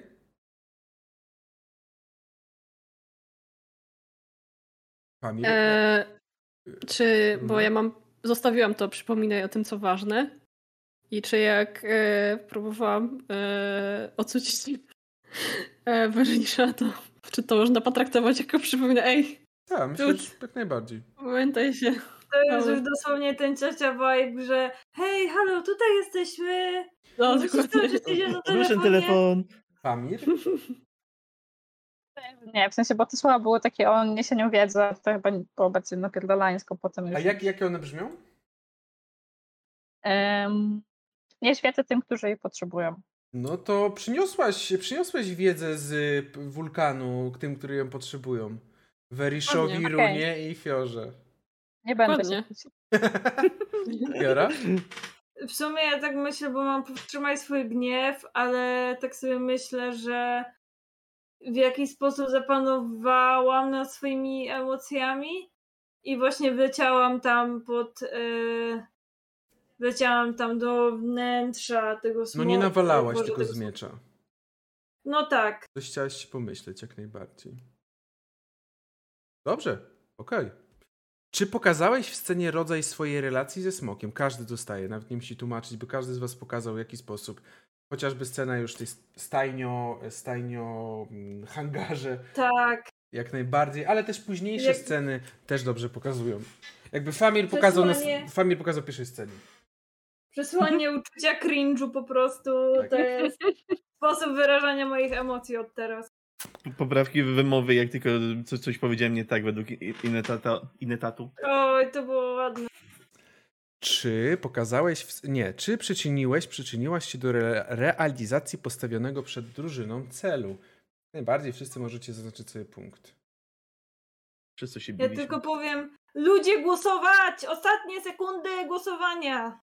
No, ostatnie go- sekundy zapraszamy, naprawdę fajnie. Bardzo nam będzie miło, jak weźmiecie, zagłosujecie na kogoś e, z, naszej tutaj, z naszego tutaj towarzystwa grającego. Naprawdę zachęcam. I ostatnie pytanie. Czy dokonałeś lub dokonałaś innego rodzaju nadzwyczajnego czynu? Też każdy z Was może dokonać, napisać sobie ten punkcik za, za zabicie potężnej chimery. Za od, y, odsztyletowanie szponami kończyny wielkiej larwy. No, Dead. Proste. zgadzam się. Za nierozwalenie się o, o ziemię. O! O, mamy tutaj przewagę jednej osoby. Jeszcze jest chwila, żeby głosować. E, Zapraszamy też do dzielenia. I... Dzielę... O nie. I Runa, myślę, że może dopisać sobie jeden punkt dodatkowo doświadczenia w tym wypadku. Dziękuję. Na ten moment nie mamy rozwoju, w sensie nie ma chyba podręczniku rozwoju z tego co widziałem, chociaż domyślam się, że może być raczej podobny, tym, że pewnie będzie dodatkowo wykupywanie talentów oraz myślę, że będzie zwiększanie także więzi ze smokiem. Więzi. Nie wiem za jaką Mhm. cenę, bo to pewnie będzie większa cena niż zazwyczaj taka zwykła, ale czekam na to na pewno i zobaczymy to w głównym podręczniku. Także czy jeszcze macie jakieś wyrażenia, relacje? Coś specjalnie wam się podobało, coś nie podobało? Mm. Pasuje mi to, że że tak łatwo jest się w sumie. Jasne, tam jest jakoś tak ogólnikowo opisany świat, ale w sumie łatwo się w niego wbić. W sensie on jest w prosty sposób pisany, ale, ale jakby możemy sami sobie. Fajne jest to, że możemy sobie sami dodać smaczku. Mhm. No, nie ma takiego problemu z odnalezieniem się w tym wszystkim, że się tak, Tak. nie plątasz w kółko, tylko po prostu wiesz, co robić w tym. Myślę, No, że dużo, dużo daje fakt, że wy jesteście tymi smoczymi miejscami, czyli to wy decydujecie o wszystkim i tak naprawdę mhm. wy nie musicie się do niczego dostosowywać, to inni muszą się do was dostosować. Tak naprawdę. No. Mi też się właśnie bardzo podoba epickość tego systemu, że mimo, że to jest na bardzo prostym de facto silniku, jest bardzo, możemy bardzo epickie rzeczy w nim robić.